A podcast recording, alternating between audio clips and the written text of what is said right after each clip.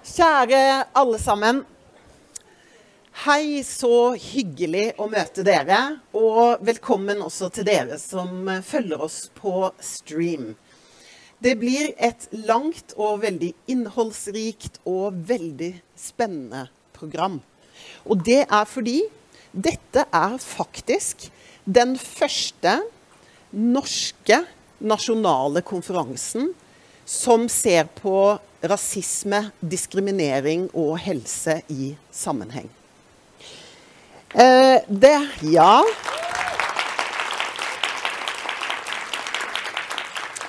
Jeg heter Asta Bosinje Lydersen. Jeg jobber til vanlig i kultursektoren. Og så eh, reiser jeg land og strand rundt for å være konferansier på mange ulike fagkonferanser. Så jeg føler meg veldig heldig som har blitt invitert hit i dag for å lære om dette utrolig viktige temaet. Og nå er det sånn at det er sykepleiere som står bak planleggingen av dette arrangementet. Men relevansen treffer veldig bredt i det norske samfunnet. Jeg mener at det temaet er aktuelt og relevant for alle som jobber med mennesker helse- og sosialsektoren, men også skoleverket og alle andre yrker hvor man kommer i kontakt med mennesker. Um, internasjonalt så er det gjort en god del forskning på dette, bl.a. i England og USA. Noe av det skal vi få presentert her i dag. Um, men her i Norge så er det fortsatt uh, få studier og lite forskning og ganske lav kunnskap om disse sammenhengene. Eh, men det står faktisk i folkehelsemeldingen at rasisme og diskriminering er folkehelseutfordringer.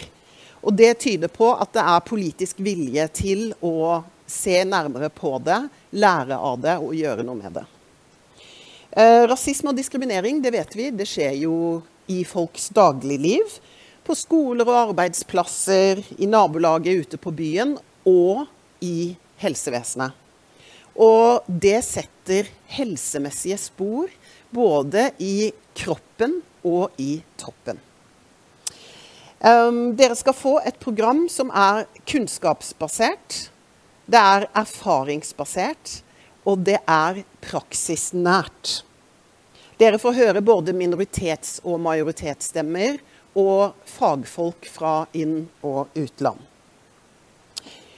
Da starter vi programmet. Velkommen skal dere være. Når det er pause, så vil jeg bare tipse dere om at det er masse ledige plasser lengre ned. Så kom gjerne nærmere neste gang dere har sjanse til å bytte plass. Og så skal arrangørene, som dere ser her, faggruppe for migrasjonshelse og flerkulturell sykepleie i Norsk Sykepleierforbund, Forbundet er også her, og Oslo Met er her for å hilse dere velkommen. Vær så god.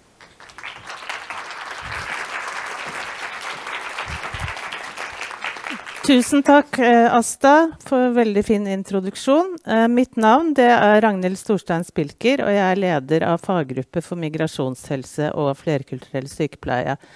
Og som Asta sa, dette er et viktig tema. og jeg tenker For sykepleiere så er det jo, burde det, hvis vi tenker oss om, være innlysende uh, at rasisme og diskriminering påvirker helsen. Men det har, som Asta nevnte, vært lite fokus på dette temaet i Norge, selv om vi har en lang historie med antirasistisk arbeid og antirasistisk fokus, så har ikke dette fokuset vært noe særlig fremme. Men det håper vi at denne konferansen kan være med å endre, og også at det nå er politisk vilje. Og vi ser fram til den nye handlingsplanen som kommer fra regjeringen på slutten av året, eh, hva den sier om dette temaet. Uh, og senere tid òg så har jo fokuset det har lenge vært et uh, forskningsfelt internasjonalt, særlig i USA, men også i England og andre land. Uh, gjennom, uh, og senest nå i fjor så fikk vi en egen serie i tidsskriftet The Lancet, som har dette som uh, et fokus. Og også i sykepleiertidsskriftet Nursing Inquiry har de gjennom de siste årene hatt mye fokus på dette. I og én ting er rasisme som folk og diskriminering folk opplever i, på ulike samfunnsarenaer. Og så er det dette med det som skjer i helsetjenesten. Eh, det er strukturer i tjenestene som gjør at, eh, at eh, folk opplever diskriminering og ulik tilgang og kvalitet i behandling. Det kan være indirekte, direkte diskriminering. Og så er det også et viktig tema at helsepersonell opplever rasisme og diskriminering på jobb. Det blir også et tema i konferansen. Og eh, bare nevne at American Nurses Association de har satt ned sin egen National Commission to Address Racism in Nursing. Eh, og vi i faggruppa vi mener jo at vi sykepleiere har et særskilt ansvar til å ha kunnskap om fenomenet rasisme og diskriminering. Hva det er, hvordan det påvirker eh, mennesker. Og ikke minst hva vi kan gjøre for å ivareta og gi god omsorg til mennesker som opplever rasisme og diskriminering, og som har det som en del av sine livserfaringer. Og da må vi være gode allierte i kampen mot rasisme og diskriminering. Og Derfor vil jeg også benytte anledningen til å minne Skal vi se Funker ikke den?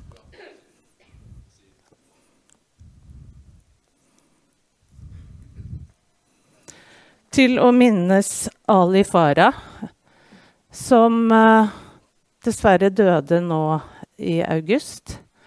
Uh, jeg vil tro de aller fleste av dere husker denne saken. Uh, fra sommeren 2007, hvor han ikke fikk eh, nødvendig eh, helsehjelp og omsorg i Sofienbergparken da han trengte det. Jeg var et tilfeldig vitne der den dagen.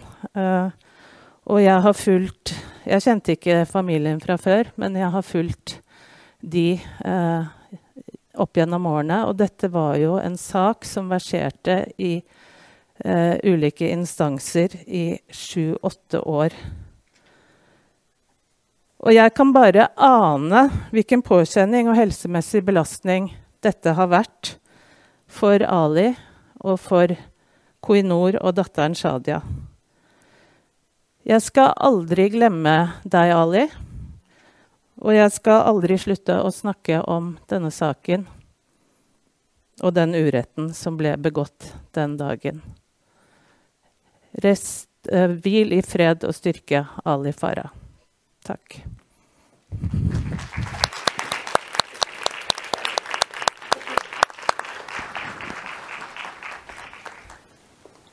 Kjære alle sammen.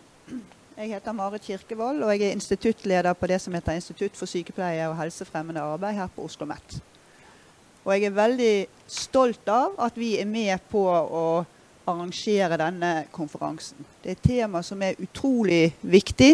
Eh, og det er tankevekkende, tenker jeg, at vi først nå i 2023 setter ordentlig fokus på det eh, på den måten som det gjøres på denne konferansen.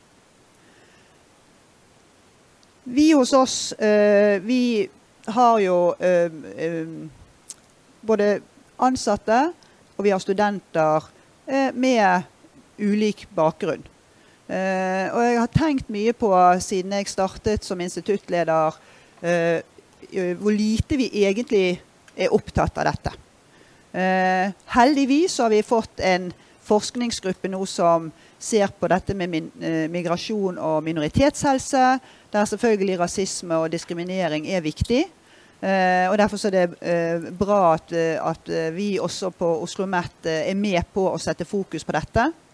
Eh, men, men, det er klart eh, temaet rasisme, diskriminering og helse er jo et mye bredere eh, tema. Og det syns jeg også at programmet bærer preg av. Utrolig spennende program.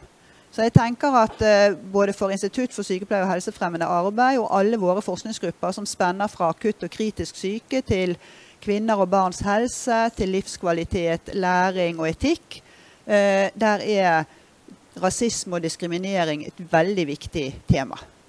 Uh, og Jeg håper jo at denne konferansen skal være med på å inspirere våre forskere til å sette ytterligere fokus på dette. Det trengs. Men dette er jo heller ikke bare et tema som gjelder sykepleie. Eh, og det er jo med hensikt, tenker jeg, at det heter eh, helse. Eh, og vi er jo en del av et helsevitenskapelig fakultet. Og vi er en del av et universitet der vi har fokus på å bidra til å opprettholde og styrke velferdsstaten. Og Derfor så tenker jeg at det er så viktig det som både, uh, som dere begge sa innledningsvis, om at dette er et tema som spenner uh, over på en måte alle uh, felter av samfunnet. Vi er jo et stort institutt. vi har 3200 studenter bare på mitt institutt. og vi, har, vi er utrolig mange studenter, har mange studenter på Oslo OsloMet som også har ulik type skal vi si, minoritetsbakgrunn. Uh, og jeg tenker at, uh, at uh, det å, å vi, vi, Jeg tror nok at våre både ansatte med minoritetsbakgrunn eller opplever rasisme, diskriminering.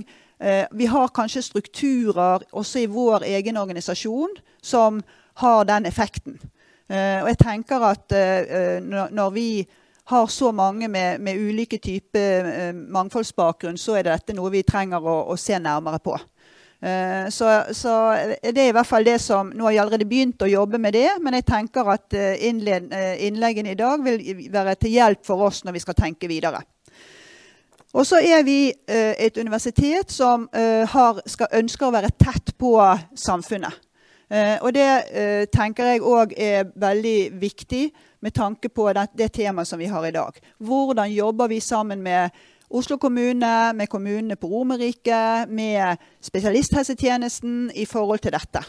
Eh, hvordan er vi med på å generere eh, relevant kunnskap? Hvordan er vi med på å utdanne våre eh, fremtidige helsearbeidere og andre arbeidere i, i velferdssektoren, sånn at vi kan være med på å få økt fokus på dette, oppdage når rasisme og diskriminering skjer. Uh, I mye større grad enn det vi er i stand til å gjøre nå. Så jeg vil bare takke arrangørene uh, for at dere har uh, satt i stand et, en sånn konferanse. At dere har laget et utrolig spennende program. og at det er så mange her i salen og som følger også konferansen digitalt, sånn at vi virkelig kan få sette fokus på dette temaet. Så Hjertelig velkommen til Oslo OsloMet. Og jeg er stolt av at vi er med på å arrangere denne konferansen.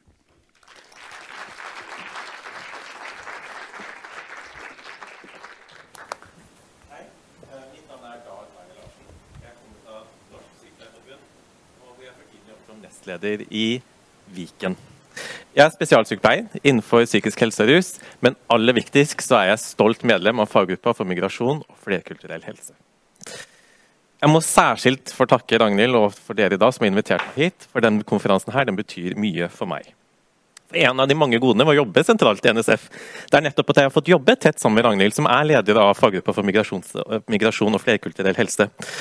I det samarbeidet har jeg virkelig fått øynene mine opp for hvor viktig de utfordringene vi står overfor er, og hvor viktig det er at vi faktisk proaktivt jobber for å fremme inkludering og motarbeide diskriminering og rasisme.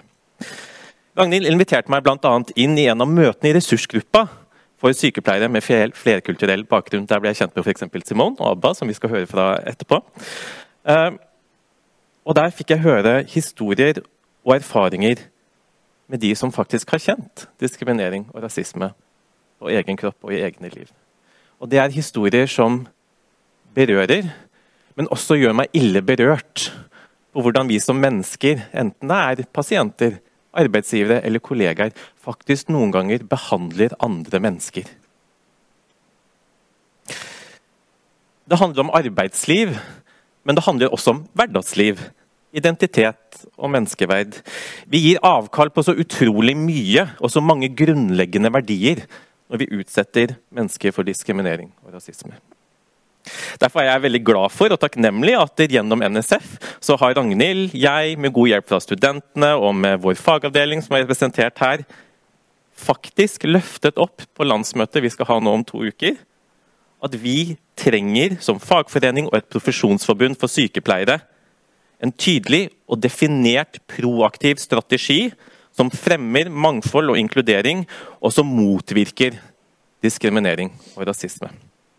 Det gjør meg vondt å innrømme, men derfor er det enda viktigere at vi sier det høyt, at her har faktisk NSF ligget litt på baksida. Men det håper vi å kunne rette opp nå. Det understreker jo nettopp viktigheten av å ha en sånn arena som dette her, og kontinuerlig løfte opp kunnskap og erfaringer med diskriminering og rasisme, slik at det blir en naturlig del av vår utvikling av politikk, sykepleiefag og tillitsvalgtsarbeid, som jeg f.eks. representerer. Jeg har sjøl jobba med det som kalles interseksjonalitet, altså der hvor flere eh, minoriteter møter hverandre, særskilt der hvor etnisitet og kulturelt mangfold møter kjønn- og seksualitetsmangfold. I det arbeidet har jeg virkelig fått erfare at kunnskap er den eneste motgiften vi har, og den som fungerer best mot hat, mot fremmedfrykt, mot rasisme og mot homofobi.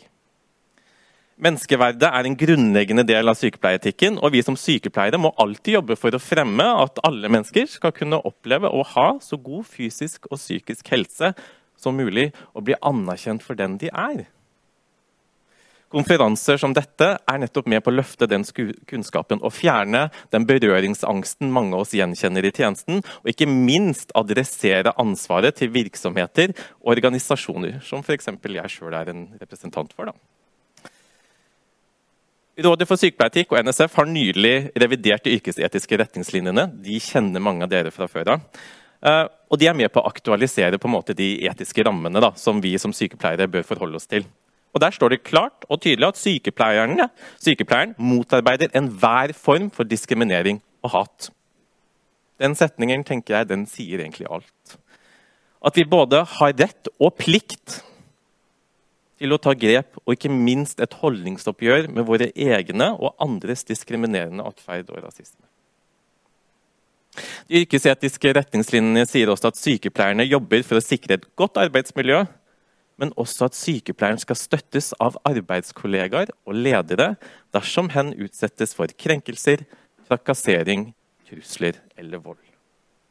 Det betyr ikke bare at vi skal si fra på andre sine vegne, men også at vi har rett til å si fra på våre egne hvis vi blir utsatt for diskriminering eller rasisme. Og at vi da har krav på å oppleve støtte og ivaretagelse fra våre nærmeste kollegaer, ledere og forbund. Derfor er konferanser som det her særskilt viktig, ikke bare for pasienten, men for oss som jobber i tjenesten. Det er ved samhandling, kunnskapsdeling at vi kan oppnå bedre forståelse for mangfold og sammen utvikle en tjeneste som rommer alle, fremmer alle og har respekt og omsorg for alle. Og da har vi et godt sted å gå ut ifra. Takk for meg.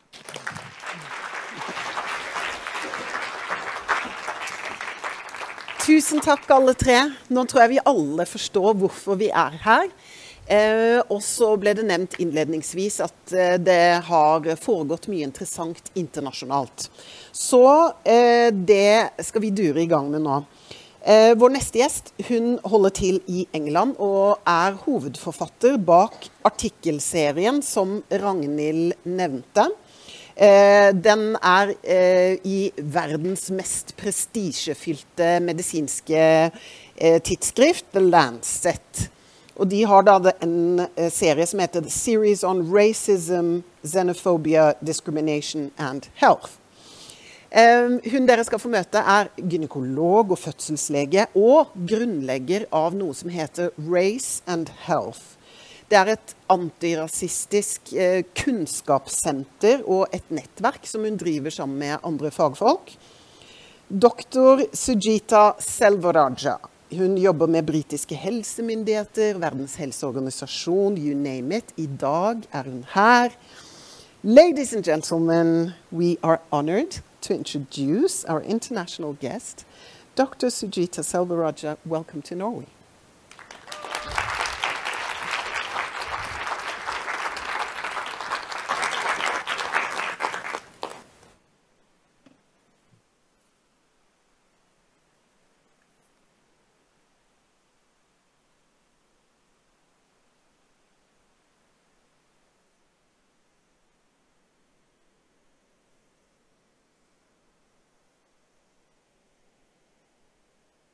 Ejemplo, en Chile, donde yo vivo, crecí una familia donde el tener color de piel blanco, ojos claros o color de cabello claro tenía mayor valía. Y yo siendo morena sentí desde muy pequeña que yo entonces era menos bonita o lo que decía o pensaba importaba menos. En el espacio profesional también he sentido experiencias de ser definida como menor valía por ser latina en Europa, lo que hace que uno viva la vida desde un lugar de más miedo, de mayor inseguridad sobre lo que piensa, hace o dice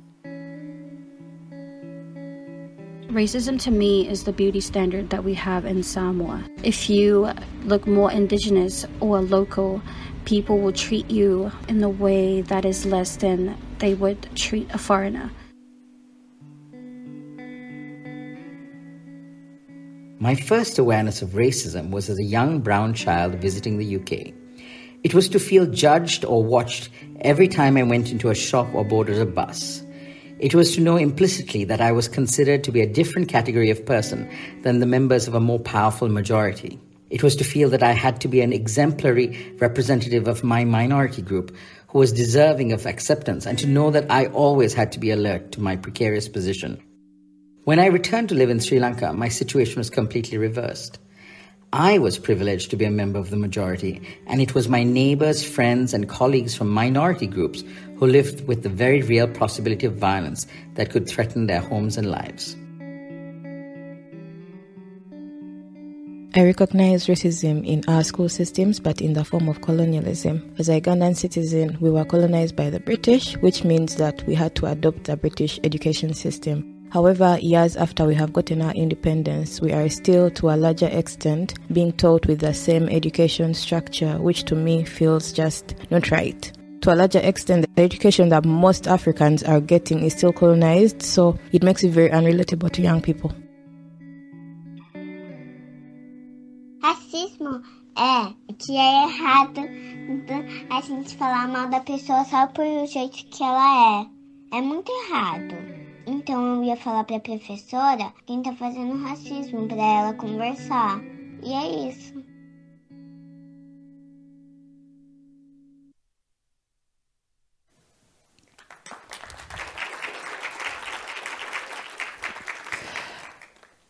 Tusen Tag for invitation. I'm trying. Racism and discrimination can be so personal. It can also be embedded in society, embedded in our ways of being. And so when something is so personal and it's also so pervasive, it can mean different things to different people. People have certain ideas of what it is, and it's not always the same. We often find it easier to understand racism at the individual level. It often makes sense when we think that some people might have prejudiced beliefs against other people we can maybe even comprehend unconscious bias against certain communities. And what we're really, really good at is thinking that that's a problem over there, it's not a problem over here. But the evidence is global. Racism and discrimination are everywhere.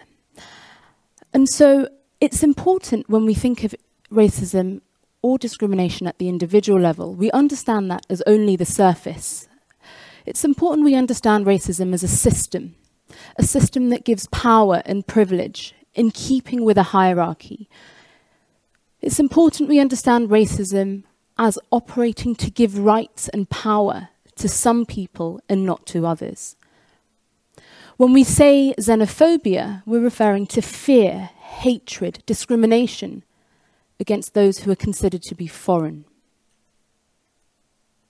Discrimination itself is referring to differential treatment, unfavorable treatment towards groups and individuals based on either some actual or perceived aspect of their identity. The forms of discrimination I'm talking about today are to do with caste, ethnicity, skin colour, race, indigeneity, migratory status, and religion. When we hear of police brutality, when we hear that a health worker has been discriminatory, when there's media outrage and national discourse, whether those paramedics who attended Ali Farah were in fact racist or discriminatory.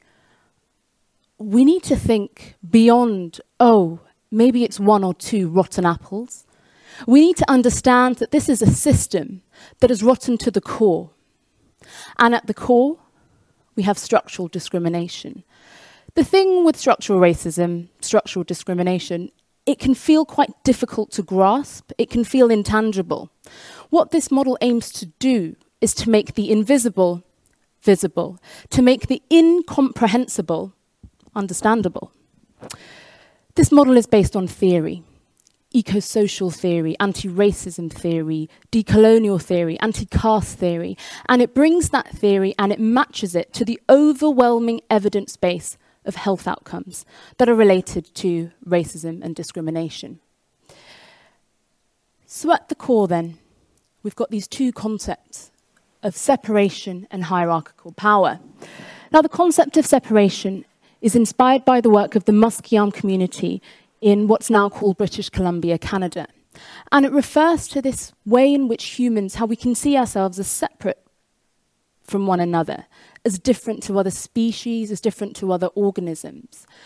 And when we're talking about hierarchical power, we're talking about the ladders that exist in our society.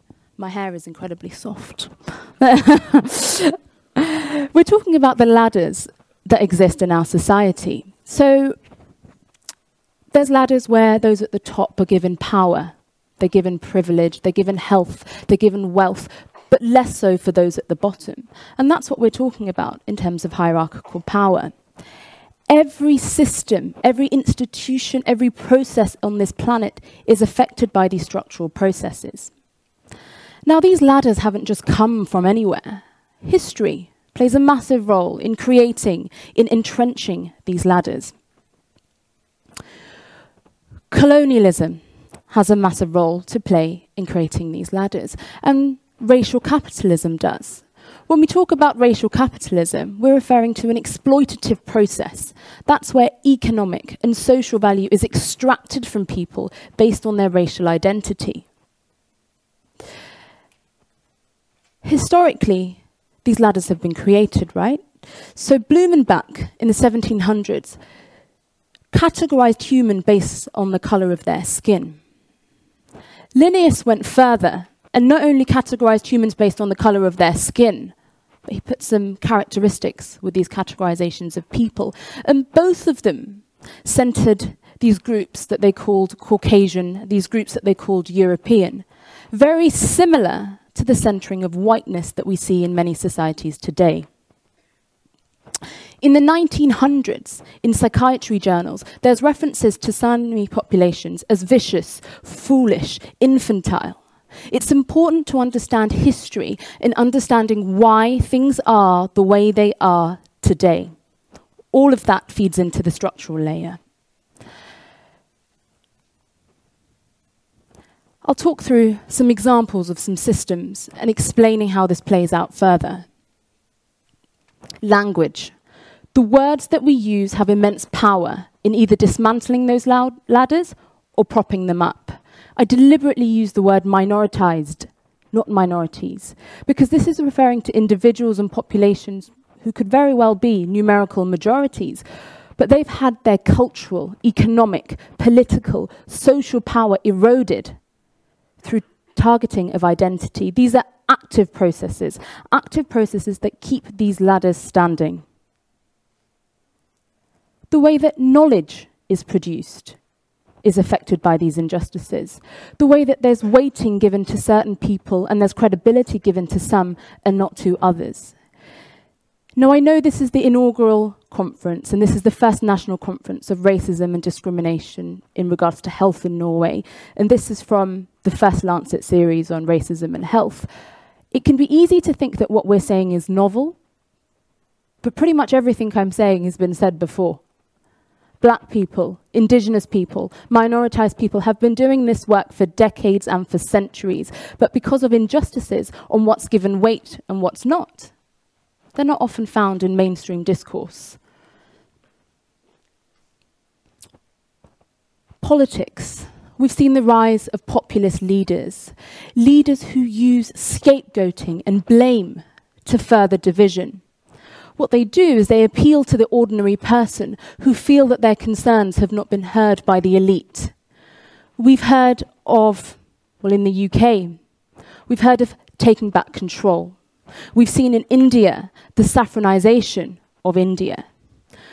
We've heard Bolsonaro say, the Indians, they're actually becoming a bit more human, like us. We've seen this in so many places. And we sometimes even look to health and academia as quite objective ways of seeing the world, but we too are shaped by these same processes. Up until the light, late 20th century, there was sterilization, forced sterilization, going on in the USA, in the United States of America, where black women and mi minoritized women were forced to have their wombs removed, forced to have sterilization. The role of media and culture, whose voice is heard, who is censored. The role of culture and media in perpetuating certain stereotypes. The role of culture in the form of Michaela Cole, who through the medium of TV challenges some common beliefs that are head, held in the medical professional. There's a warning for references to sexual violence.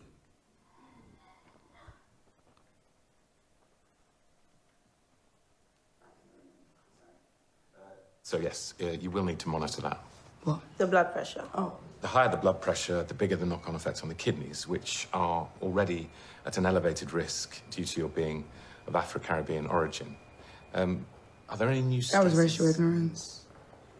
I'm not Afro-Caribbean, I'm actually African.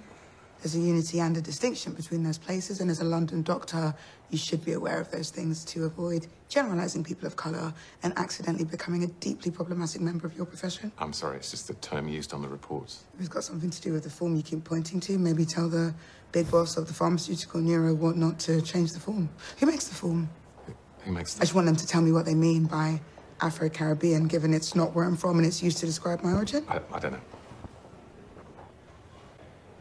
Is that the extent of your diagnosis? Hello, Arabella, you're Caribbean and I don't know.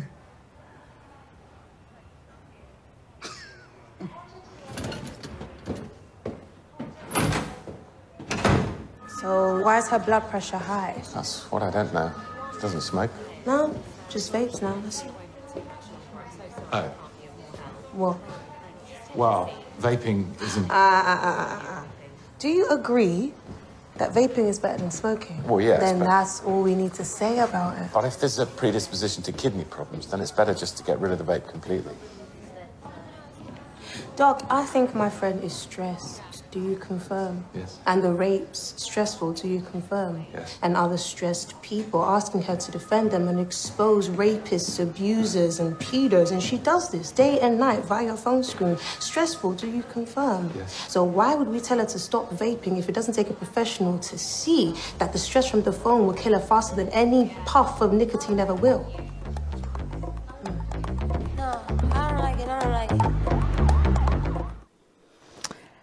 In just two minutes and six seconds of television, Michaela uses the medium of, tele- of TV to challenge a number of things. She challenges this prevailing paradigm in medicine that black people are so genetically different that their kidneys work differently.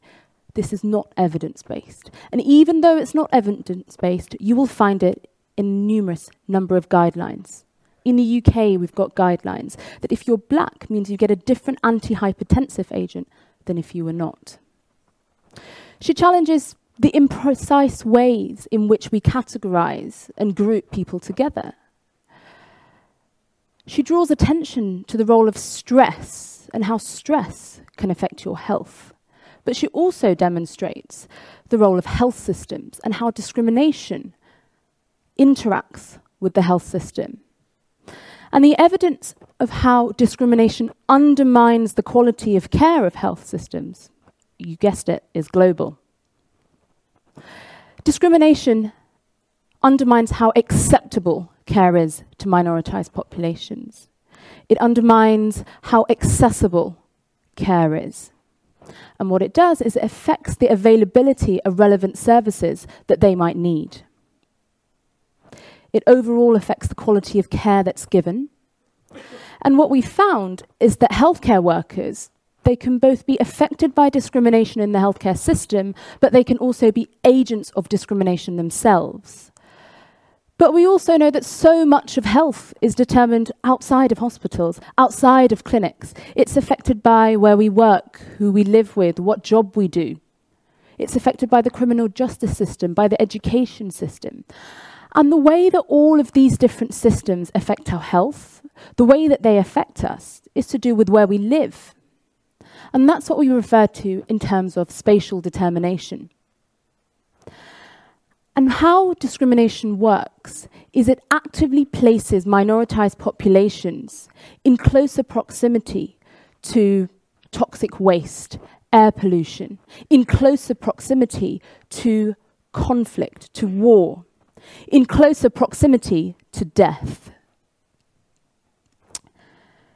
Now, the ladders that I'm speaking about here today are to do with the ones that I've mentioned, so race and ethnicity, for example.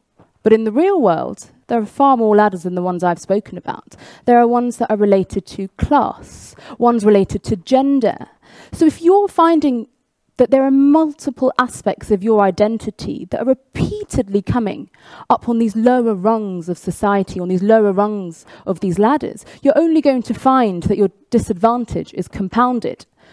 And so this concept of intersectionality cuts across society. This is an overview of some of the pathways of discrimination. And I want you to think of these as inputs, because if we're to understand how they affect health outcomes, I want you to think of the health outcomes as outputs. And for us to understand how these inputs become these outputs, we need to understand how we respond to these pathways of discrimination. Now, as individuals, we tend to respond in three main ways. We respond with how we behave. We respond with what we eat, who we spend time with, how we sleep, how we move, where we work. But we also respond in our psychology, in our beliefs, and in our minds. We might internalize those ladders. We might think that proximity to whiteness gives us power. That's how colorism manifests. And we respond to discrimination in our physiology. Our bodies perceive discriminatory events and discrimination as stress. So, what happens is our fight or flight response is activated. So, our heart rate goes up, our blood pressure goes up, blood sugar goes up, your cortisol, your adrenaline is up. And if that happens again and again and again, and that response is sustained, that's an allostatic load there's evidence that shows that people who experience discrimination have higher levels of allostatic load. How do you measure allostatic load? You've got direct ways to do with daily cortisol variations, heart rate, blood pressure, lower levels of HDL cholesterol, but you've also got some indirect measures to do with waist circumference and obesity and insulin insensitivity. Epigenetics is related to discrimination. So, every human has got a genetic code, and epigenetics refers to how that code might be read. And there's evidence to so show that the epigenetics they respond to a different and they express those genes differently as a way of responding to this discrimination. There's a concept of epigenetic aging that's associated with discrimination. That's when your biological age will far outweigh your chronological age. And this is associated with heart disease and stroke. Telomeres are associated with aging. If you think of your chromosome, if you think of one chromosome, one pair, as two shoelaces that are interlocked like this, then think of those telomeres as the plastic tips on the end of those chromosomes. And discrimination is associated with the shortening of those tips, with the shortening of your life and shortening of life expectancy of minoritized populations all over the world. So, the outputs what are the health outcomes? We've understood the pathways, we've understood how we respond, what happens. Well, actually, the health effects are global, they're across all ages, And actually, they're across all different types of health outcomes. If you're someone who's pregnant and you experience racial discrimination, your child might be more likely to have raised cortisol levels at just six weeks of life. We, as minoritized people, we're bearing the burden of discrimination, sometimes even before we've been born. The effects are intergenerational. It can be associated with babies being born too small, babies being born too early, or babies being born with congenital anomalies. There are associations to do with preeclampsia, excessive weight gain, and in childhood and adolescence. There are, of course, more associations, things to do with low self esteem, substance misuse, early drinking, asthma, anxiety. And in adulthood, that's if you make it there, because there's an association with increased mortality at every stage of the life course. There are even more health outcomes. And there's sometimes a delay, a lag between when you experience the input and when the output manifests itself. Some of those health outcomes can be high blood pressure, heart disease, diabetes, stroke. And in older adults, it can be related to cognitive impairment and dementia. The health outcomes associated with racism and discrimination are both overwhelming and an underestimate. We're taught that health outcomes have got risk factors, those that are modifiable, the ones you can do something about, so diet and sleep and movement, and the ones that you can't do anything about. And often this is where we find race and ethnicity.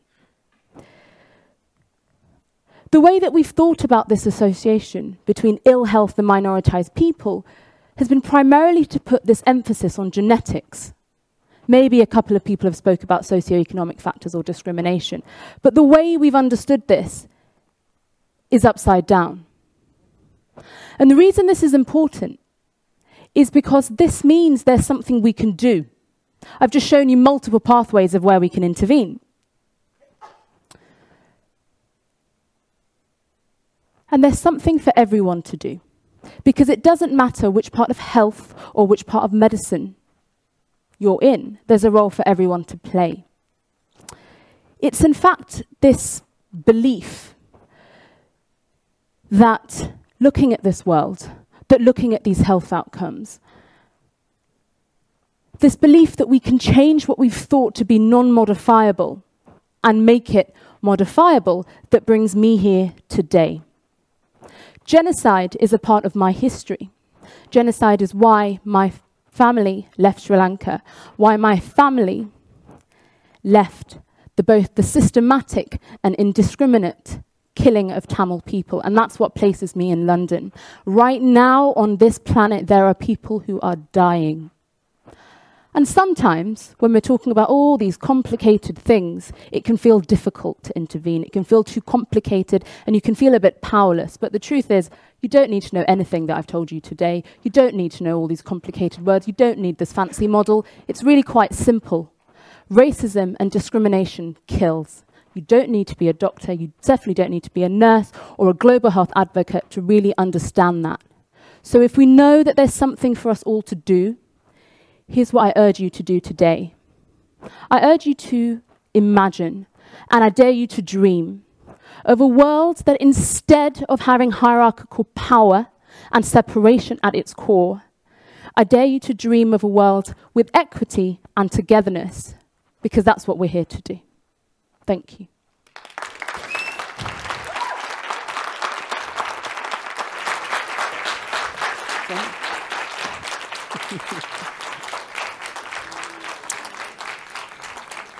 Thank you, thank you so much, uh, Sujita.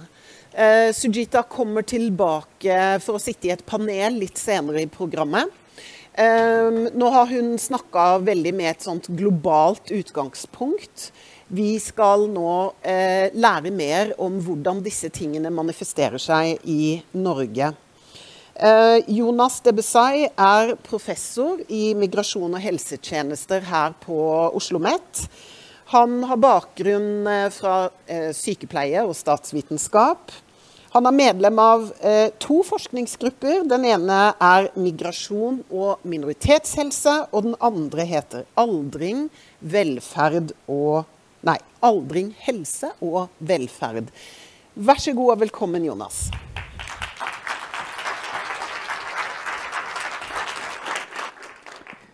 Tusen takk for uh, introduksjonen og uh, invitasjonen til uh, denne viktige konferansen.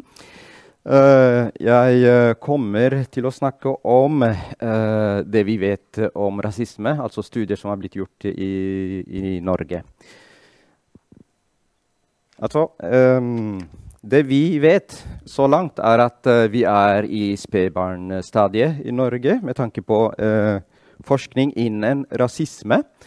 Jeg har forsket mye uh, innen flerkulturalitet og migrasjon som sådan, men, uh, men aldri uh, fokusert så veldig mye på rasisme som sådan. Men det som skjer, er at det alltid kommer opp, det med rasisme. I og med at vi snakker da om pasienter som ikke får den behandlingen de, de trenger eller krever og har behov for, men også ansatte som ofte opplever at arbeidsmiljøet ikke er som det bør være. Og da blir rasisme en naturlig del av uh, mange av de prosjektene som jeg har gjort. Men nå skal jeg snakke om det vi vet. Uh, jeg har sammenfart litt uh, studiene som handler om rasisme i forhold til helse og helsetjenester. Ofte så er det det som handler om forskjellsbehandling, som da kommer frem. Det handler ikke om at man Altså den klassiske rasismen om at man brenner kors foran huset ditt eller lynsjer eh, lynsjemobb osv. Det handler om mer subtile, eh, subtile handlinger, praksiser, som man ofte forbinder med at folk blir eh, respe ikke respektert, f.eks. For fordi de har en annen kulturell etnisk bakgrunn.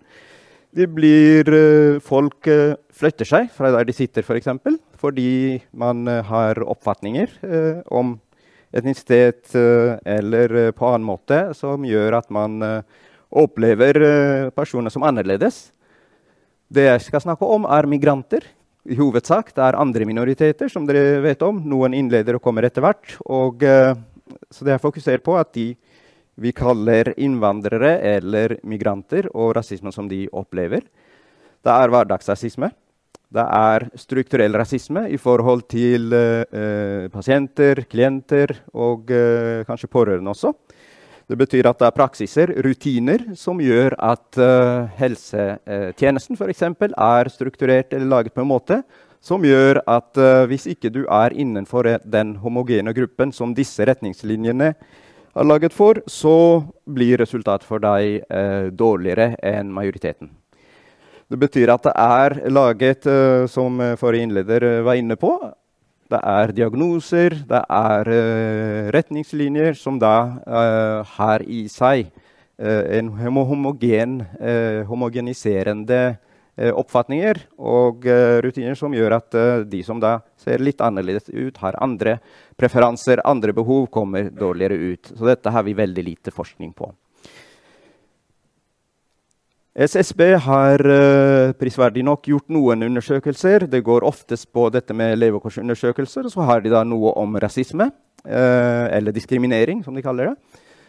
Det viser seg, altså hvis dere ser her, så er uh, generelt sett så har befolkningen Skal vi se, Går det an å peke med denne?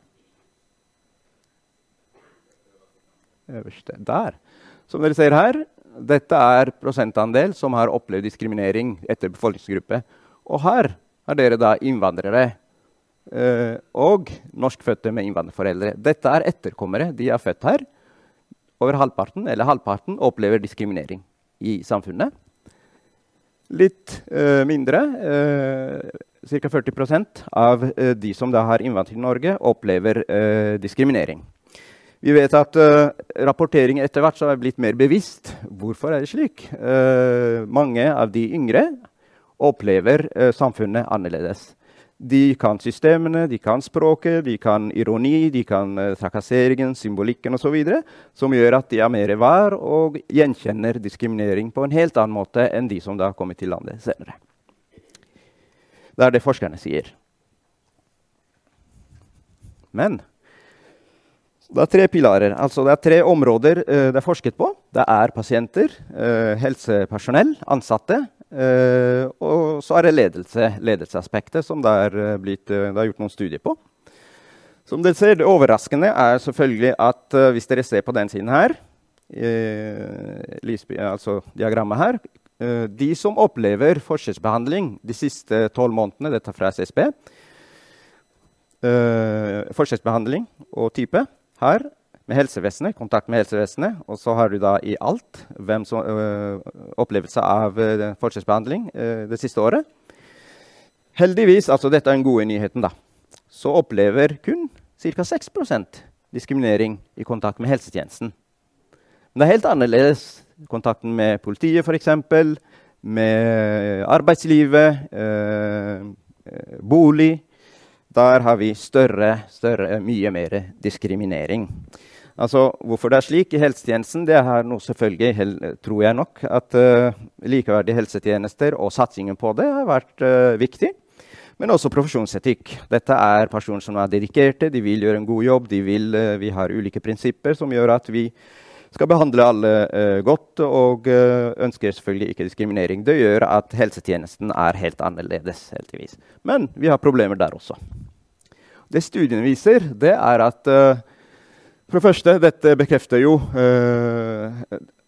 denne undersøkelsen fra SSB. I mange av disse eh, kvalitative studiene så finner vi at mange sier at det norske helsevesenet er topp. Vi får den, den hjelpen vi får somatisk. Utfordringen er at mange av de som, altså helsepersonell som man intervjuer gjerne i de samme studiene eller andre studier, sier det helt det motsatte. De sier at uh, nei da, de får uh, ikke den behandlingen de, de, de, trenger. De får uh, mindre tid under veiledning. Det er f.eks. Uh, mindre veiledning i forhold til Det fins en studie om funksjonshemmede barn, f.eks. At de får veiledning, genetisk. Det får de ikke fordi enten man har språkproblemer eller at man ikke bestiller tolk, f.eks. Uh, mange vi vet at det er uh, mangelfull uh, hjelp i forhold til fødselsomsorgen. Uh, rart nok så er det flere studier faktisk som viser det. Økt risiko for keisersnittforløsning for de med minoritetsbakgrunn. Økt altså risiko for død fødsel. Og, og, og at spedbarnet dør i nyfødt dødsfall. Og så sier mange de, av de pasientene eller klientene som vi snakker med, i våre studier, men også andre studier, studier at uh, vi må overdrive for å bli tatt på alvor. Gjerne uh, i forhold til smertelindring, f.eks. At de kalles uh, såkalt queen, drama queens. Mange sier at helsepersonell forstår ikke våre, våre tabuer. Dvs. Si at vi trenger hjelp. Vi ønsker hjelp fra en med samme kjønn, f.eks., men det er ikke oftest at de får. Uh, helsehjelp er helsehjelp, behandling er behandling. Du får det du får, f.eks. Det er noen som da har opplevd det er blitt sagt. Dette er pårørende til, til pasientene som oftest uh, kommer med, for de også er mer sensitive og mer vare på dette. Det med helsepersonell, som da ofte sier at uh, pasientene dårligere, uh, får dårligere behandling, det er jo fordi de vet hvilken uh, maktasymmetri som finnes der. De er insidere, på en måte, så de vet hvilke strukturer som da er på plass. Og de kan sammenligne med mange andre pasienter. Det kan jo ikke pasientene selv. De går inn, og så går de ut. En annen ting er at de pasientene de tenker nok at uh, det er veldig fint her, fordi uh, det forskerne sier, at de sammenligner den behandlingen de, de ellers ville ha fått i sitt hjemland, f.eks. Uh, så høyteknologisk behandling, dyrbehandling og alt det gjør at helsevesenet nok er topp oppleves som det. Uh, en annen ting er at studier i psykiatrien, for eksempel, som vi også har sett på. Her uh, er det veldig mye som da tyder på at de ikke får den hjelpen de får. Og jeg tror nok det er mest alvorlig i psykiatrien. For der er mange uh, psykiske helsepersonell, uh, psykologer, sykepleiere og andre psykiatere som da, altså Pasientene opplever at de ikke får uh, behandling. De, de, blir bedt om å fortelle om rasisme når de er under behandling, f.eks. Eller at, uh, at uh, psykologene opplever at dette er vanskelige pasienter fordi du ikke kjenner til deres bakgrunn. Fluktbakgrunn, f.eks., eller migrasjonsgrammatikken, for å kalle det det. Det gjør at du ikke har den fulle konteksten, og er helt, helt umulig å, å, å, behandle noen hvis ikke du kan konteksten, særlig innen psykiatrien. Ikke sant? Um, ja, og så vet vi at konsekvensene av dette Det er flere studier i Norge som viser at uh, konsekvensen av diskriminering er, er, alvorlig, og du får uh, både depresjon, angst, psykose og rasisme. Minoritetsansatte der er også store utfordringer. Vi vet at uh, Sykepleien har gjort en studie. Tidsskriftet. En av fire opplevde diskriminering i over 50% av tilfellene. Det var pasientene som sto bak diskrimineringen, og i 40% av tilfellene så var det kolleger som da sto for dette. Uh, en studie som da uh, har sett på arbeidsmiljøet til disse, de ansatte.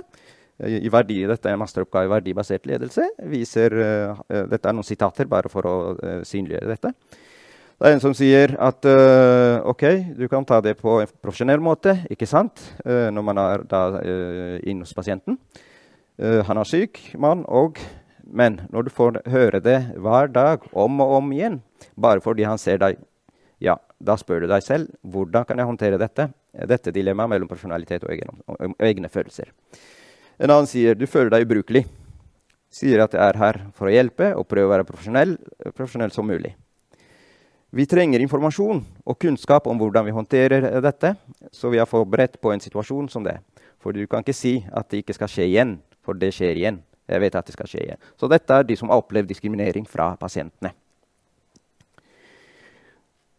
Minoritetsansatte, som dere ser, uh, motivasjon bak diskriminering eller hatefulle ytringer. Det de sier, er at hudfarge er den uh, mest utløsende faktoren. Uh, hvor, altså opplevelsen av diskriminering, de som har opplevd diskrimineringen.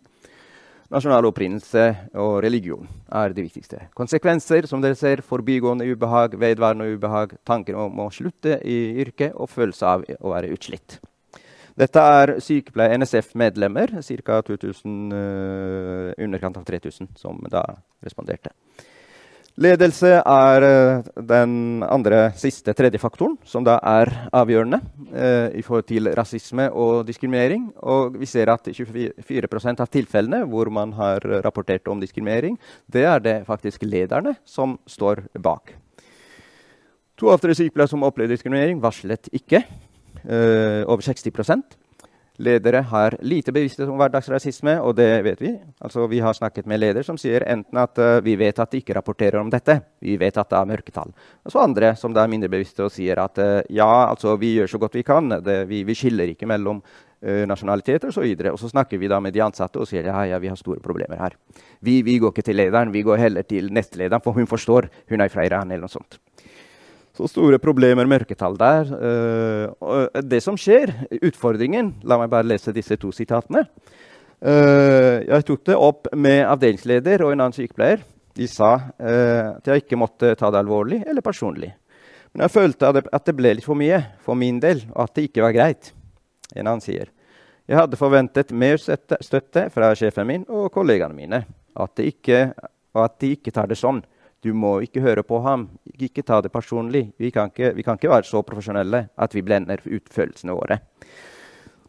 Så det som skjer, Vi har kalt det normalisering og trakassering på arbeidsplassen. Man tar ikke det på alvor. Man skriver avvik, men det skjer ingenting. Det betyr at dette blir en normal del, og da sier du bare til kollegaen dette ta, ikke ta det personlig, ikke vær så sensitiv, ikke vær så eh, eh ty, tynnhudet.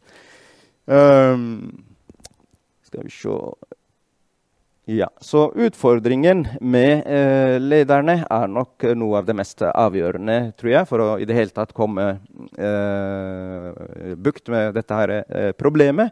Så er eh, ledelse altså Alle vet den ene avdelingen som ikke ansetter minoriteter eh, på sykehjem eller eh, på, på, på sykehuset. Det er jo veldig pinlig. Det er jo nærmest herrig at vi har noen avdelinger som ikke gjør det. Vi, vi snakker med mange avdelingsledere, og de, de, snakker om dette. Og de sier ja, ja, ja, vi prøver å gjøre det og det. Og det. Men vi vet den avdelingen, der er avdelingsleder rasistisk. Hun ansetter ingen. ikke sant?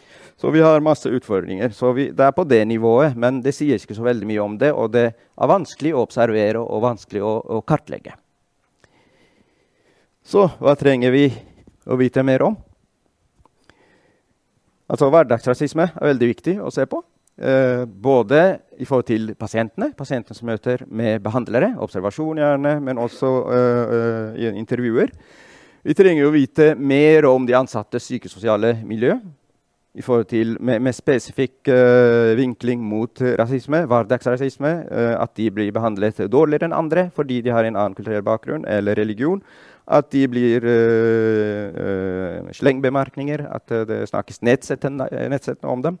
Jeg vet at leger også har opplevd dette. Det fins noe uformell kartlegging hvor man ser at yngre leger føler mye diskriminering blant sine kolleger. Og når de da er på vaktrommet eller snakker sammen med andre, så opplever de at overlegene f.eks. snakker nedsettende om de gruppene de tilhører. Så det må vi også se på. Det fins en god del litteratur i, internasjonalt om legene som opplever diskriminering, og at, ikke, at, uh, at, pasientene ikke vil ha dem fordi de har en annen religion eller etnisitet, men veldig lite i Norge. Ikke noe formelt, i hvert fall, som jeg har sett. Det, det fins veldig mye uh, forskning i Norge uh, i forhold til arbeidslivet og ansettelser. Uh, det finnes f.eks. noen veldig gode studier som, sier, som viser at hvis du har et, et uh, utenlandsk lignende navn, så har du over 40% mindre sjanse for å bli innkalt til intervju. Uh, ja. Så dette er gode studier, men vi har veldig lite om det i helsetjenesten. Og så må vi se på rutinene, vi må se på diagnostisering, kartlegging, retningslinjer. Hvordan altså, ligger det innbakt i disse diagnostiseringsmanualene, i, i, i kartlegging, algoritmene? Som gjør at de som har minoritetsbakgrunn, som er annerledes ut, eh, kommer dårligere ut enn de som har majoritetsbakgrunn. Da tror jeg ikke jeg har mer tid igjen. Takk for meg.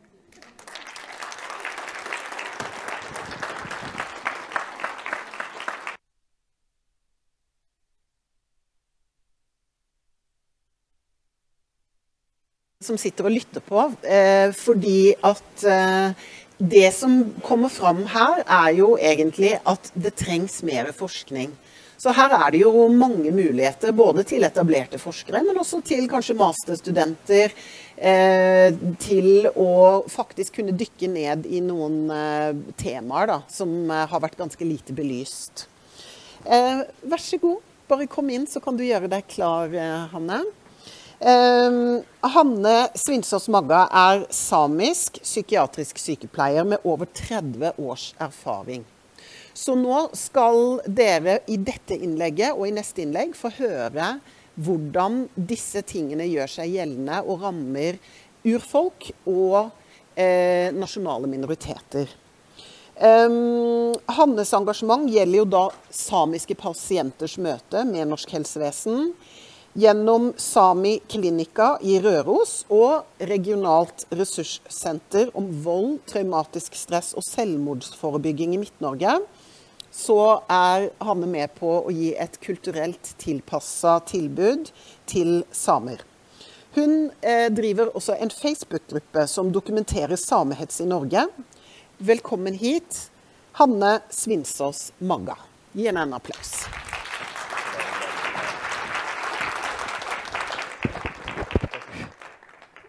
Hører dere meg? Nei? Hører dere meg nå? OK.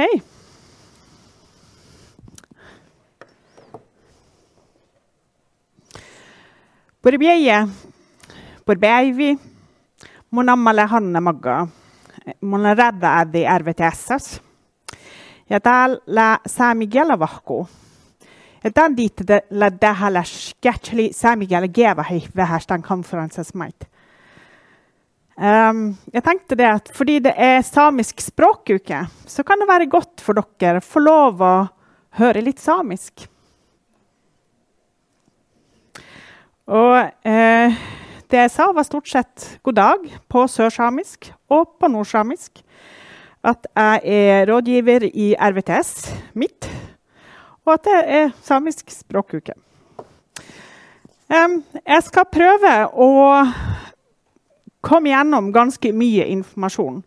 Det er verdt å faktisk kommentere det at denne presentasjonen den er faktisk allerede litt utdatert. Fordi at eh, siste døgnene så har det øka på heftig med intens samehets i mediene. Um, hvor en tragedie hvor det har drukna en par hundre rein på et uh, vann med for dårlig is, har medført massiv hets med beskyldninger mot de veldig hardt rammede reindriftsutøverne. Så det er faktisk en del av uh, min og vår hverdag. Ops. Hva er det vi snakker om? Hvor utbredt er dette? her? MIHA-undersøkelsen viser at tre av fire unge samer opplever diskriminering. 25% av samer eh, mener at samer har for mye eh, særrettigheter ifølge Norsk institusjon for menneskerettigheter. 14% mener at samer er et hinder for framskritt og utvikling. Og jeg som jobber mest i sørsamisk område, jeg har tatt med tallet om at 24% i sørsamisk område har observert hatprat mot samer siste år. Amnesty International sier at hver fjerde ytring om samer er negativ. Og det er etter at kommentarfeltene har blitt røkta. Samehets er ikke bare en, uh, noe som utføres av en liten gruppe med nettroll. Den er i en sammenheng. Den skjer gjerne ut fra en politisk ideologisk eh, ståsted. Det er veldig ofte at det har med historieforfalskninger og konspirasjoner å gjøre. Det kommer veldig ofte i forbindelse med arealer, altså arealkonflikter, eh, interessekonflikter, store kapitalinteresser eh, reindriftsinteresser. Og det som rammer reindrifta i Norge, altså den hetsen som rettes mot reindrifta i Norge, den rammer mer eller mindre alle samer. Fordi at Ola Dunk ser ikke forskjell på folk. Så det som skjer langt oppe i nord, det rammer sørsamiske unger i sør. Og det grønne skiftet med den enorme, umettelige behovet for nye områder rammer også samisk virkelighet veldig, veldig hardt. Det er veldig mye spontan hverdagsrasisme i tillegg, hvor vi har nedarva dårlige holdninger. Total mangel på kunnskap om samisk historie og samisk tilstedeværelse. Omfanget er stort. Det er økende. Alvorligheten det eh, varierer fra den daglige vitsinga som min datter i barneskolen, da hun gikk i barneskolen sa hun var så lei av å måtte flire av den samme vitsen for 50. gang. Da gikk hun i barneskolen. Og til ting som er drapstrusler og grov, ekstremt stygg hets. Det rammer i en sammenheng med annen hets. slik at Om det kommer én kommentar eller én kommentar til, så er ikke det bare den ene kommentaren. Det er alle kommentarene som kommer på, oppå hverandre på nytt og på nytt. Og på nytt. Og det rammer i sammenheng med nedarvede traumer. Her ser dere et lite utvalg av samehets i samfunnet. Skiltene der Kåfjord kommune jeg vet ikke hvor mange skilt de har skifta ut. Saboteres på nytt og på nytt og på nytt. Og på nytt. Og dere ser selvfølgelig hvilken del det er som ødelegges. Det er det som er samisk. Her har vi Ann Marie Dorp som eh, snakka samisk på bussen til en fireåring som gikk i barnehagen der hun jobba. Hun ble eh, angrepet verbalt av ei dame i Tromsø som fulgte etter henne av bussen og gikk løs på henne verbalt fordi hun hadde tillatt seg å snakke samisk. Fordi samisk hører ikke til i offentligheten. Det skal ikke snakkes. Fysj og fy, vi er i Norge, nå må du slutte å være same. Her skal det være norsk. Bryllupsfest. En mann i kofte midt i Tromsø sentrum gikk ut for å trekke luft. Og så kom det en fyr forbi som hadde så innmari lyst til å bare slå ned en same. Han hadde så lyst til å slå ned en same, så han måtte slå han ned fordi han var same og hadde kofte på. Mathilde, det er min datter. Mathilde var tolv år. Hun var på en fritidsaktivitet. Læreren gikk ut et lite øyeblikk.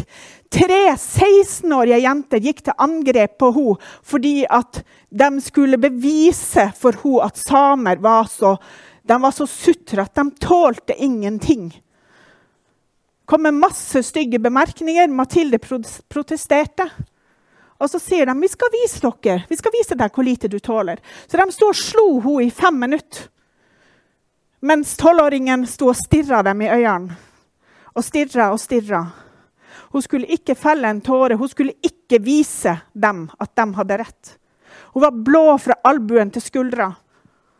Og når jeg henta henne, og jeg ville ha tak i de som hadde gjort det, så var hun rasende på meg og sa at hvis du sier noe, så får de rett. De sa du kommer til å fære hjem til mamma og skrike, for det er det samer gjør. Du får ikke lov. De kan ikke få rett. Så tolvåringen sto og skulle forsvare et helt folk mot den rasismen. Allerede som tolv år så visste hun at dette er en del av den verden hun lever i. Og dette her, det er min historie. Jeg er vant til at folk gjerne stikker hånda opp under koftekanten når de er full på byen. Jeg er ikke den eneste som har opplevd det. Spør hvor mange damer i bunad som opplever det. Jeg satt på en uteservering. Det var et, et uh, utdrikningslag som kom forbi. Og jeg hører at de snakker. Plutselig så er det en helt oppi meg. Så ja, han skal ha seg litt samekjerring før han går, kommer seg til kirka. Så han drar fram kuken og presser kuken i ansiktet på meg. Han skal bare ha seg litt samkjæring. Dette her er ikke de eneste historiene, folkens. Det er masse, masse, masse mer. Det er bare et eksempel. Samhets på nett. Sånn kan det se ut. Lappene er som dyr. Det første ordet de lærer, er erstatning. Gi dem penger. De bryr seg ikke om dyrene, de bryr seg bare om pengene. Det samiske må bort. Det er en kreftsvulst mot demokratiet. Det er et angrep på vårt samfunn. Vi får reduserte rettigheter og retten til å skyte rein hadde vært det som hadde vært best. Og i mange land så, så hadde man faktisk hatt rett til å skyte, skyte sammen også. Og dette her må, må, medføre at vi må fjerne en av gruppene, sånn som i Israel. Reinskankene har altfor mye makt. Elitesamesaken er uhyggelig, og samfunnet er i full oppløsning. Vi er på tur bort fra demokratiet. Og raseforskninga får mye plass. Raseforskninga har faktisk et altfor dårlig rykte. Det er en sammenheng mellom IQ og genetikk. Man er ikke renrasa, og man henviser til Himmler. Og noen kunne ha tenkt seg kanskje vært enig med Himmler den dag i dag. Dette er heller ikke det verste. Som jeg sa, det er allerede utdatert. Det er masse, masse, masse som er like ille som dette. Og det er ikke bare fra en liten liten gruppe mennesker. Dessverre. Jeg kunne ønske det hadde vært så enkelt å bare snakke om de få. Og så har vi Fosen-saken. Og den her er veldig utdatert. Her er kommet så mye hets og trusler etter det her. For vi må jo vite det at vi har fire millioner reindriftseksperter i Norges land som vet veldig mye bedre hvordan man driver med reindrift. De vet faktisk alt om reindrift. Alt det samene ikke skjønner, det samene ikke kan. Det vet folk flest. Det vet Ola Dunk. Dra hjem til sameland. Hold, deg, hold deg, eh, dere i Finnmark. Og betale tilbake alle milliardene fra storsamfunnet. Men problemet er at man har jo ikke noen annen plass å dra hjem til.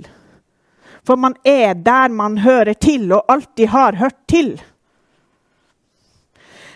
De får vel en kjempeerstatning. Det er pengene som motiverer dem. Problemet er at disse lar seg ikke kjøpe. De har vært forsøkt kjøpt ut, og de sier nei takk.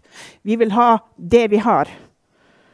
Trenger vi reindriftsnæringa? Nei, det gjør vi ikke. Den beslaglegger enorme felles arealer. Og man bør forby selvfølgelig, man får ikke lov å bruke strøm. Man må forby at de bruker ATV og snøscooter. Dette her er altså snakk om en av Europas mest truede språk og kulturer, som holder på å dø ut. Og Reindrifta er en kulturbærende næring, og man holder på å utrydde de siste arealene, de siste områdene hvor man i det hele tatt har lov til å oppholde seg. Det her folkens, det er et kulturelt folkemord som er i ferd med å skje. La oss kalle en spade for en spade. Og så har vi Kira-saken. En, en løshund i Alta ble skutt eh, nær reinflokken. Og det ble henlagt som intet eh, straffbart. Men det tok helt av. Det ble lynsjestemning hat mot alle samer. Samiske barn i Trøndelag kom hjem og gråt og lurte på hvorfor er det deres feil at noen har skutt en hund i Alta. Og hva dere tror det, det skytes faktisk hunder med jevne mellomrom rundt omkring i Norges land. Ja, det er forferdelig ille. Kanskje kunne noen situasjoner vært løst, løst annerledes. Kanskje ikke. Men dette her Alt det her det her er drapstrusler. Skulle vært slet etter ATV med tau rundt halsen. Sånne folk burde vært avliva. Hamre kolben hardt i hodet på han til skallen sprekker.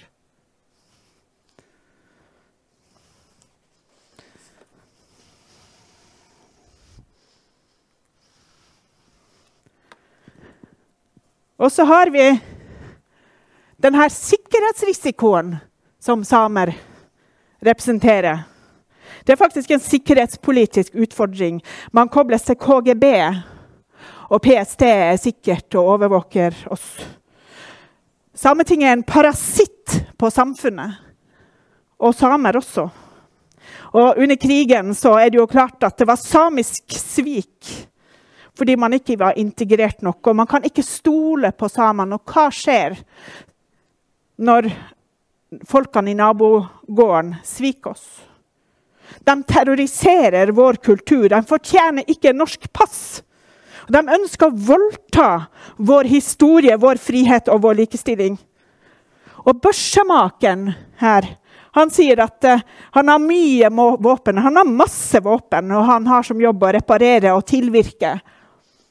Det er hans profesjon og hans plikt. Er ikke det en trussel når det framsettes på den måten? Man skulle vært utrydda. Man har ingen rett til å være i Norge. Sametinget hører ikke hjemme i demokrati. Og dette her, folkens, dette her er faktisk en, en vanlig del av debatten i Nord-Norge og i deler av Trøndelag. Det er helt normale ting å komme og påstå.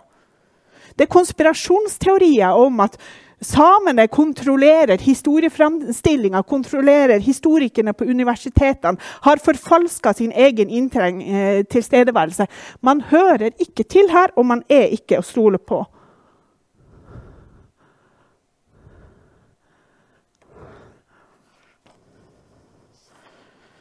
Man er innvandrer. Ikke urbefolkning. Det er uomtvistelig. Samene er faktisk oppfunnet. Og de har alltid vært avhengige av nabofolk. Genforskninga viser at arten samer Den egen art. Den, den bør altså forskes på. Kortskaller ligner på komier fra Ural. Man er innblanda. Og på et bilde av en ung samisk mann så sto det at man kunne se at han var innblandet med den ariske rase. Rasetenkinga er veldig sentral i nesten alt som omtales eh, samisk historie i, i eh, debattfeltene i avisene i Nord-Norge. Det såkalt samisk musikk tas fram i tid og utside. Og hvor samisk det er, det kan diskuteres. Og hvorfor kom samene til Norge når det er så ille å være her? Det er en nykreert kultur som er oppstått ved politisk vedtak. Vi har forfalska historien. Vi er et etnisk spikerssuppe. og drittsekkapitalister som ødelegger vidda, som kom for 400-600 år siden og faktisk drepte alle menn og sønner og tok døtre og kvinner som treller. Høres det fantastisk ut? Det, det er faktisk, det er faktisk eh, vanlig argumentasjon. Gå på nordnorsk debatt. Vi har et, et menneske som skrev 930 negative, altså antisamiske innlegg på seks måneder under nordnorsk debatt. Og alt gikk på sånn som det her.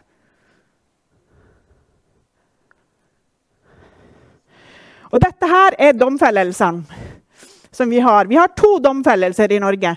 Bare å kjøre på reinene. Rein skal for så vidt ikke være på veiene, men på vidda. Klarer ikke samietnene å holde styr på reinsdyrene sine, må nå bare være. Når de kommer kjørende, prøver jeg bevisst å treffe reinene.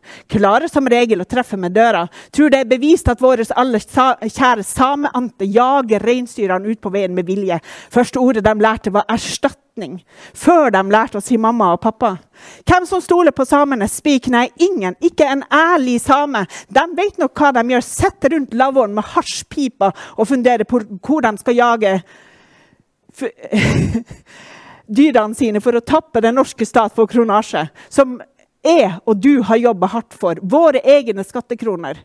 Syns jeg hører samene. Skattekroner, hva er det? Jatta, jatta, jatta. Hallo, de hører hjemme på vidda.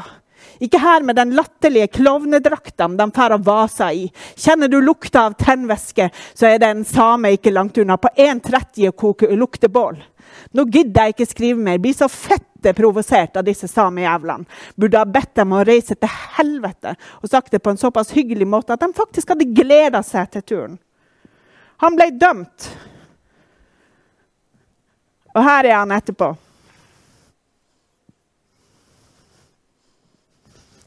Og den her Denne var det jeg som anmeldte. Reindriftssamene altså, kom sigeren over landegrensen som en pest. Og i dag har tatt urettmessig overalt utafor Gullstreipa. Husk den! Den skal vi komme tilbake til.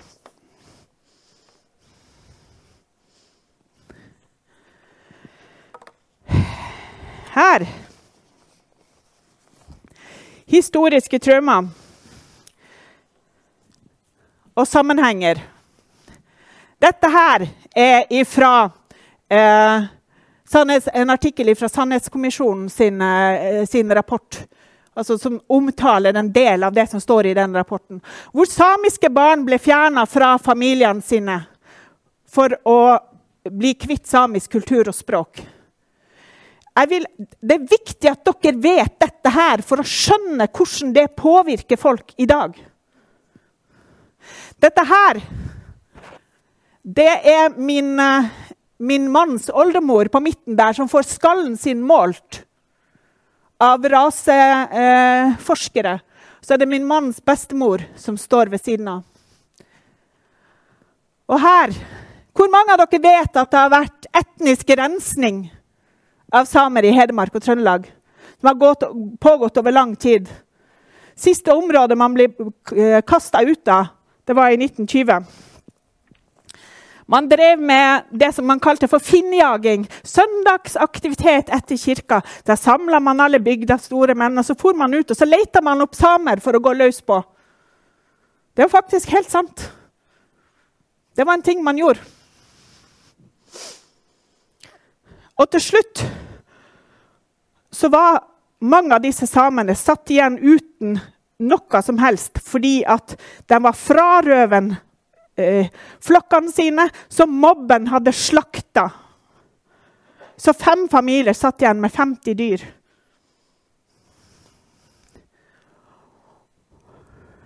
Her reindrifta brøt nesten sammen. Samene i Åren, nei, eh, Bøndene i, Holtålen kommune, Åren, der um, For man opp på fjellet, så reiv man alle gammene som samene hadde. Så stjal man tingene deres, og så begynte man å kreve erstatning og bygde egne setre oppå. Sånn at folk endte i vanvittig fattigdom. Og dette her dette er knytta til den anmeldelsen som dere så i sted. Disse to måtte slutte å servere eh, pølser to dager før påska var over. De hadde satt opp en lavvo attmed vårt reingjerde. Og de var rasende for at samene snylta på hederlige lokale mennesker. De bygde, satte altså opp en lavvo for å tjene penger. De er etterkommere etter de samme folkene som har rana og robba og nesten drevet folk ut i total utryddelse. Og dette her er historieforståelsen deres. Nå er det på tide at samene må begynne å betale for seg og slutte å sylte på hederlige eh, mennesker.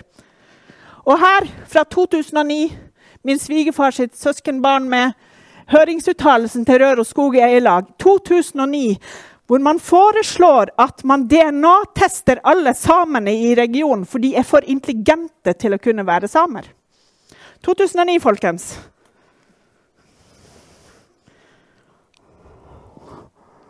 Selvbemøte.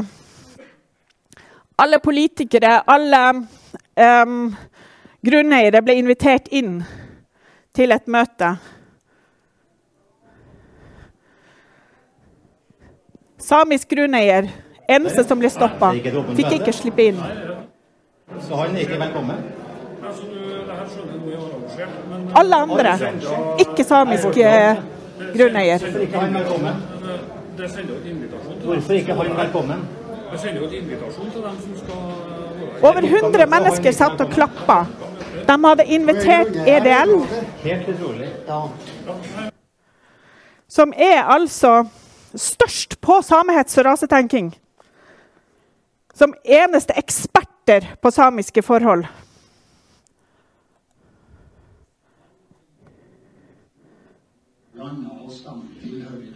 Hør dere. Selvsagt ikke. Vi tilhører et blandingsfolk. En viktig presisering.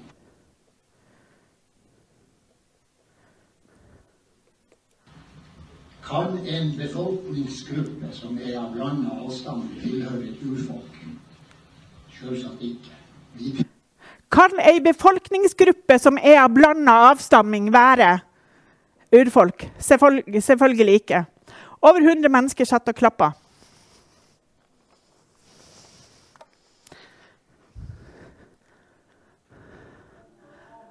Ja, og så var det å komme seg videre fra det her. Og hva gjør det her med folk? Fortellingene som fortelles, som Akka, Akko, altså bestemor forteller, de gjenkjennes i dagens samfunn og kommer på repeat om og om og om igjen. De ungene som hører at, at kompisene deres sier at vi skal slakte reinen din, det er den vi skal ta først. De vet at ja, det kan skje, for det har skjedd før. På nytt og på nytt og på nytt. og på nytt. Man utvikler en utrygghet, en mistro. Man opplever å være, være uønska og ikke høre til. Man får en maktesløshet.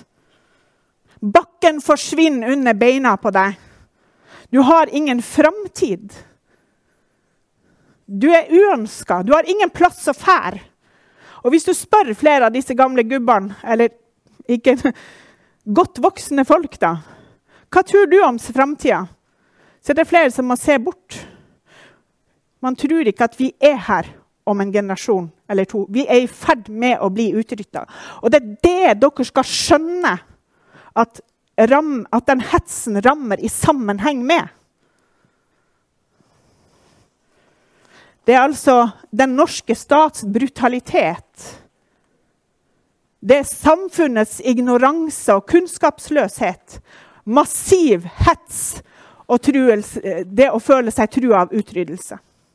Det er det som foregår.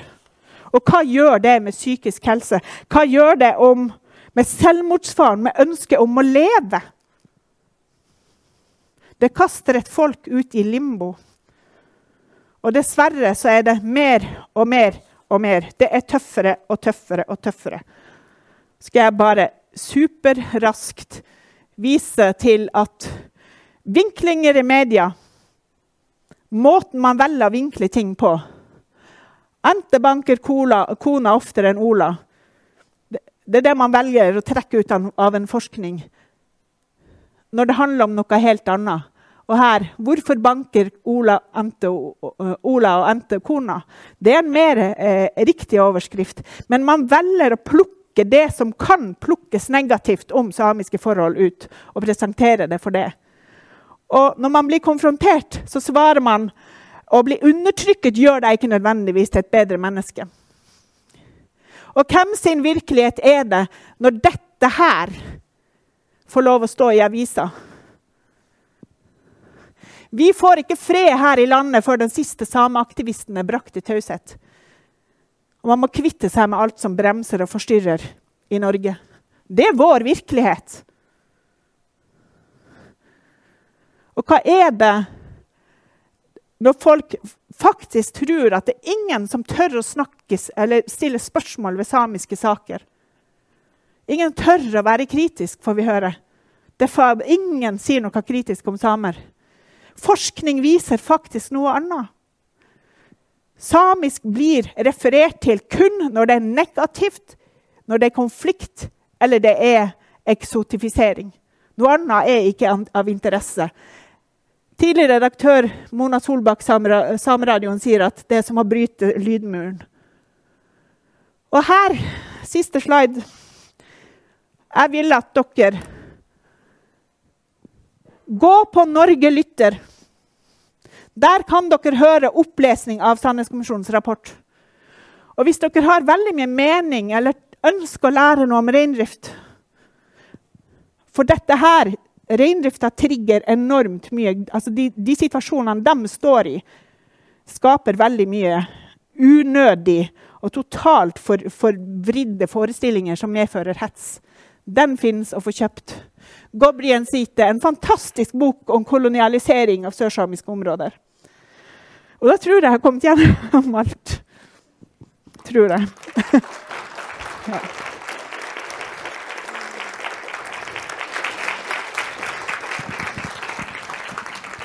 Åh, tusen, tusen takk, eh, Hanne. Det er, eh, det er vondt å høre på, men vi må tåle å høre det fordi det er andre som lever det. Takk skal du ha.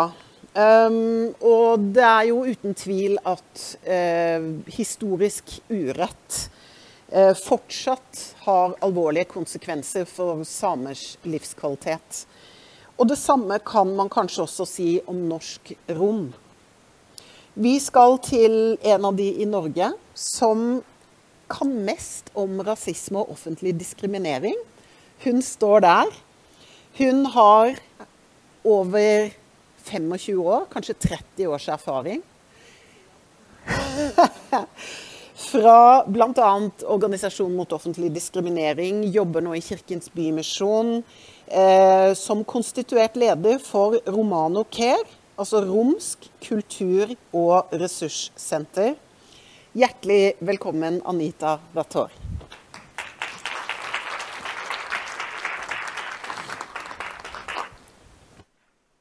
Takk.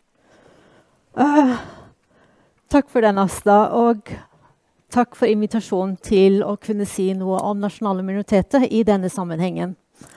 Um, det var Ja.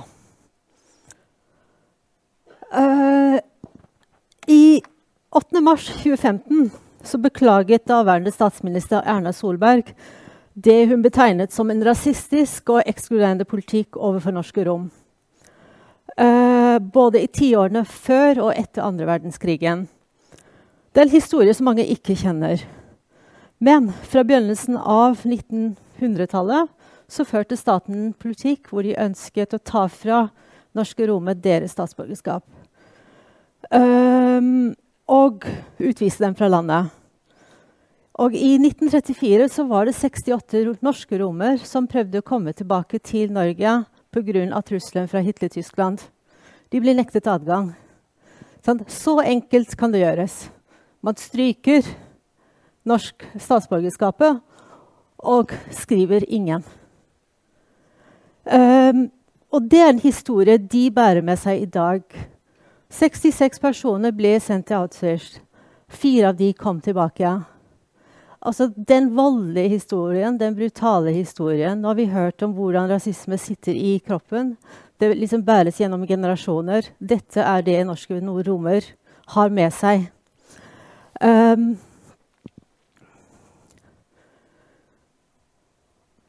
og det vi, vi, venter og savner litt, er at man har sett på konsekvensene av hva den historien har medført.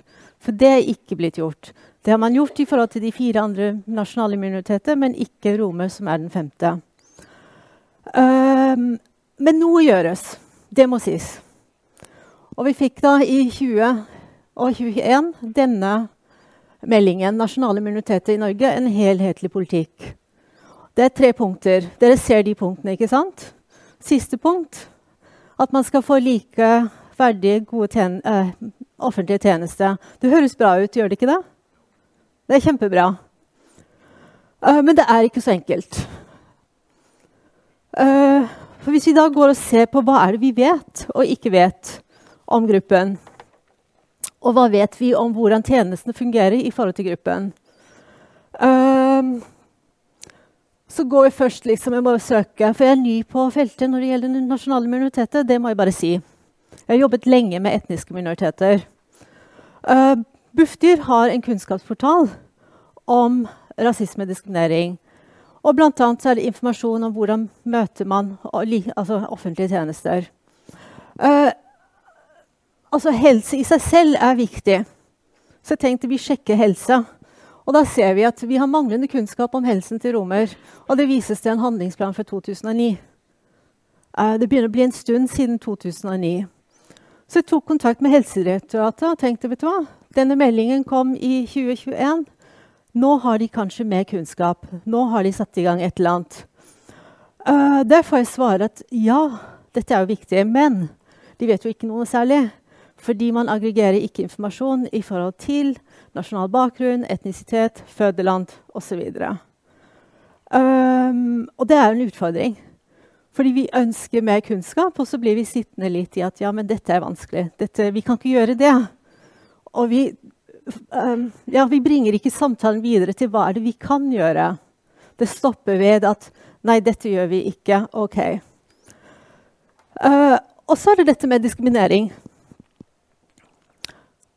Hva vet vi om diskriminering som romer erfarer?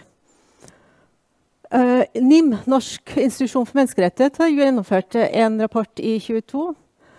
Og det var en undersøkelse for å måle holdninger. Én av tre nordmenn har negativt inntrykk av norske romer og romani-tatere. Hva gjør det med folk å vite at 30, altså 30 av befolkningen syns det om dem? Vent litt, nå gjorde jeg noe gærent.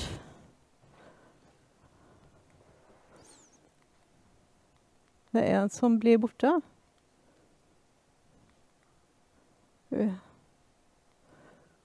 Den der. Den nummer fire. Nei, én, to, tre, fem. fem. Uh, når vi først er på Oslo OsloMet og vi er en kunnskapsinstitusjon, så tenkte jeg at ja, hva kan vi gjøre? Uh, skal vi tilby gode likeverdige offentlige tjenester, så trenger vi kunnskap om tingenes tilstand. Må, altså, hvem er det som ikke har hørt snakk om fremragende forskning, Innovativ forskning. Hvorfor er ikke det baseord på dette feltet? Altså, Gi meg fremragende forskning. Gi meg uh, innovativ forskning på dette feltet, for det er mulig. Um, og så er det kunnskap om antisiganisme. Det romer erfarer som en diaspora internasjonalt. Uansett hvor du drar i verden, så vil du møte romer det er noe særegent. Vi trenger disse nye ordene som brukes andre steder. Vi trenger å forstå hva det er. Vi trenger det som en del um, av vårt vok vokabulær. Uh, og apropos så kan det bidra til kunnskapsfremming. Harvard University har f.eks. et eget senter for Roma Rights under health uh, og menneskerettigheter. Columbia University har et Center for Justice hvor de har romarettigheter som et program. Så det skjer mye ute i verden. Det må vi være en del av hvis dette er viktig for oss. Vi kan ikke bare sitte her og si at det var veldig vanskelig. Uh, vi vet ingenting om deres altså, Vi kan ikke måle bakgrunn. Det finnes kunnskap, og det gjøres mye. Og Norge gjør forresten veldig mye i Europa. Vi har et EØS-program. Vi støtter eh, prosjekter i andre land i Europa. Når det gjelder helserettigheter, når det gjelder tilgang til helse, når det gjelder antidiskriminering. Så kanskje kan vi lære litt av det arbeidet vi gjør ute her hjemme. Uh, og så er det bevissthet om at vi har mye erfaring og metodikk fra generell mangfoldsarbeid. Uh, det er veldig rart å være på dette feltet, fordi det føles som om jeg går tilbake disse 25 år. Også. Det føles som om man er på nullpunktet igjen. Dette er en ny gruppe. Alle blir bare sånn 'Å, gud, nasjonale minoriteter. Kjempevanskelig'. Um, det er behov for tolking, f.eks. Det er mange som snakker romanes, men de er ikke så gode på norsk, kanskje. Det er en oppgave for IMDi, men IMDi jobber med etniske minoriteter, innvandrere og den slags. Så de får jo helt angst når man kommer på døra med nasjonale minoriteter. Det er litt glemt at det er tolking det handler om, ikke gruppe. Behovet er det samme uavhengig av hvilken merkelapp man kommer til uh, bordet med. Og så er det dette siste punktet om uh, konsekvensene av den rasistiske ekskluderingspolitikken. Fordi den enkelte kan ikke bære alene ansvar for strukturell diskriminering som kommer på bakgrunn av en politikk uh, som varte så lenge. Det har konsekvenser. Det må vi se nærmere på. I mellomtiden så um, gjør vi litt vårt. Og jeg tenkte bare jeg skulle reklamere for denne. Um, vi trenger flere deltakende stemmer. Og vi gjør arbeid med unge mennesker. Og nå er det to unge hos oss. De har laget en podkast som heter Roma Perspective. Sjekk den ut. Hør hva det vil si å være ung norsk romsk minoritet i Norge i dag. Um, vi åpnet i forrige uke en utstilling om romets historie og liv i Norge. Kom gjerne innom Ryenstubben 2 uh, eh, for å se det. Det er en del av norsk historie få kjenne til. Det er behov for at flere vet om det. Flere forstår hvordan det er å være en nasjonal minoritet i vårt land. Og så driver vi også med og, det, samhandler med andre om disse temaene. For vi kan ikke sitte alene i den lille båsen vår som er romer, som er nasjonal minoritet, og se at det skjer mye andre steder og ikke være en del av det. Om det er i forhold til ulike grupper, eller om det er i forhold til fagfelt. Takk for meg.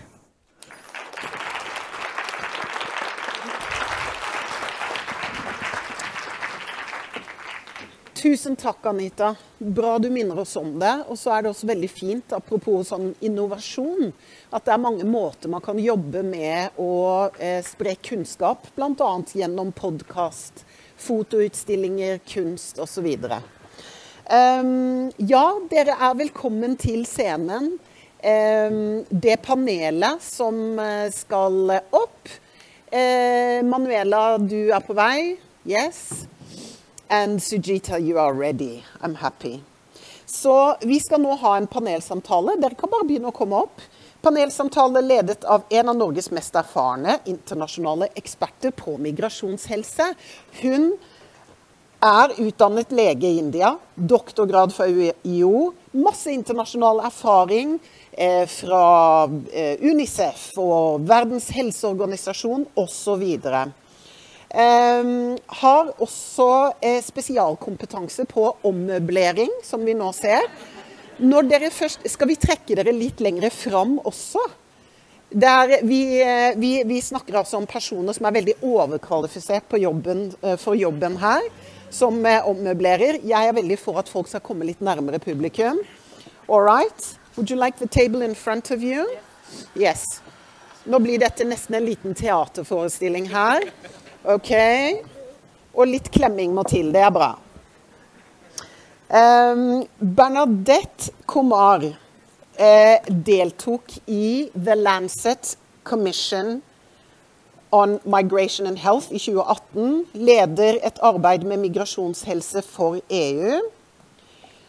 Hun er professor på opptil flere universiteter uh, og avdelingsleder i Folkehelseinstituttet.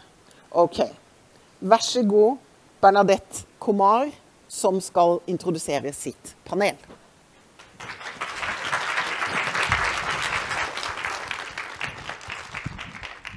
Thank you very much, Asta. This is, of course, going to be in English because I don't think Su- Sujita's Norwegian in a day is enough to have this conversation. So I think it's been a very intense session. And I'm going to start with Manuela. And we did not coordinate, but I think we are all in green today. So, so uh, first of all, I'm going to say that this is not going to be a panel. Uh, it's not a fireside chat either, because it's not that sort of thing. And it's not an afternoon tea, simply because it's not the afternoon. But what it is going to be, and really after this session, is a heart to heart. And I'm all of you know Manuela, but I think it's important for those of you who are new, who don't know her, to say that basically fairness is part of her DNA. She is a lawyer, and uh, I think just as I say, I'm I'm a doctor, you're a lawyer, but that's something that we studied. And I think it would be right to say, Manuela, for the last 40 years or so, you have been working with equity and fairness in many ways. And also, you're one of the people, and I think I would be right in saying you're the first person of a migrant background who was also minister uh, in Norway. And um, in addition, you are now, at the moment, in the, the, you're the head of the board of the Anti-Racist Center. So, and she's Manuela has also done had a lot of contact with the health system and had several positions. And I think if I go into her background of all the positions she's held, we'll be here forever. So, with that introduction, I'm going to start with you, Manuela. And I would like you to reflect back on the last 40 years. Uh, Anita said something earlier, and she was saying to us that it seems like we're back. It's like a snakes and ladder, so we're back to square one. Um, if you reflect about uh, the last 40 years, what has happened in the field of racism and discrimination in Norway, um, what are the highlights? And where is it that we still have a long way to go? Lots of long ways to go, but where have, uh, you know, if you could just tell us the highlights. Thank you very much, and uh, hello, everybody.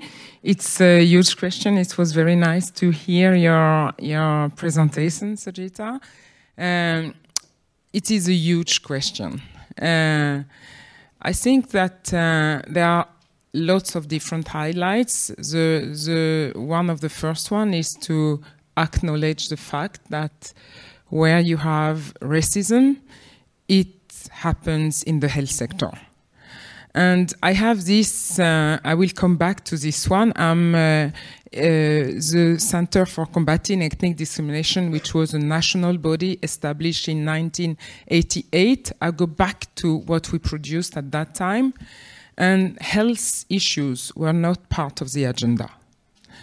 Uh, one of the highlights, which has been a short period on the field of migration health discrimination, was that in Norway we had for a few years a national strategy on minority uh, health. Unfortunately, this was never implemented in a very good way unfortunately, it has never been taken uh, broader. Uh, it was a national strategy which has been settled by um, um, the government on the left wing, but uh, it has never been uh, taken through the different uh, governments, which means a lot. I should say that not a highlight, but a, a reflection is how difficult it is to acknowledge not what you are telling, what you are explaining in a broad perspective, and uh, the the practice in the different health institutions to acknowledge the fact that because racism is there, it applies in our societies, in our institutions, and you have to make to take actions. This path is extremely difficult to realize because you have a huge amount of borders all the time. So it's a kind, you have to step on all the different borders, all the different barriers to, to, to, to make this acknowledgement being part of the services that the institution are providing.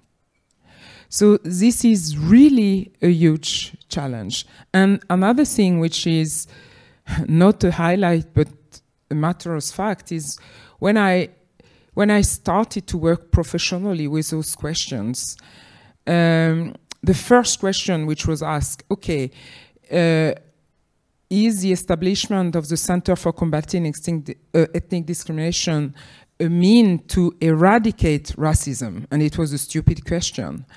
But my point is that, in a way, I thought that it would go better. But it has been worse. Even though, uh, at my time when I moved to Norway in 1991, uh, it was about 2 or 3% of the population being non Norwegian. Now the level are, are the amount are much broader. You have a lot of qualified uh, migrants, lot of qualified uh, uh, people coming from minorities with beautiful education. Still, the question has been uh, more difficult. Because you're from the UK, and what we see in Norway today is probably something you've seen in the UK much earlier. And would you say you see the same thing, that it's getting worse with racism, with xenophobia, or is it status quo? And why is that so? I'm asking very big questions, but anyway.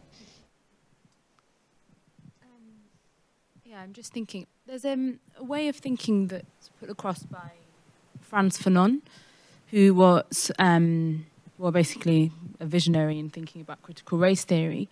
But he says when we think about racism or discrimination, we should kind of stop trying to put it on a scale, stop trying to say this is less, this is more, and actually it's just different ways of, of how it's presenting. So the ways that racism and discrimination, the way that they affect people, it just changes from context changes from year to year. Okay, let me interrupt you. I think that's a good point. But let's turn it around. Let's flip the switch. Are we getting better dealing with racism and discrimination? Have you done have you gone further ahead? You have in the UK from what we see. And and what Manuel is really trying to say is that we really haven't moved and perhaps we've gone back a few steps. So I think in the UK we're doing a dance. We're going forwards and we're going backwards and we're going forwards and backwards because, you know, a lot of this presentation, a lot of this talk from the Lancet, I gave that a year ago, and actually things haven't changed in some ways. We had a, a report called the Sewell Report that said institutional racism is not real. And actually, one of the ways that racism works is it distracts you. Mm-hmm. So, right? So, a lot of this time that you're spending in Norway saying, no, it's real, it's here, I promise, you're writing all these grant applications saying racism is real, discrimination is real, it's distracting you from doing other important work. So, that's kind of how it works, right? Part of it is you having to plead your case. You have to write this long application saying, oh, it affects all these people, please will you give us this money so then we can change it. But then people who are not affected, they're not having to write those applications. So, I don't think I can't give you any. I think it seems maybe that in other places it looks like things are further along. So, Manuela, coming back to you, I think that if we look at this audience, the very fact that you're here means that you are interested in the topic. So it's more or less preaching to the choir, as we say. But what about the people who are not here? What can we do? Are they just terrified of the topic? Or just they don't care about it? Uh, and how can we bring them here, Manuela? I mean, from the political side. And, and I think there was also the political racism that one went into, because unless there's political will, this can't happen. And you've been part of, of the machinery and you've seen it at close quarters. So, what can we do to bring those who are not here? So, it's not only the applications, but it's the silent majority who are out there. What can we do for the silent majority? I I must confess, I really don't know. It's it's a huge question because you have um, you have the systems, you have the budget, you have to acknowledge the fact that to do more, you have to invest and to invest and to put what is considered to be not something for everybody, but something for a group or two groups or three groups. And people are asking, how many groups are we going to have policies for? It's barriers which make it difficult to, if you talk about uh, talk, also interpreters, it is still not part of the hospital's main budget. It should be, even if, even in, in those areas where you know that you have lots of migrants. For example, regarding diabetes. I mean, you know that lots of migrants have diabetes if you see the budget of the, uh, the, the department dealing with diabetes, you won't see a correlation because between the numbers of uh, uh, people affected by diabetes coming from uh, migrant uh, populations and the effects on the budgets. I mean, this is a small thing. What does it mean? It means that every nurse, doctors, confronted with problems has to find their own solutions. You know, children, even if we have laws, even if we have research. So this is a really huge field. And I guess that's the environment which is more and more, hmm, more and more complex, more and more polarized, doesn't make it easy. So we still have to, to work both on the system level, we have to work on the individual level, we have to work to, with the competence. I mean, lots of different things to work. Small victories all the time, but I don't see that uh, it's very easy to get there and to, to make the politicians agree about those I, I, agree. And what I was getting to is there's no magic bullet. We don't have anything, or the magic pill. Let's not talk about the bullet. There's no magic pill that will resolve this issue. So then I'd like to go from, you know, the big questions, because I've been asking you too many big questions, to something which is very personal. Because if you look, we are three women of color I mean, I have no problem saying that. Uh, and we have different experiences because we've been both sides of the table, so to speak. So I'd like to start with you, Sujitha, saying, what is it that has motivated you to work with this area? I mean, you're a gynecologist, you know, you're um, a very, you know, brilliant child, uh, did very well at school, um, and everything. And, you know, you could be earning lots of money, having lots of fun, and yet you're, you know, running, running this, you know, taking up these issues and race and health. You're the founder, and you've, you know, barely finished three decades of your life. So, I mean, it's amazing. At the same time, you know, what is it that motivates you? It's not the money, I can tell. No, I wish. Um, we had a webinar on racism and health that some of um, some of my colleagues who are also obstetricians and gynecologists were watching, and someone um, who's white English said, "Oh, that's so cool! That's so cool!" Watching this webinar, I thought, "Wow, imagine what it's like to look at racism, to like observe it, and think that it's cool, because this is what I know. This is how. This is, you know, I, I said like." Genocide has shaped who, where I am and how I experience the world. So I wish I could say we had a choice, but if you're from a minoritized group, it shapes how you live. It shapes how people look at you. It shapes how the first impressions that people make of you. And I think I was quite fortunate because I grew up in South London, which I described at school, it kind of looks like the UN General Assembly, right? Like there's people from everywhere. And that's how I grew up, and that's the experience that I had. But I didn't realize that until I went and lived in other places. So I lived in places um, outside of London in the UK. I went and lived in Australia. And that's when I became far more aware of the colour of my skin, working in the emergency department in the first wave of the pandemic and seeing people that looked like my mum and my dad being intubated within minutes. That's if they were lucky enough to be intubated because we've got only finite number of resources. And I actually called out racism in this department, in this A&E department. I wrote this angry email. And I was ignored and I was ridiculed because no one believed that racism and discrimination affects health. Right? Those are just big issues. So even talking about it in the context of health is people have been doing it, but only now are people starting to believe it. So basically, I was angry. Um, yeah, it's anger that is is fueling me. Manuela, what is it that inspires you to continue despite all the barriers? Not anger. no, but uh, they're important. but, uh, I, I, I do feel like that to find the spaces where you can make change. And you mentioned that I was once in a while uh, a lawyer. And regarding the legal field, it has been as well very complicated. When I started this work uh, in 1998, it was just one, uh, one uh, how do you say, legal uh, definition prohibiting uh, ethnic discrimination at work. Nothing in the constitution, nothing anywhere. Now you have laws, different laws. You have uh, a proper, yes, proper laws but does it make any change? So, to me, it's it's disappointing. Uh, even the legal aid is not on the table. The Center for Combating Ethnic Discrimination had the possibility to provide legal aid to individuals so that they could take cases to court we don't have that in the same level.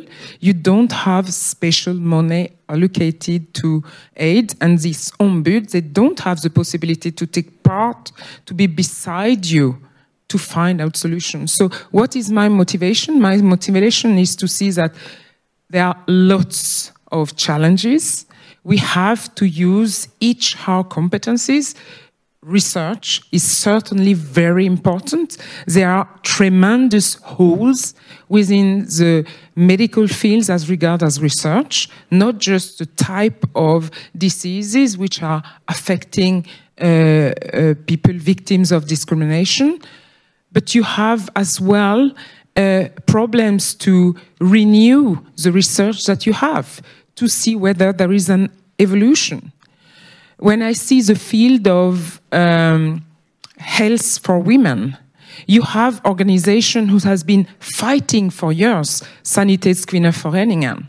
They have been collected money and they put money, if I recall it well, they put, let, let's see, 30 million crowns on the table and they say the government should should put the same level so that we have a good package to make research. Where are the organizations working in that way? To find the way to push the field in a very concrete way where are the organizations fighting to say we have to have more research? And if you go and knock on the door of the politicians, they said, we have problems. But if organization could put on the table a campaign saying, okay, we can start with five million crowns doing research in this field, I mean, finding new solutions. So my creativity is my motivation. When you have a problem, you have to find a way around and to, to try to, to, to put solutions on the table. I think that's good. And of course, we're running out of time and we could be talking until the cows come home. But I think when we look at the challenges, and there are many challenges, and I think in particular, Hannah said this feeling of hopelessness, powerlessness, and not being able to actually do anything in that sort of um, you know sphere, what would you say has worked? Sujita, if you can come in, and what would you advise each one of us as individuals that we can do to work together towards it? You said it kills, and we should do something together to work. So I'm just going to say, what can we as individuals do, and not only the system? I'll start with an example of something that I think has been helpful. Um, I, I spoke about how in science sometimes people try to give a genetic basis to race and how we think that it's, there's nothing you can do about it. And so, for example, if you're pregnant, and so say this is my first pregnancy, and I go to Liverpool in the UK, somewhere to have my baby, they will say you must take aspirin, and the reason you must take it is because it's your first baby and because of your ethnicity. Same me, same pregnancy. I go somewhere else, my favourite hospital where I was born, um, in South London. They actually won't just decide that.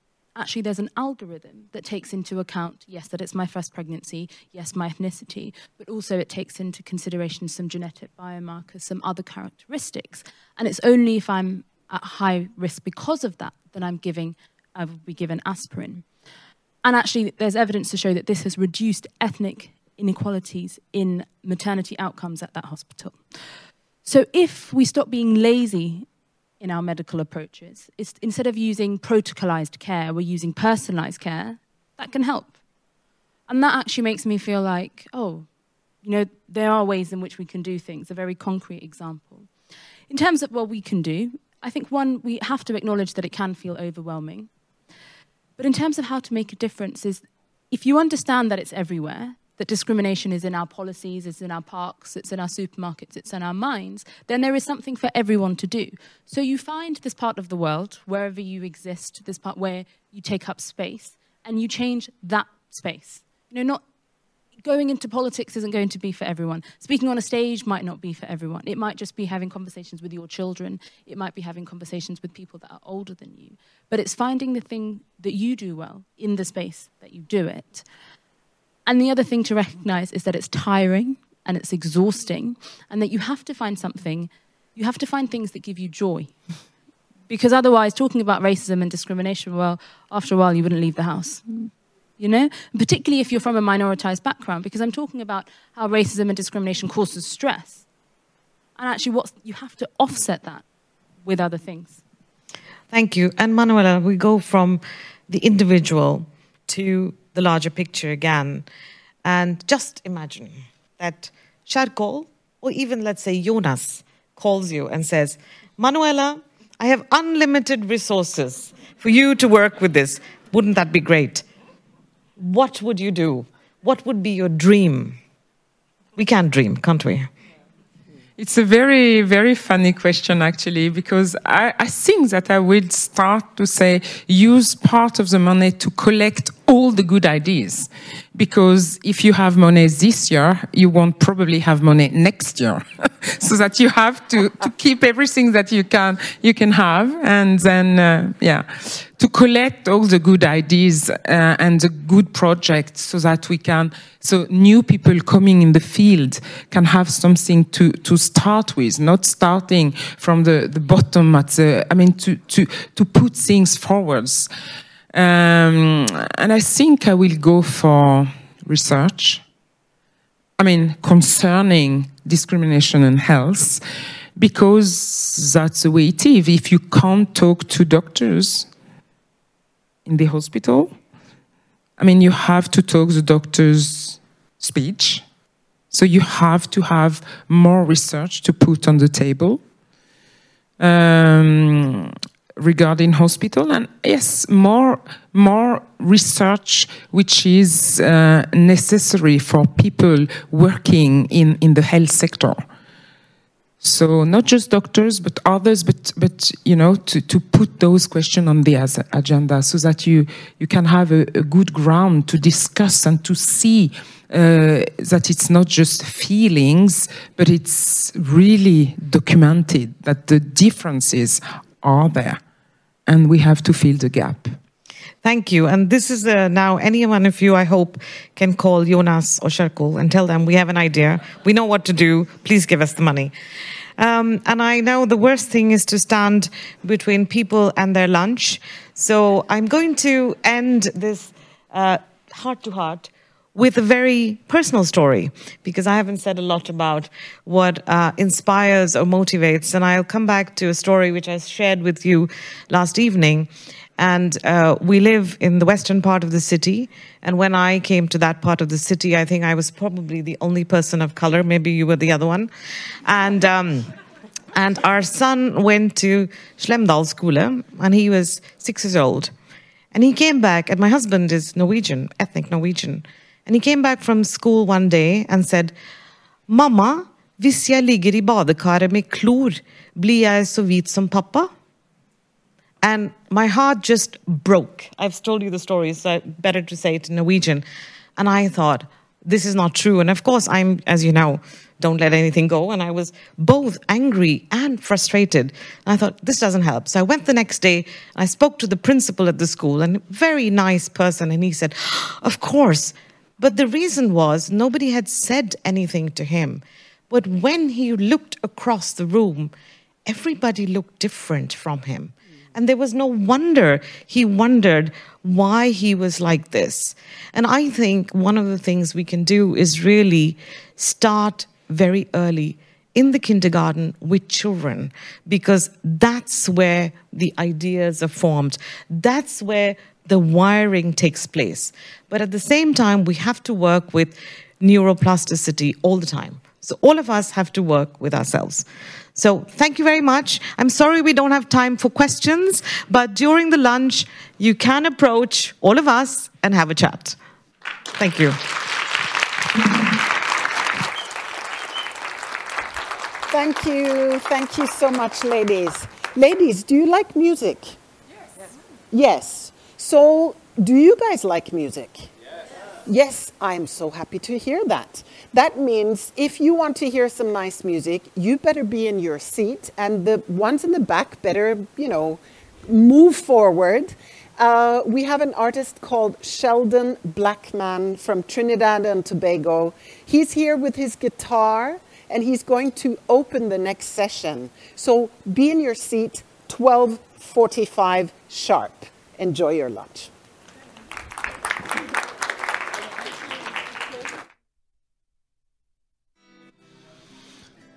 Good evening, afternoon.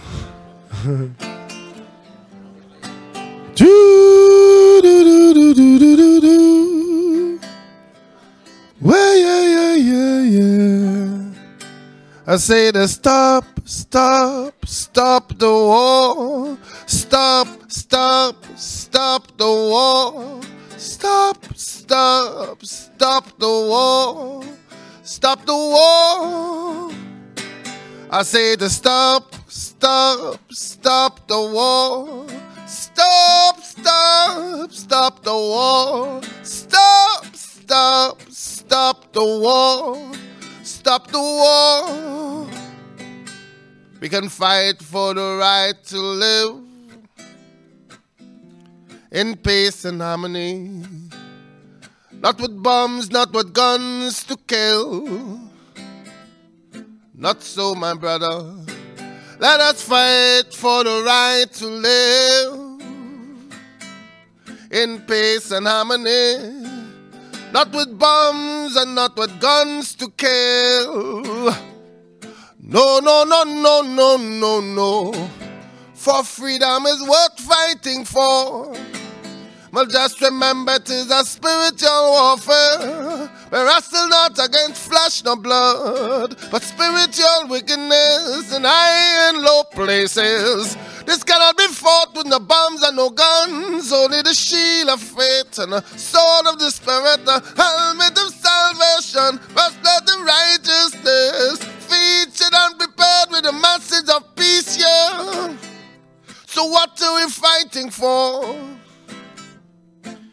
Oh, really, I would like to know how when would we learn to love and stop the bloody war? What are we fighting for? Oh, really, I would like to know how when would we learn to love, learn to love? Hey, I say to stop, stop, stop the war. You can help me sing. Stop, stop, stop the war. I say to stop. I say to stop the war. Well, I say to stop, stop, stop the war. Say to stop. I say to stop. Stop the war. Stop the war. We can fight for human rights and a justice society where dictatorship is not disguised. Under democracy. Oh, let us fight for our human rights and a justice society where dictatorship could never be disguised. Under democracy, hey, hey, hey, for freedom is worth fighting for. But just remember it is a spiritual warfare. Wrestle not against flesh nor blood, but spiritual wickedness in high and low places. This cannot be fought with no bombs and no guns. Only the shield of faith, sword of the spirit, helmet of salvation, breastplate of righteousness. Feet shall not be prepared with the message of peace, yeah. Well, what are we fighting for? Oh, really, I would like to know how when we will learn to love, learn to love. Hey, hey, hey! I say to stop, stop, stop the war. Stop, stop, stop the war. I said to stop, stop, stop the war. Come on, let's lift our voices. Let them hear us. Let us hear us in the room. Well, I said to stop. Well, I said to stop. Well, I said to stop. So stop the war. Stop the war. Stop the war. Whoa, whoa, yeah. We really need to stop the war. We really need to. Look, we really need to stop the war. Stop the war. Stop the war. I say to stop, stop, stop the war. Stop. I said to stop, stop, stop the war. Stop the war. Stop the war.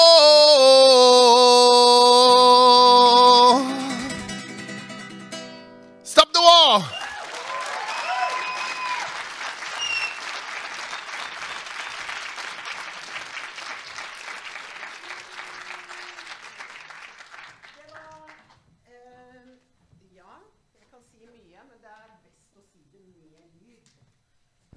Det var Sheldon Blackman. Han kommer snart tilbake. Sheldon er fra en veldig kjent og berømt musikerfamilie.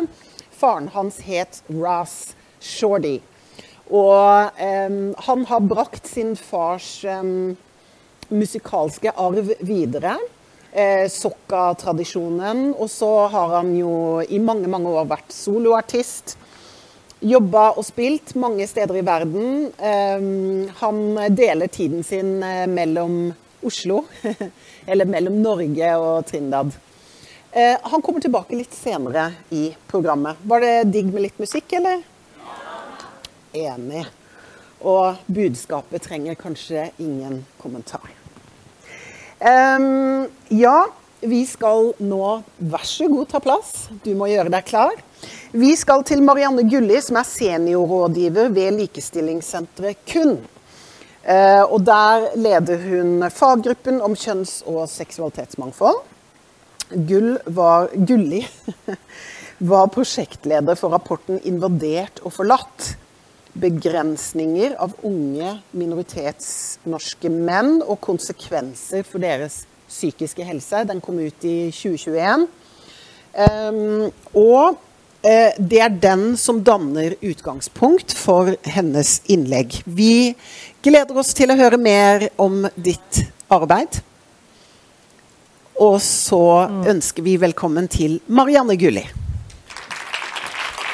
Ja. Um, Takk.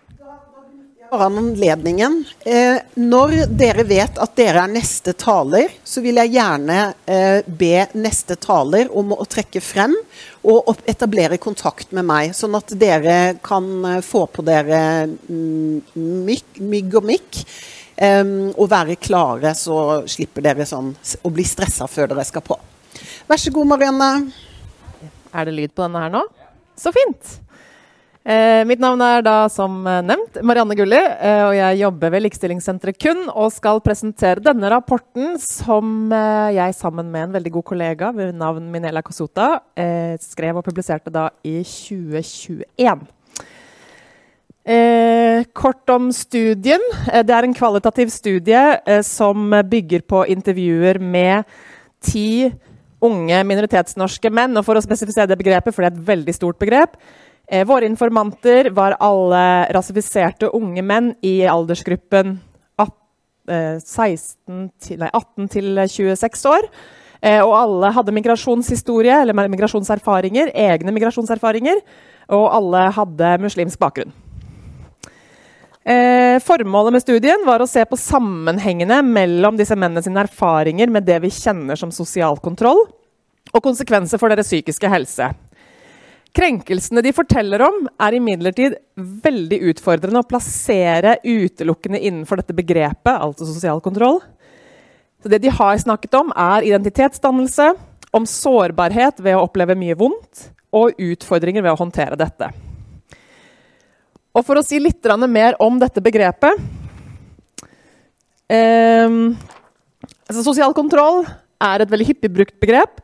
Eh, og er et, eh, liksom et, kunnskapsfelt hvis vi kan kalle det, i utvikling, som igjen henger sammen med veldig sånn økt politisk oppmerksomhet om det de siste ti årene. Men fordi det er et såpass politisert tema, så er det også veldig mange utfordringer knyttet til begrepet. Det finnes ingen entydig definisjon. Begrepet er ikke rettslig avklart, og det brukes forskjellig av ulike aktører. Og vi vet at begrepet brukes eh, i hovedsak om minoritetsbefolkningen. Altså at det brukes som grupper fremfor handlinger eller mekanismer. Av dette og flere grunner så valgte vi å la informantene definere hva de opplever at begrenser dem, fremfor å presse deres forklaringer inn i en eller annen opplevelse av hva det begrepet skal eller ikke skal romme.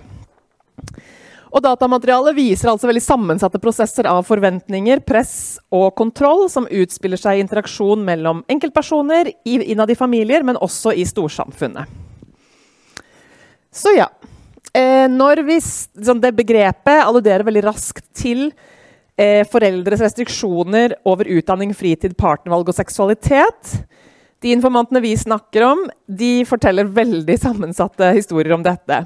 Noen opplever press på skolevalg, andre ikke i det hele tatt. Noen har veldig mye frihet til å forvalte fritid og vennerelasjoner. Andre blir mer begrenset. I noen familier religion eh, en autoritetsutøvelse for foreldrene. I andre familier så er det et trygt og godt samlingspunkt. Noen gutte, av guttene opplever også at deres seksualitet knyttes til ære og skam, mens andre ikke gjør det i det hele tatt. Eh, til gjengjeld, det som er gjennomgående i informantenes fortelling, er at alle de vi snakka med, eh, de forteller om en oppvekst preget av vold. Enten i familien eller i oppvekstmiljøet. Og det er erfaringer med alt fra grov fysisk vold, psykisk vold og det å være vitne til vold i, i stort omfang. Et annet trekk som går igjen hos informantene, er veldig fremtredende forventninger knytta til det, eller mannsrollen. Og det eh, å vise styrke det står veldig sentralt i disse forventningene. Og denne styrken er både kroppslig så vel som emosjonell. De forteller om forventninger til å være en beskytter, til å ta ansvar for seg selv og for familien. Eh, og på samme måte som det er tydelige forventninger til hva en mann skal være, så er det veldig tydelige forventninger til hva en mann ikke skal være. De skal ikke være svake, ikke vise følelser, ikke på noen måte vise tegn til å være mindre mann. i anførselstegn. Og forventningene kommer ofte uten veiledning og fører med seg mye ansvar fra ganske ung alder. Så har vi også hørt veldig mange fortellinger som nyanserer bildet. Og viser hvordan informanter også utfordrer forventningene til dem. De forteller at de står opp for mødre som blir mishandlet.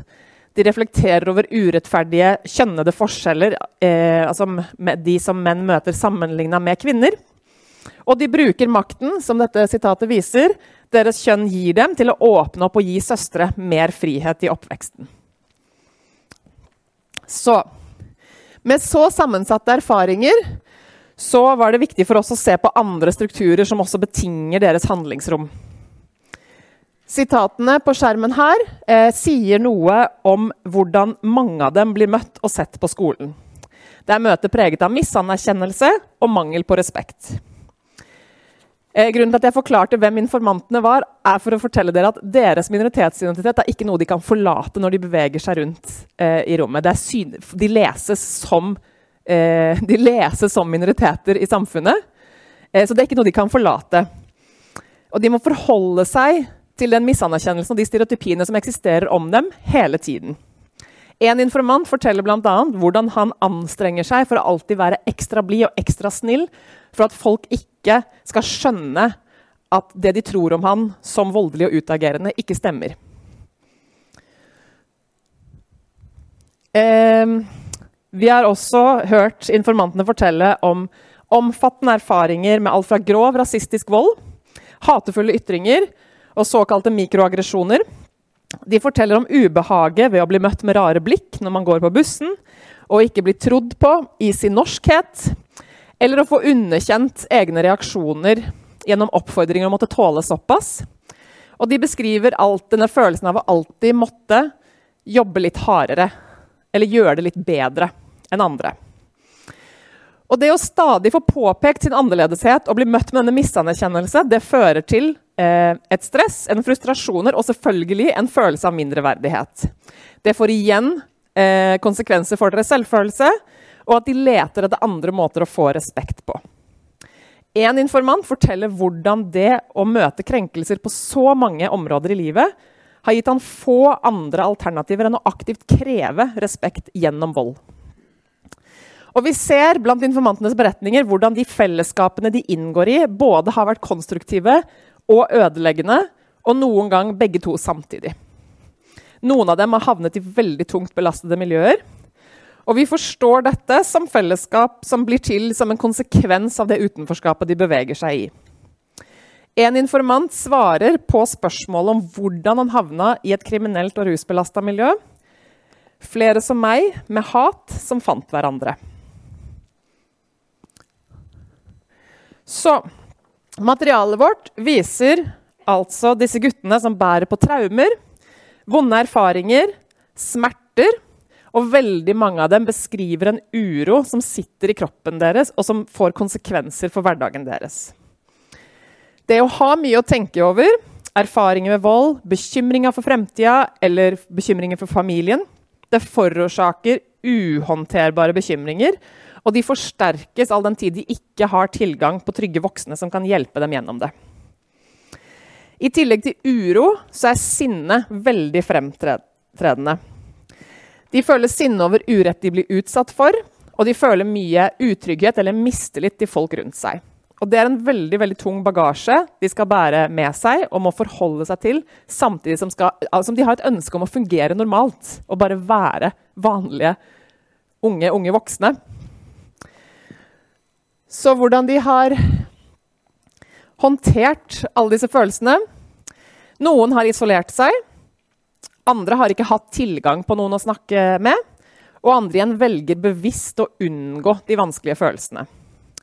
Helt uavhengig av hvilke strategier de velger for seg selv, så forholder de seg til konsekvensen av det de har opplevd, og også denne selvbeherskelsen eh, blir noe som sliter på dem som bl.a.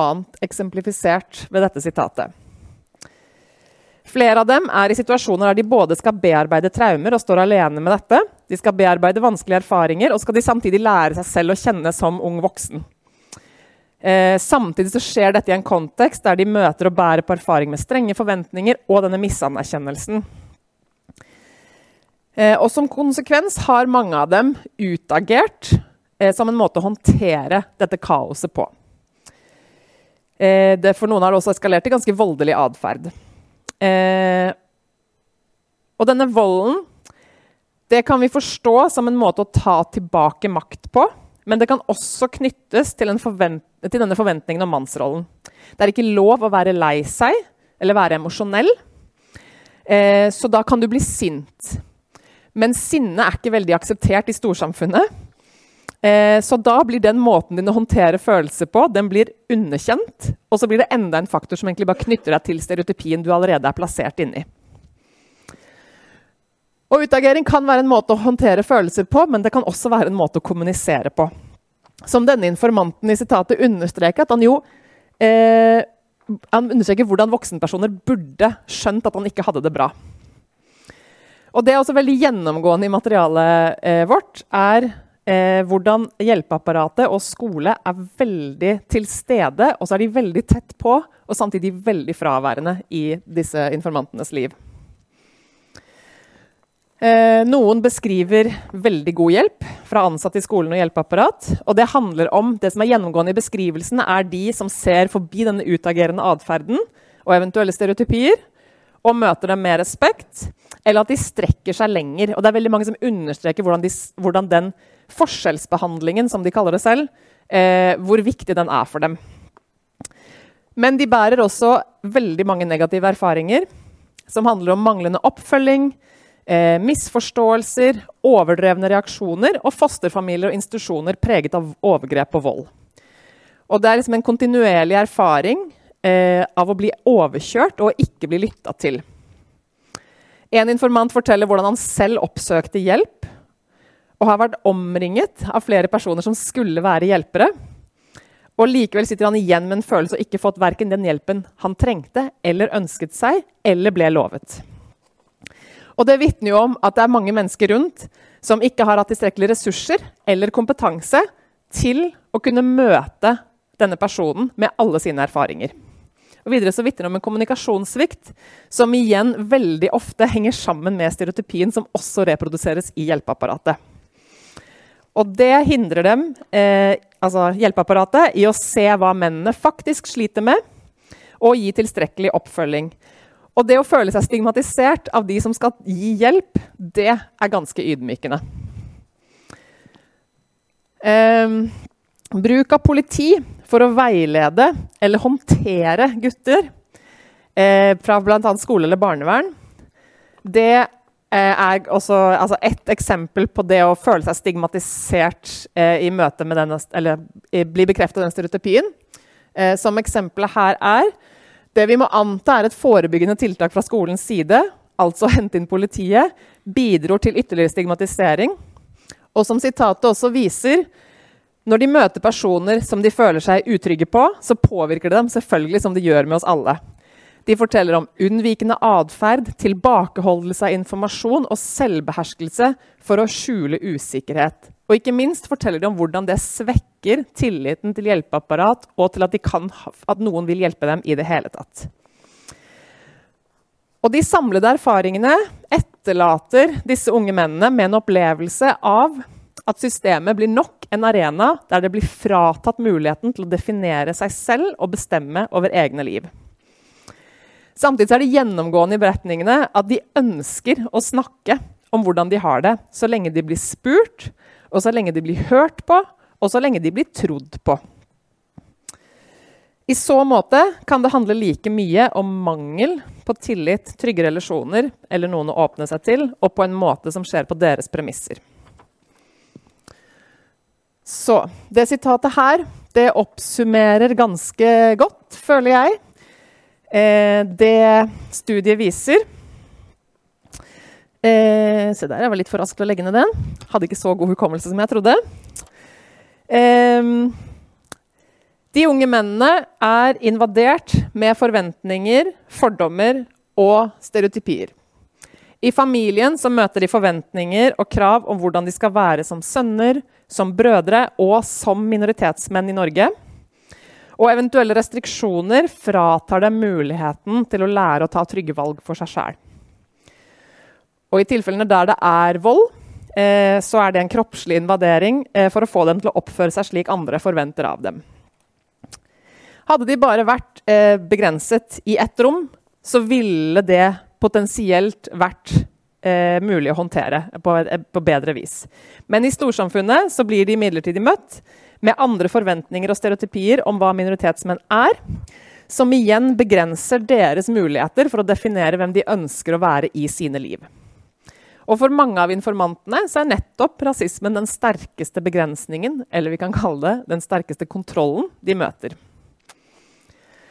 For hvert lag med alle disse forventningene så blir denne boksen de har på å utvikle seg i, stadig mindre. Og da øker frustrasjonen og stressene og psykisk uhelse. De strukturelle rammene gir dem ikke rom for å håndtere disse følelsene, og de har få muligheter utover å utagere eller innagere. Og de følelsesuttrykkene som kommer til syne, blir ofte redusert til et problem blant ansvarspersoner. Og nok en gang, å bli møtt med misanerkjennelse og fremmedgjøring det skaper mistillit, og det lukker boksen ytterligere.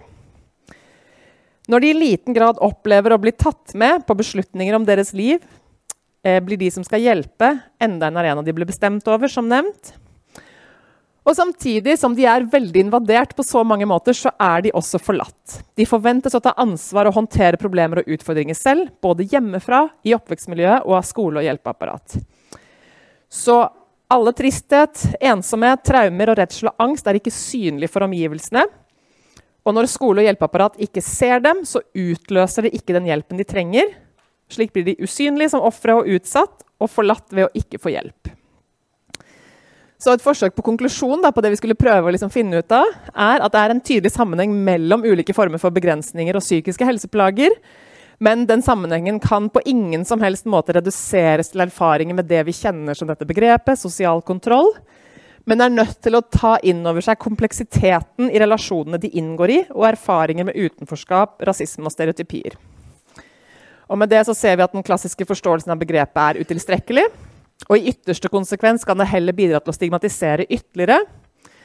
Og vi ser et tydelig behov for mer kompetanse i skole og hjelpeapparat. En erfaringsbasert kompetanse som faktisk kommer fra målgruppen selv. Og på generelt så trenger vi mer kunnskap om og mer nyanserte bilder av både minoritetsnorske gutter og gutter generelt, og menn eh, sine liv og hvilke prosesser som påvirker dem for å kunne forstå hva som begrenser mennesker, og for å kunne gi likeverdige tjenester, så må vi lytte til hva de selv ser som begrensninger, og gi dem muligheten til å ta tilbake definisjonsmakten over seg selv. Tusen takk.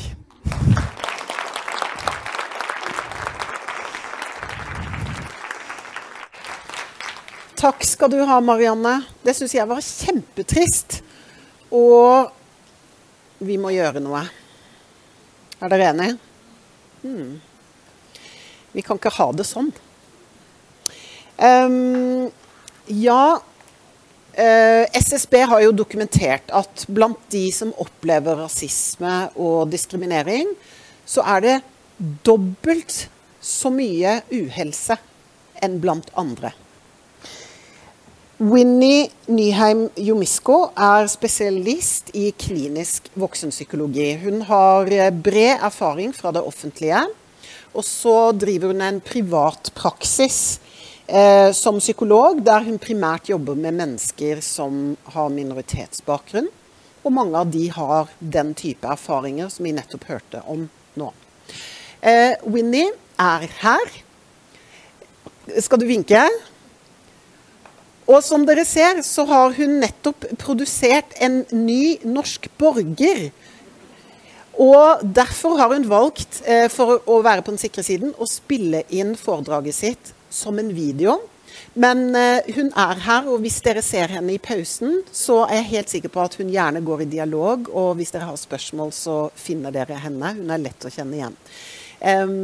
Vi gleder oss til foredraget ditt, Winnie. Og så vil jeg si til Chisholm Har Chisholm kommet? Yes. Where? Der. Veldig bra. Så når videoen er over If you enter from this side, så kan du få på deg um, uh, mygg og mikk. OK, Winnie. Vi er klare for deg.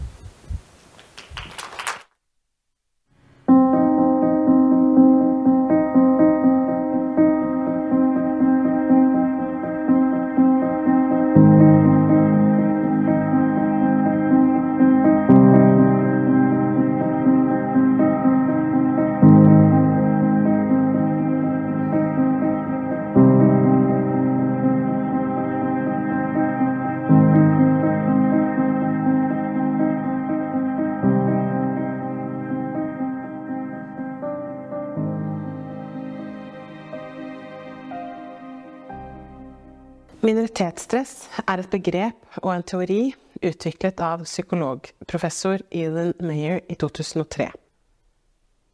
Minoritetsstress handler om hvordan individet påvirkes av å leve i et samfunn der det fins et negativt syn på gruppen man identifiserer seg med. Begrepet ble i utgangspunktet brukt for å beskrive opplevelser, tanker og følelser mennesker som er en del av LHBTQ-miljøer kan ha i møte med majoritetsbefolkningen. Siden den gang har begrepet blitt utvidet, og det brukes i dag for å beskrive den psykologiske belastningen personer som tilhører andre marginaliserte grupper, kan kjenne på. Vi mennesker vi er flokkdyr, og vi har et grunnleggende behov for å høre til. Minoritetsstress det er egentlig det motsatte. Altså en frykt eller eh, en angst for å bli ekskludert, negativt evaluert eller diskriminert pga. hudfarge, etnisitet, religion, seksuell orientering, kjønnsidentitet eller funksjonsnedsettelser. Det er altså en frykt eller et ubehag som kan aktiveres når vi skiller oss fra normen i samfunnet. Personer som tilhører eh, minoritetsgrupper, kan oppleve minoritetsstress i ulik grad. Og ikke alle opplever minoritetsstress. Om man opplever minoritetsstress, og i hvor stor grad, kommer an på en rekke faktorer som jeg kommer til å komme tilbake til mot slutten av dette foredraget. Minoritetsstressteorien belyser hvordan det som forårsaker fysiske og fysiologiske reaksjoner, altså holdningene og handlingene man kan bli møtt med, ikke er noe som oppstår i et vakuum, men noe som utspiller seg i en samfunnsmessig, sosiopolitisk og historisk kontekst. Jeg skal nå beskrive de ulike belastende hendelsene og opplevelsene man kan bli utsatt for som en minoritet, og de ulike ø, psykiske og fysiske konsekvensene det kan skape. Nemlig det å være i beredskap i forhold til å bli utsatt for nye belastende hendelser, internalisering av samfunnets negative holdninger, og det å skjule eller dempe egen identitet. Rasisme, homofobi og transfobi det rommer et stort spekter av opplevelser som kan oppleves belastende for de som blir utsatt for det. Som dere ser, så kan det handle om alt fra åpenbare negative holdninger og handlinger til det helt subtile, indirekte og ubevisste. Det kan være alt fra terroren på London pub i fjor, eller det å stadig bli stoppet av politiet pga. hudfarge. Men det kan også være det å hele tiden lese negative kommentarer i sosiale medier om egen minoritetsgruppe. Det å bli møtt med mikroaggresjoner, altså tilsynelatende eh, velmenende spørsmål og kommentarer knyttet til det å ha en minoritetsidentitet, kan for mange også gi en opplevelse av belastning og utenforskap. Over tid så kan gjentatte skremmende, belastende eller traumatiske opplevelser skape en forventning om å bli utsatt for nye belastende eh, hendelser som følge av at man er en minoritet. Naturlig nok være mer årvåkne, forsiktige og på vakt i situasjoner som kan minne om det vonde man har opplevd. Og hvis man har opplevd f.eks. å bli påkjørt av en bil, så vil man jo naturlig nok være litt ekstra eh, forsiktig når man skal krysse en vei. Som regel så vil man kunne slappe av igjen når man har kommet seg trygt over på andre siden. Men til forskjell eh, til dette eksempelet så er minoritetsstress ikke eh, avgrenset til en bestemt situasjon. For noen så er dette en type stress som kan utvikles i barndommen, og som man bærer med seg opp i voksen alder. Minoritetsstress kan aktiveres når vi beveger oss rundt i samfunnet. På skolen, på arbeidsplassen, hos legen eller i møte med politiet. Det å ha opplevelser med rasisme, homofobi eller transfobi, det kan medføre at man forsøker å unngå bestemte situasjoner, eller har utviklet eh, et sett med sikkerhetsstrategier i situasjoner der de potensielt kan bli utsatt for nye belastende hendelser. Noen eksempler på dette eh, kan være at man f.eks. alltid står på bussen fremfor å sitte, sånn at man lettere får oversikt og kan komme seg ut dersom en truende situasjon skulle oppstå. Et annet eksempel kan være at man som melaninrik person eh, kjenner på en frykt for å bli stoppa og kontrollert eh, i køen på vei inn mot sikkerhetskontrollen. Ingvild Ennestad, tidligere leder av FRI, beskriver en opplevelse av å hele tiden være på vakt og i beredskap på denne måten. Vi har prøvd å finne balansen mellom å puste helt ned i magen og likevel ikke slippe så mye av at vi glemmer å se oss over skuldra. Vi vurderer å sette opp en ekstra brannvarsler på balkongen der hvor pride-flagget henger, fordi det er risiko for at det kan bli påtent. Vi lurer på eh, om det er tilstrekkelig eh, sikkerhet på en barnefestival, eller om det å få barn i det hele tatt er trygt. Vi har en del kunnskap om stress og dets negative effekt på den fysiske helsen. Og med langvarig stress, eh, som minoritetsstress er for mange, det er usunt og direkte helseskadelig. Flere studier gjennomført i USA viser at det er en helt klar sammenheng mellom det å oppleve rasisme og homofobi og utvikling av høyt blodtrykk eh, og hjerte- og karsykdommer. Noe som i verste fall kan føre til tidlig død. En annen konsekvens eh, av det å bli utsatt for stressende hendelser knyttet til det å være minoritet, eh, kan være internalisering. Det vil si at man utvikler et negativt syn på egen minoritetsgruppe. Det kan innebære en følelse av skam og mindreverdighet knyttet til egen seksuelle orientering eller kjønnsidentitet. Et negativt syn på egen hudfarge. Eller at man kjenner på en lav mestringstro. Forskning på internalisering av rasisme viser at dette er en prosess som kan begynne tidlig i barndommen. Psykologene Mimmi og Kenneth Clark gjennomførte et eksperiment på tidlig 1940-tallet i USA. Dette eh, kalte de for dukketesten. Eksperimentet gikk ut på at barn nede i 4-5-årsalderen ble vist to dukker, hvor én var hvit og én var svart. Og de spurte barna hvilken dukke er den fineste dukken. Hvilken dukke vil du helst leke med? Hvilken dukke er den slemme dukken, og hvilken er den stygge? Hovedparten av både de hvite og de brune barna pekte på den hvite dukken som den fineste, snilleste eh, dukken, og den de helst ville leke med. Og mot slutten av samtalen ble barna spurt hvilken av dukkene de selv lignet på. Det er ganske hjerteskjærende å se de brune og svarte barna peke, peke, på at de ligner mest på den dukken de mente var styggest, slemmest, og den de helst ikke ville leke med. Dette eksperimentet har blitt replisert en rekke ganger siden den gang. Så sent som i 2016 ble den gjennomført i Danmark, og resultatene de viser det samme. På begynnelsen av 1900-tallet beskrev den amerikanske sosiologen W.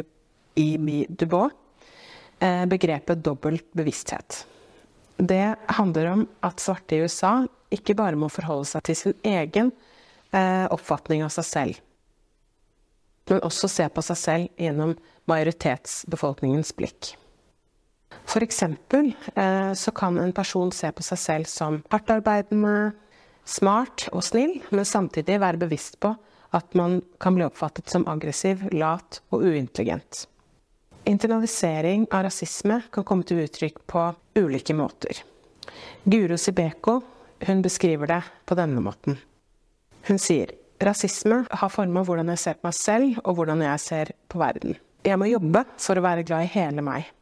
Og jeg har lært at melaninrike mennesker fortjener mindre tillit. At de sikkert ikke er så flinke, kloke eller smarte som hvite, og at de er sintere og farligere.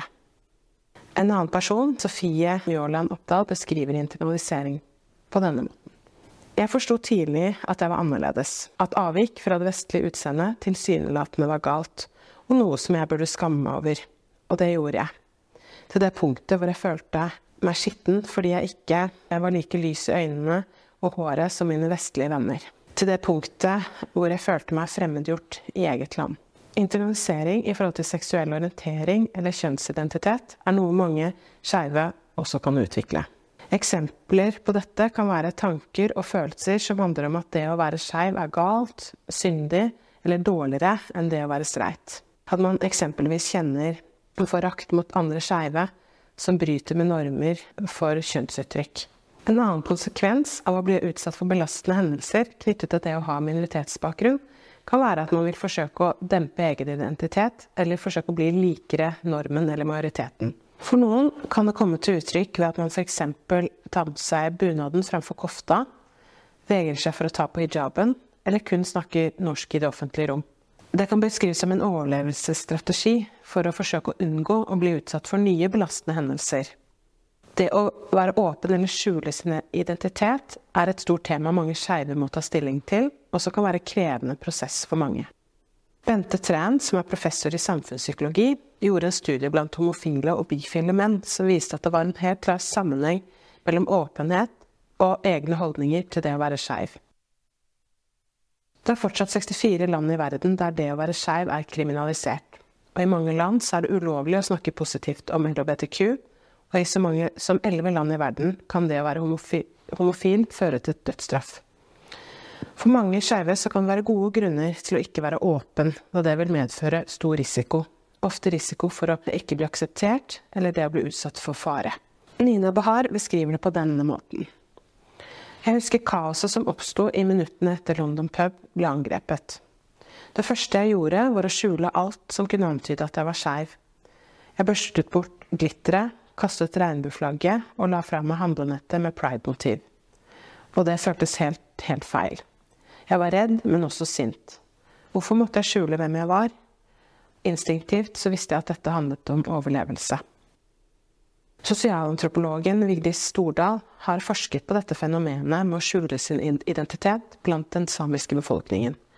Og hun formidler at det å ikke kunne være seg selv og forsøke å være lik majoriteten som mulig, det har vært en nødvendig overlevelsesstrategi, men det har også vært en dyr pris å betale for mange. Ellen Astrid Lundby sier det på denne måten. Den ene gangen jeg spurte om familien min hadde en samisk tilknytning, ble min mor uforklarlig sint. Først i dag så forstår jeg at det ikke var sinne, men det var redsel. Hun må ha brukt utrolig mye energi og tid på å skjule at hun var samisk. Hun var redd jeg skulle få problemer hvis noen fant ut at jeg var same, og det må ha vært vondt. Psykiateren Frans Fanon, som har skrevet mye om kolonialisering og dets effekt på den psykiske helsen til svarte, sier uansett hvor assimilert man blir, så vil man likevel kunne risikere å bli oppfattet som underlegen av majoriteten. Det er ingen garanti for ikke oppleve rasisme. Hvorvidt man opplever minoritetsstress, og i hvilken grad man eventuelt opplever det, det kommer an på en rekke faktorer. Det å ha opplevd flere stressende og belastende opplevelser tidlig i livet kan gjøre at man er mer utsatt. Og dersom man opplever belastende hendelser knyttet til identitet ofte, eller eksempelvis er en arbeidssituasjon der man utsettes for negative holdninger og handlinger over tid, så kan dette tenkes å utgjøre en økt risiko. En stabil livssituasjon vil trolig kunne være beskyttende, og det å være stolt knyttet til det å være minoritet, og det å ha noen å snakke med som vil kunne validere de opplevelsene man har, kan fungere som en buffer mot disse påkjenningene. Jo mer kunnskap man har om negative holdninger og handlinger minoritetsgrupper utsettes for, jo lettere er det også kanskje å eksternalisere de opplevelsene og plassere disse der det hører hjemme, nemlig ute i samfunnet og ikke hos individet. Interseksjonalitet kan for noen være en beskyttende faktor, og for andre en risiko. Professor Kimberley Crenshaw er kanskje den som er mest kjent for dette begrepet. Det handler om hvordan sosiale identiteter som kjønn, etnisitet, seksuell orientering, klasse, religion, funksjonsevne eksempelvis overlapper og interagerer i møte med diskriminering og undertrykkelse. For vi har jo gjerne mer enn én identitet. En melaninrik kvinne og en hvit kvinne vil kunne oppleve diskriminering som følge av at de er kvinner. Men den melaninrike kvinnen vil i tillegg kunne oppleve rasisme, noe den hvite kvinnen ikke vil oppleve. Men en melaninrik mann vil også kunne oppleve rasisme. Den melaninrike mannen vil kunne oppleve andre typer for rasisme enn den melaninrike kvinnen. Og om den melaninrike mannen i tillegg er skeiv eller har en rusavhengighet, så har personen kanskje økt risiko for å bli utsatt for belastninger. Interseksjonalitet det handler med andre ord om disse krysningene i identitet. Og jo flere marginaliserte grupper man identifiserer seg med, jo flere steder kan man oppleve tilhørighet og støtte, men samtidig er man også mer utsatt for utenforskap fra flere hold, og ikke bare fra majoriteten. Som Osman Farah beskriver, det er så mye man må forholde seg til som skeiv og afrikansk. Det er så mange miljøer som på sett og vis representerer meg, men som samtidig ikke går overens. Hvis jeg er sammen med andre med afrikansk bakgrunn, så må jeg droppe min skeive side. Og hvis jeg er med i det skeive miljøet, så opplever jeg også rasistiske holdninger. Som disse sitatene illustrerer, så er ikke minoritetsstress og interseksjonalitet bare akademiske begreper, men virkelige opplevelser som påvirker mange individers daglige liv. Minoritetsstress det er ikke en diagnose, og ikke alle eh, utvikler psykiske lidelser som følge av det. Men forskning viser at det gir økt risiko for utvikling av angst, depresjon, suicid, rusavhengighet og posttraumatisk stress. I USA bruker man begrepet race-based traumatic stress. Og det refererer til den mentale og emosjonelle skaden forårsaket av rasisme. Både norske og internasjonale studier viser at det er en helt klar sammenheng mellom det å oppleve rasisme og psykisk uhelse. Levekårsundersøkelsen gjort i Norge viser også at én av tre skeive er lite tilfreds med egen psykisk helse. Hver av oss har kristne identiteter, som kan gi både styrke og utfordringer. Men for noen, deriblant skeive og personer med minoritetsbakgrunn, kan det også medføre et ekstra lag av utfordringer og stress. Vi som hjelpere vi har en plikt til å anerkjenne og støtte de mange aspektene av et individs identitet. Det er først ved å forstå og akseptere dette mangfoldet og kompleksiteten, og samtidig ha et bevisst forhold til våre egne identiteter, at vi kan begynne med å adressere og lindre stress og traumer som ofte følger med minoritetsidentiteter.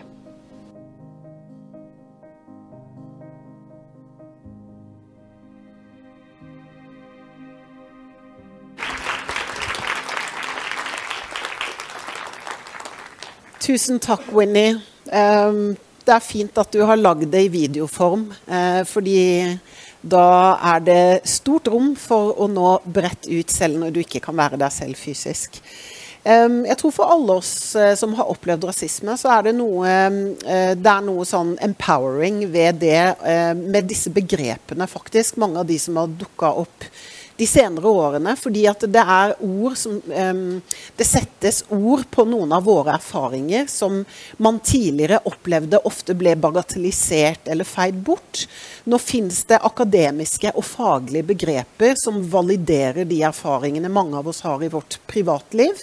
Eh, men som man nå eh, kan behandle på en ordentlig faglig måte ute i offentligheten. Og det tror jeg er veldig viktig, faktisk. Um, yes, Chisholm. Mangfoldsekspert og økonom. Uh, Jobba i veldig mange år som internasjonal konsulent. Er det vel fortsatt uh, uh, også. Men her i Norge så er uh, Chisholm mest kjent for å ha grunnlagt Diversify det eh, Diversify samarbeider med selskaper og offentlige institusjoner om å skape inkluderende og bærekraftige arbeidsplasser. Og dere har nylig hatt Diversify Nordic Summit, som er den største tverrfaglige konferansen, mangfoldskonferansen i Norden. Um, Chisholm står også bak uh, et, en plattform og et nettverk som heter Herspace, Eh, I dag så er hun her for å dele noen egne erfaringer fra møtet med norsk helsevesen. Welcome, Chisholm Odese.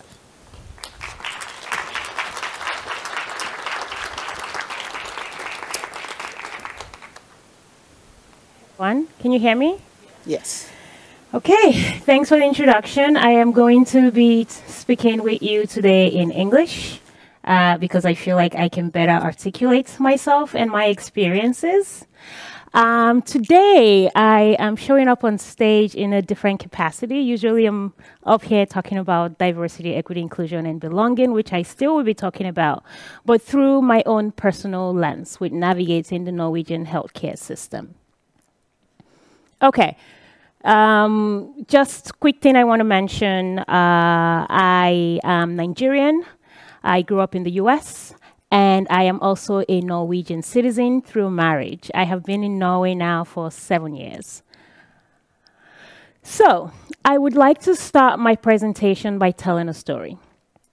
And I have termed this Girl Meets Health System. I'm one of those people who prides themselves with hardly ever being sick. The only times I have been actually admitted in hospital three times in my life and here in Norway. So usually I'm one of those people who gets a cold, a flu, a sore throat, and you know what the doctor tells you when you call them. So I usually do home remedies like ginger, garlic, honey, a lot of water, and rest. Right. So I remember the first time I had to go into the hospital here in Norway. It was just before I gave birth to my baby. My first child. I'm a mom, two kids. One is almost four, and one is almost six months old. I went in for a small operation, nothing major. I was not even going to be put under. It was just uh, I needed local anesthetics and an incision. Before I went, my sister called me. My sister is a medical practitioner. She lives in the US. And she said, Chisom, I know you live in Norway, so this probably is not relevant, right? But I just have to say to you that it is likely that as a black woman, you might receive different care in the health system. This is what we know happens across the world in the US, in the UK, in Australia.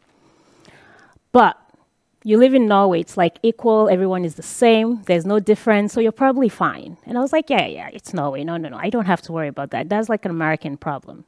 And you hear that a lot here in Norway. I quickly found out that I was wrong. So I remember standing, oh, sorry, in hospital on the operational table. My doctor walks in with two students. This made me uncomfortable because, first, they did not ask my consent. But at this point, I'm feeling incredibly vulnerable, and I'm just like, you know what? I just want to get out of here, do this, and let me go. So the doctor uses local anesthetics, some injections, and uh, uh, like kind of just like the scream they put on you to numb the area they want to create an incision in. And then he made an incision, and I have never felt so much pain in my life. So I'm squirming in pain, and I'm saying, I feel everything you were doing to me. And he says, No, you're okay. And I say, Can I have more painkillers, please? He's like, No, this is the normal amount we give to people. You don't need any painkillers. So it felt like forever arguing with this doctor that I'm in pain, I'm shaking, I'm crying, please help me. And he continually tells me that I am okay. At this point, I remember my sister's voice and her convincing me to advocate for myself, I realized very quickly that I would not be able to talk to this person. So I requested, I said, Do not touch me. I need my husband in the room. My husband, who is a white man, walks into the room. He looks at me. I look at him and I say, Babe, I'm in pain. I need painkillers. He turns over to my doctor. He says, Give her painkillers. And the doctor says, Okay. So for me, I was dumbfounded. I was laying there trying to understand what has just happened to me. These are stories you hear, you read in statistics, you read in books, you read in distance research. You never imagine it would happen to somebody you know, and you never imagine it would happen to you. And it happened to me. I felt an intense sense of anger because I felt that I was not heard. I felt a remarkable sense of shame because I felt that I was not worthy of belief, that I was not worthy of care, that I needed my husband to, to advocate for me to be taken seriously. I felt a remarkable sense of privilege because I kept thinking, what if my husband was a black man? What if my husband was Muslim? What if my husband was brown? How would today have gone? And that was when I started losing trust in the Norwegian healthcare system. My second experience was when I had my f- first child four years ago. I, you know, I had my child just before COVID. I'm new, in a sense, in this country. I don't have my family around. I come from a place where it takes a village to have a child and to raise that child. So going into the hospital, I was feeling very vulnerable.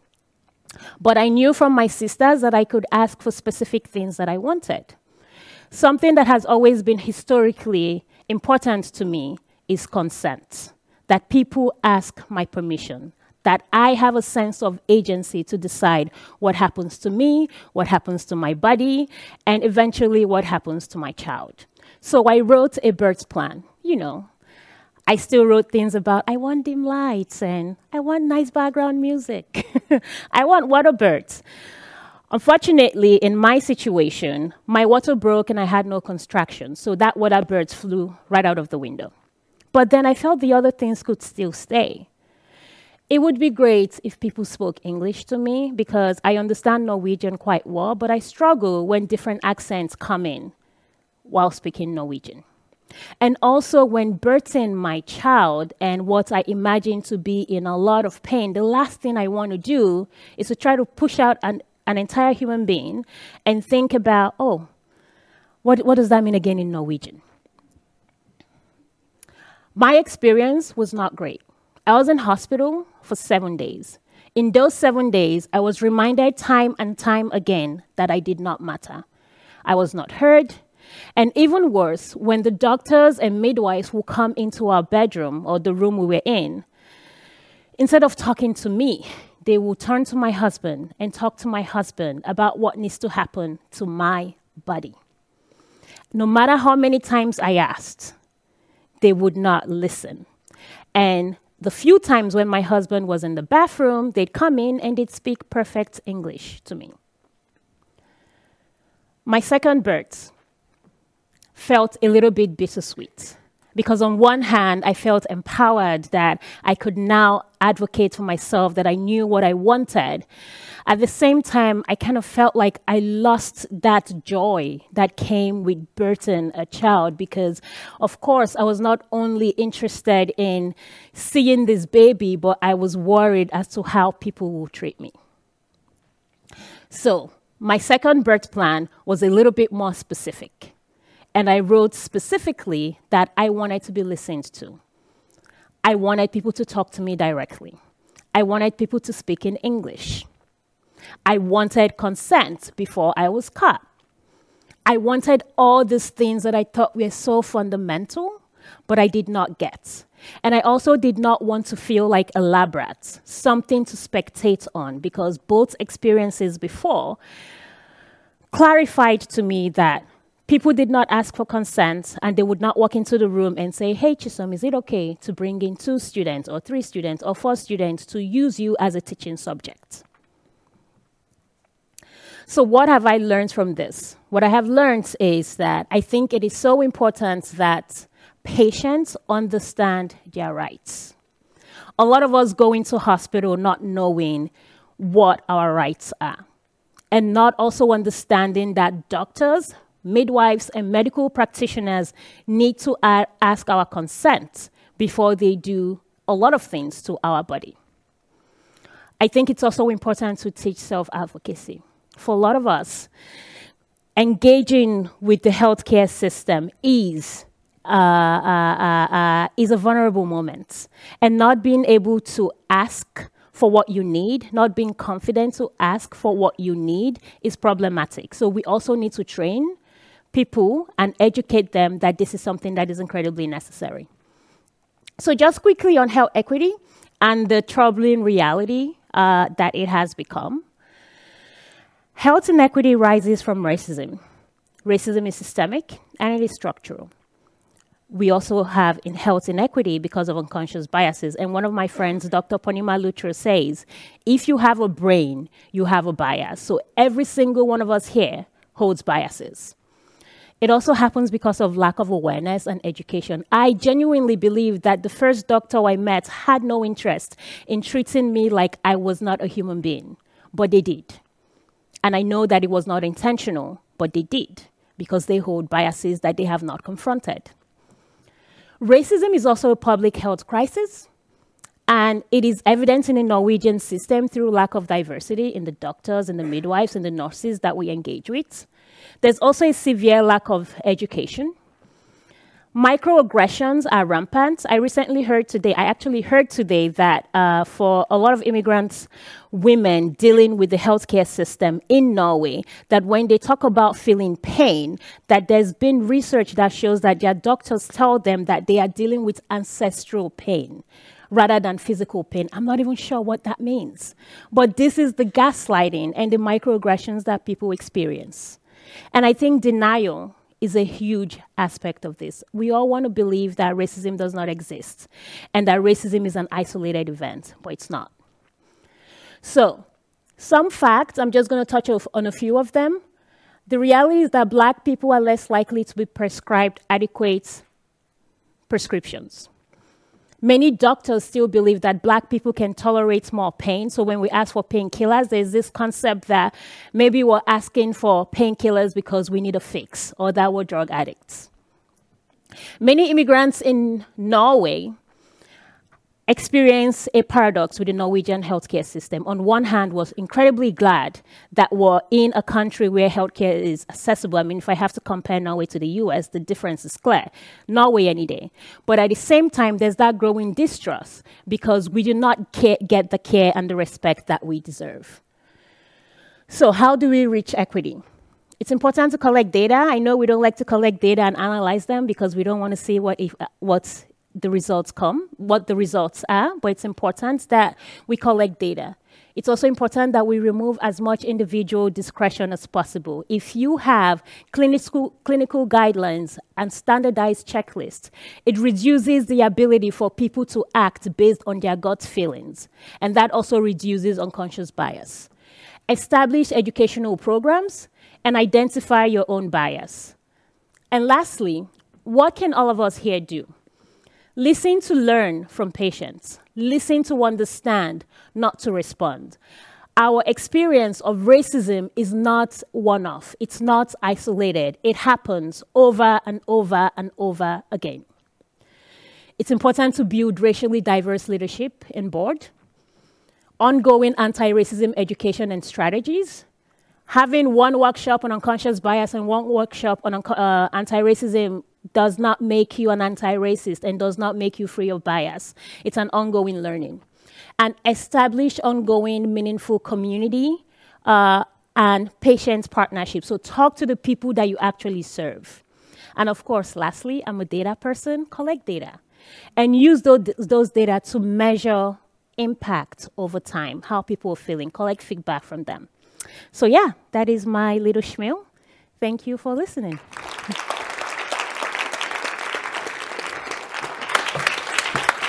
Thank you, Chisholm. Thank you, thank you. All right, Sheldon, you are with your guitar. Are you going to play your way down the yellow steps? Yeah.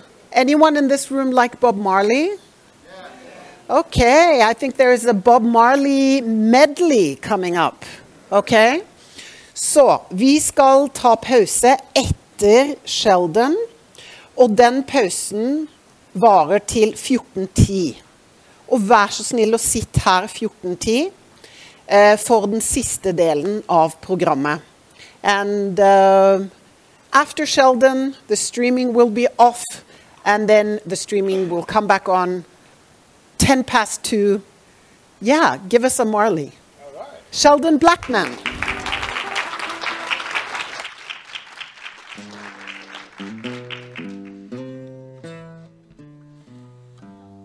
One, two. All pirates, yes, they're robbers. Sold I to the merchant ships. Minutes after they took her from the bottomless pit. But my hand is made strong by the hands of the Almighty. We forward in this generation triumphantly. What you have to sing? These songs of freedom, because all I ever wrote, redemption songs, all I ever wrote, redemption songs, oh songs of freedom. Emancipate yourselves from mental slavery. And when ourselves could free our minds. Have no fear for atomic energy. Well, none of them can stop the time. How long shall they kill our prophets? While we stand aside and low, oh, some say it's just a part of it. We've got to fulfill the book. Well, what do you have to sing? These songs of freedom, because all I ever wrote redemption songs. Oh, all I ever heard, redemption songs. Oh, songs of freedom, like this freedom song that says, One love, one heart. Well, let's get together and feel alright. I think you know this one. Let's sing together. Oh, yeah. One love, one about a one, one heart. Yeah. Oh, let's feel alright. We're giving thanks and praise to the Lord, and I will feel alright. What about this one? Don't worry about a thing. No, no, no, no, no, no, cause every little thing is gonna be alright. Yeah, we're singing, don't worry, don't you worry about a thing, about a thing, no, no, cause every little thing. Oh, look, I rise up this morning. I smile with the rising sun. Three little birds that stop beside my doorstep. They're singing sweet songs, a melody pure and true. Oh, they're singing. This is my message to you. Oh, oh, oh. Yeah, oh, we're singing. Don't worry. Come on, let's clap and sing about a thing, about a thing. No, no, cause every little thing gonna be alright, be alright. I'm singing. Don't worry, don't you worry about a thing. No, no, cause every little thing gonna be alright. I'll be alright. Oh, we're saying don't worry. Worry about a thing. No, no, no, no, no, no. Every little thing is gonna be. Oh, it's gonna be. It's gonna be alright.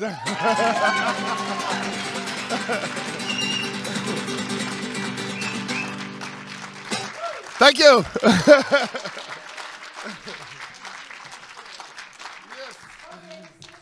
To her. Siste kaffepause.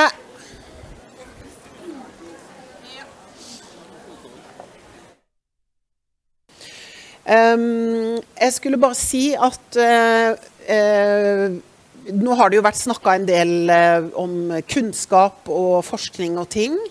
Og så ønsker vi også at det skal være praksisnært i den for, forstand at vi vil gjerne høre om konkrete prosjekter hvor det jobbes med denne type ting. ulike steder og på ulike måter.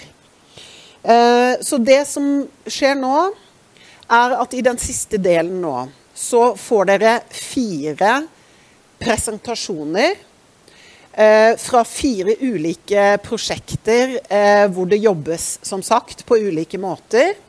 De kommer til å gå på rett etter hverandre. De første to står allerede klare her. Eh, og dere andre som kommer på etter hvert, dere må si navn og tittel, og så er det bare å kjøre på og fortelle om prosjektene dere jobber med. Dere vet selv hvem sin tur det er når. Vi gleder oss til å høre på dere.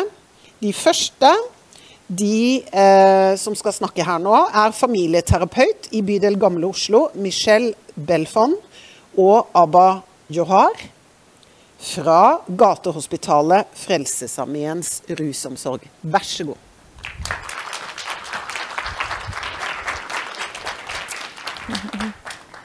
Ja. ja. Takk, takk. ja. Da behøver vi ikke si det en gang til. Jeg er Simon Belfond.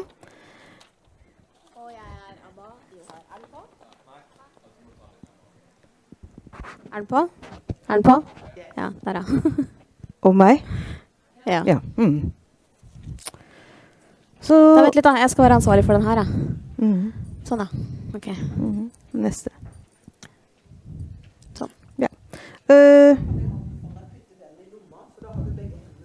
Takk.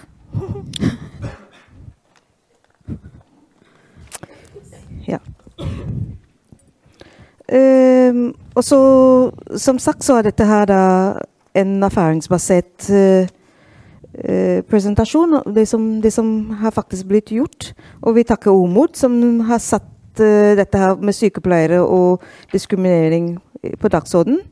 Og Tidsskriftet for sykepleien, som gjorde en undersøkelse som ble publisert i 2020. Og så takker vi også da NSF for aktivitetsmidler for sentral, sentralt for Så dette er, en, det er en ressursgruppe som vi hadde i regi av faggruppa for um, migrasjonshelse og flerkulturell sykepleie. Så det er det vi presenterer, det arbeidet vi har gjort der. Um, skal vi se. Så vi var 15 sykepleiere fra ulike deler av helsetjenestene. Og eh, hadde fire samlinger i OMOD sine lokaler. Og hadde et tett samarbeid da med Vinni, som dere hørte fra i stad, og med Jonas, som snakket litt tidligere. Så det her er jo noen av de artiklene som har vært eh, aktuelle i Sykepleiens eh, tidsskrift. Som har vært med på å forme motivasjonen for dette. Nå har jo Jonas eh, sneket seg litt i forkant og vist oss noen av disse statistikkene allerede, men vi har likevel lyst til å påpeke de og kanskje gjøre det på nytt. Uh, og eh, diskriminerende og hatefulle ytringer etter fødeland, det er disse som har meldt uh, hva de har opplevd i hvilken grad. Da. Og da vil dere se helt tydelig at de med afrikansk fødeland er på 58,1% Og vi har reflektert litt over det, og hvor mye det betyr for det å være en synlig minoritet. da. Vær så motivasjon bak diskrimineringer eller hatefulle ytringer. Og over altså, en stor del av det var da pga. hudfarge. Og etter det så er det nasjonal opprinnelse. Så igjen dette her med å være en synlig minoritet. Ja. Mm. Så er det ikke alltid at nasjonal opprinnelse Det er jo litt sånn med den undersøkelsen her òg. Det er ikke alltid den viser alle sider av det, men nasjonal opprinnelse kan jo være veldig mye forskjellig. Man er ikke nødvendigvis en synlig minoritet av den grunn. Konsekvenser. Forbigående ubehag 51,7 vedvarende ubehag 23,6% Sluttet som sykepleier 2% Det er to sykepleiere for mye. Eh, dette er eh, Jasmin Mordal, som også var med i eh, ressursgruppa med de andre sykepleierne vi hadde. Eh, og hennes artikkel i tidsskriftet Sykepleien var også en av de eh, grunnene til at vi ville prøve å samle flere sykepleiere med minoritetsbakgrunn for å dele sine opplevelser og være med å danne noen forslag til tiltak. Så to av tre sykepleiere som har opplevd diskriminering eller, diskriminerende eller hatefulle yt- ytringer, eh, er fra mm, pasienter da. De sa ingenting om dette her. Det var ikke noe å varsle om. Og på spørsmålet om hvem som står bak diskriminering, så er det litt over halvparten.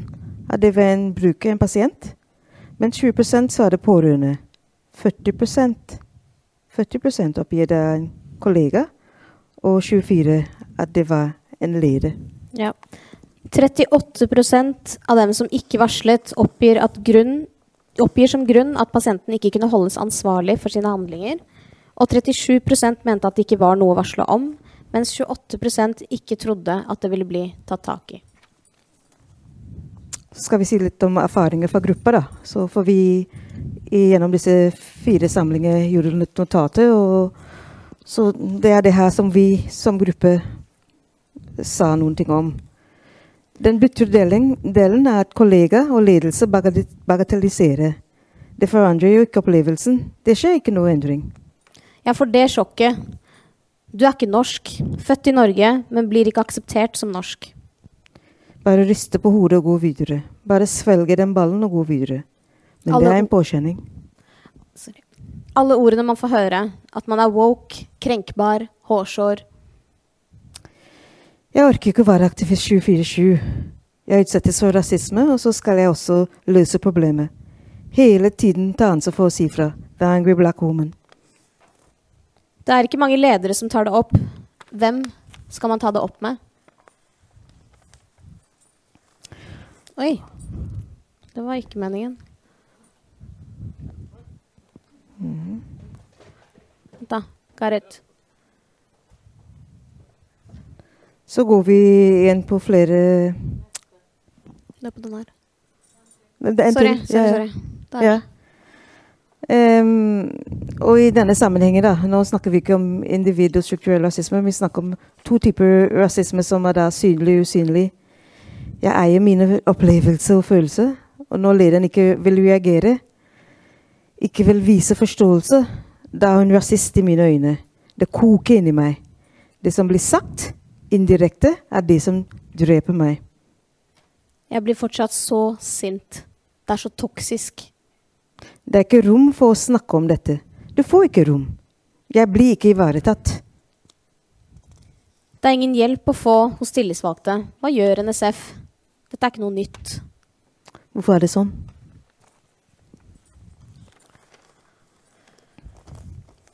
Nå har vi allerede sett litt på dette. Rasisme og diskriminering er et folkehelseproblem. Å bli utsatt for rasisme og diskriminering kan påvirke både psykisk og fysisk helse negativt, viser en rekke internasjonale studier. Og det har vært mindre oppmerksomhet på denne problemstillingen i Norge. Mm.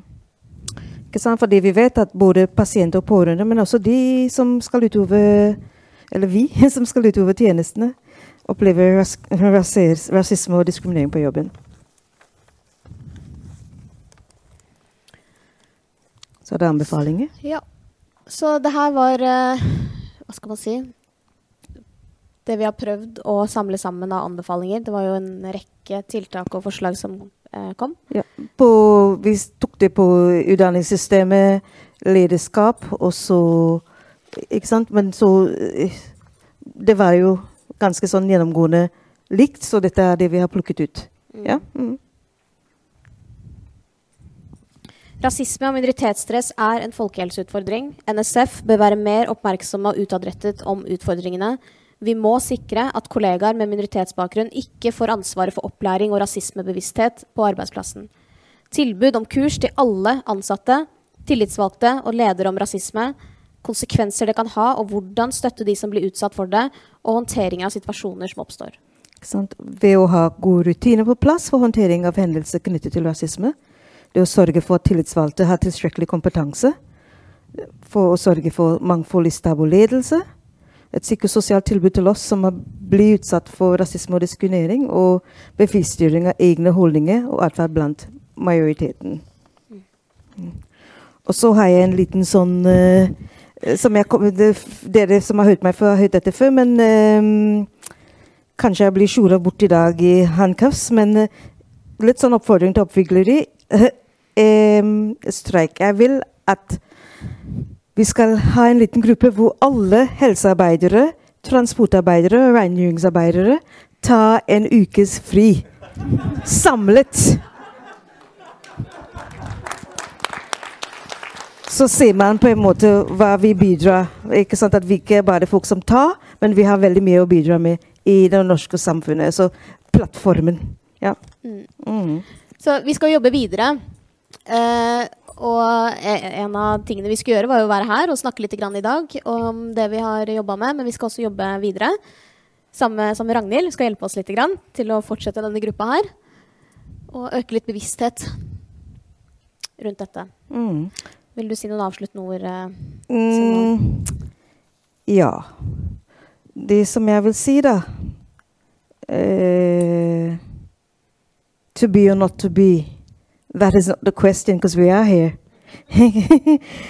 and as uh, our obstetrician and gynecologist from the UK said, everyone can be an activist, but we choose to be activists, and we are going to take arms against the sea of troubles and by opposing them. We want to be us. We don't want to be them. We don't want to lose ourselves in being us. We want to be diverse among us. But we are here, and um, we're here. yeah.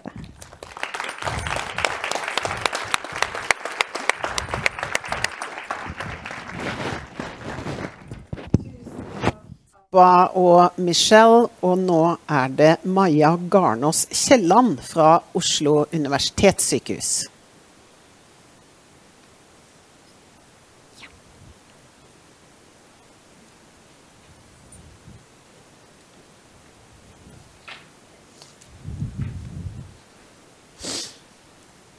Hallo, alle sammen.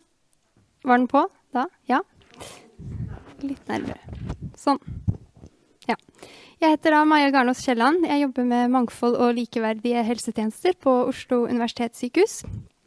Um, vi skal være en trygg og inkluderende arbeidsplass. Det er det vi ønsker, men vi vet at noen av våre 24 000 ansatte kan oppleve rasisme på jobb. Eh, oftest kommer det nok fra pasienter, men det kan også komme fra kollegaer. Det kan være alt fra 'jeg vil ikke behandles av deg, jeg vil ha hun hvite', til en kollega som sier 'kan ikke du bare ta av deg hijaben, jeg er sikker på at du har fint hår', til samtaler på lunsjrommet som alltid ender opp med å handle om å måtte forsvare eller svare for nye, noe knytta til eh, etnisitet eller religion. Under Black Lives Matter-kampanjen så var det ganske stille fra helsesektoren og sykehusverden, og vi tenkte det her stemmer jo ikke, vi må få fram noen historier, så vi var med på å arrangere to seminarer. Ett som hadde fokus på rasisme eh, som helsepersonell opplever på jobb. Eh, og så hadde vi ett seminar som fokuserte på pasienter som opplevde rasisme i møte med helsevesenet. Um, det kom fram mange interessante problemstillinger og caser på disse seminarene. Uh, vi skal ha um, Har jeg hoppa masse nå? Nei. Det har jeg. Ja. vi har overordna systemer for å melde avvik uh, på plass uh, når noen opplever rasisme. Men er rutinen kjent for alle? Blir den enkelte medarbeider stående alene med vurderingen om det skal meldes? Hvordan snakker vi sammen og støtter hverandre som kollegaer? Hvordan styrker vi kompetansen til lederne våre om temaet rasisme og diskriminering? Det er kanskje ikke så lett å si fra, Som LIS-lege og forsker eh, Fria Aftab sa på vårt frokostseminar at mottakeren tenker ofte selv at vi er for sensitive, eh, har en dårlig dag, eller vi vil ikke sette kollegaene våre i et dårlig lys. Vi ønsker ikke å være vanskelige. De som overhører det, er ofte blinde på omfanget det har for mottakeren, Eh, det kommer ofte unnskyldninger som ja, men det var en dårlig vits eller en dårlig kommentar. Eller han er jo fra den gamle skolen, så det må vi bare tåle. Det som er vanskelig med rasisme, er jo nettopp at enkeltepisoder ofte bagatelliseres i hverdagen. Men sett under ett så blir betydningen enormt stor, som vi har hørt her i dag. Vi hadde også en seksjonsleder, tidligere seksjonsleder for bioingeniører, Anita Tårnquist, på seminaret. Eh, som selv da er leder, og hun sier at det er et lederansvar å håndtere dette og gi medarbeidere en verktøy. Å gi verktøy blir det samme som å gi et handlingsrom. F.eks. må den ansatte vite at de har støtte fra meg som leder. Eh, hvis de ber pasienten gå eller henter en kollega. Og dess mer man snakker om det og er aktiv i den diskusjonen, dess flere verktøy gir man sine medarbeidere.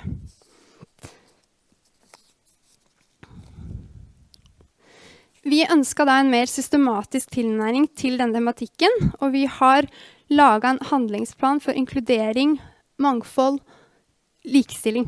Inkludering og mangfold eh, på sykehuset. Eh, og den ble vedtatt i juni 2023, så den er ganske fersk. Og det er jo for å sikre helheten, at vi jobber systematisk eh, og både ser hva vi får til, hva vi har, og hva vi mangler. Og så må jeg også nevne at den planen her, den går um, Jeg nevner noen tiltak som går direkte på rasisme og diskriminering, fordi det er tematikk her i dag. Men det er viktig å nevne også at planen har mål og tiltak for å ivareta kjønns- og seksualitetsmangfold, aldersmangfold og funksjonsmangfold. Og et hovedmål er at OS har et arbeidsmiljø som verdsetter mangfold, fremmer inkludering og hindrer rasisme og diskriminering. Målgruppen for denne handlingsplanen er jo både ledere og medarbeidere, men også at vi ser på systemnivå. Hva er det vi må jobbe med på systemnivå? Og vi har konkrete tiltak sortert etter noen kategorier. og Det går på kompetanse og verktøy, kommunikasjon og språk, og rekruttering, inkludering og arbeidsgiverprofilering.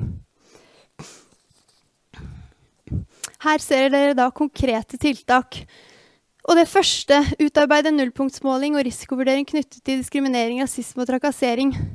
Etter å ha sittet her i dag så har jeg tenkt fy søren, det der er et av de viktigste punktene våre. Vi må bare komme i gang og få det til, for vi vet ikke nok. Vi lener oss mye på Den har vært veldig nyttig, den Norsk Sykepleierforbund sin undersøkelse. Den er den vi har, viser til i undervisningssammenheng. Men vi vet jo ikke helt hvordan ståa er på Oslo universitetssykehus, hvor utbredt det er, hvor mange som opplever det. Og vi trenger også de konkrete historiene. Så det er noe vi skal jobbe med, som lederne har vedtatt at vi skal. uh, og så skal vi involvere også um, tillitsvalgte. Ha dialogmøte på alle enheter om tema med rasisme, diskriminering og trakassering. Vi ønsker å delta i tverrfaglig samarbeid for økt kunnskap, sånn som i dag. Uh, og så må vi jobbe for et inkluderende og ikke-diskriminerende språk i sykehuset. Um, og en annen viktig ting vi skal gjøre, er at vi skal lage noen kompetansepakker med konkrete problemstillinger, caser og dilemmaer som alle medarbeidere skal få øve på. De skal være lett tilgjengelig i vår kompetanseportal, sånn at det kan brukes på, uh, på seminarer eller morgenmøter eller ulike sammenhenger. Eh, her har bl.a. Lovisenberg gått foran og laget et uh, veldig godt opplegg for bioingeniører med konkrete rollespill og øvelser. Og det er noe lignende vi tenker å gjøre. Um, og vi må gjøre det lett og selvfølgelig å snakke om denne tematikken og trygge lederne våre.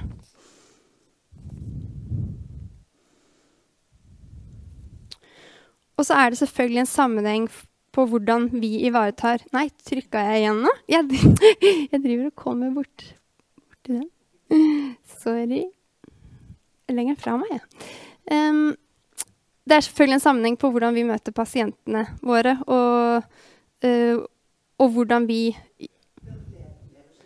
Den lever sitt eget liv. Nå var jeg ikke i nærheten av den engang. ja, ja. Um, ja, og hvordan vi møter pasienter. Det henger jo sammen, som uh, Mobin som jeg snakka med pause sa. Selvfølgelig hvis en, en eh, ansatt, eh, f.eks. en lege, kommer med rasistiske ytringer til sine kollegaer i en lunsjpause, hvordan er det den samme legen går ut og møter pasientene? Um, og handlingsplanen sikrer ivaretakelse av medarbeidere, kompetanseheving og holdningsarbeid. Men så har jeg ikke sagt så mye om rasisme mot pasienter, siden den, jeg har blitt bedt om å presentere den nye handlingsplanen som retter seg mot medarbeidere. Eh, men vi bare nevner at vi i mange år har jobba aktivt for likeverdige helsetjenester til pasienter og pårørende. Eh, og i seminaret vi hadde om rasisme mot pasienter, så kom det opp flere caser som handler om rasistiske kommentarer eh, og handlinger fra helsepersonell til pasienter så kommer det veldig få klagesaker inn relatert til rasisme. Um, vi følger med på alle, både formelle klager og det som kommer inn via brukerundersøkelsen, som sendes inn til alle pasienter. Uh, og av konkrete saker som har kommet inn, så har det blitt tatt veldig på alvor av ledelsen. Men vi jobber aktivt for at pasienter skal vite om sine rettigheter uh, og vite at, og tørre å melde ifra til sykehuset når det skjer urett. Vi jobber også mye med kvalitet og tilgang til uh, kvalifisert tolk. Og så jobber vi med kompetanseheving av helsepersonell, uh, hvor vi har mye fokus på det med fordommer og stereotypier. Men jeg skjønner etter seminaret i dag at vi må bare gjøre mye, mye mer. Uh, og også fått noen ideer etter innleggene som har vært, så jeg tenker vi må kanskje revidere planen vår med noen nye tiltak. Nei, jeg kan ikke trykke på den der. Uh, på OS er vi opptatt av at alle skal høre til. Jeg tenker det er viktig, En viktig ting vi gjør, er jo å løfte fram mangfoldet vårt. Både i intern og ekstern kommunikasjon. Um, at alle føler at de er en del av vi-et på arbeidsplassen. Um, ja. Takk for meg.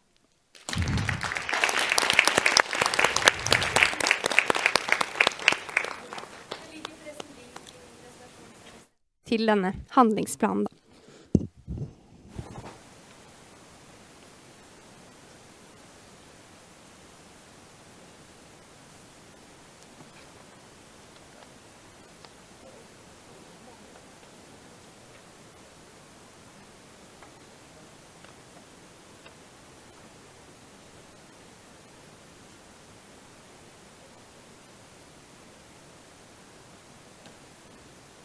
Det er ikke så lett. Ja.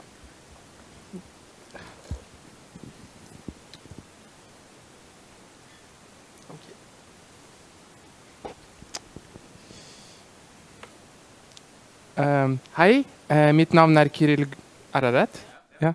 Bare veldig rar følelse. Uh, mitt navn er Kiril Gurvic, og jeg jobber som rådgiver og sosiolog på Likestillingssenter Kun i Steigen. Og jeg kommer til å presentere rasismeveileder.no. Det er prosjekt og ferdig produkt som ble utviklet av oss i samarbeid med Omot og Egalie. Jeg kommer til å forklare hvordan har vi utviklet den, og hvordan kan dere bruke den. Eh, Likestillingssenter KUN, privat stiftelse, etablert 30 år siden. Og vi har hovedkontor i Steigen og distriktskontor i Steinkjer.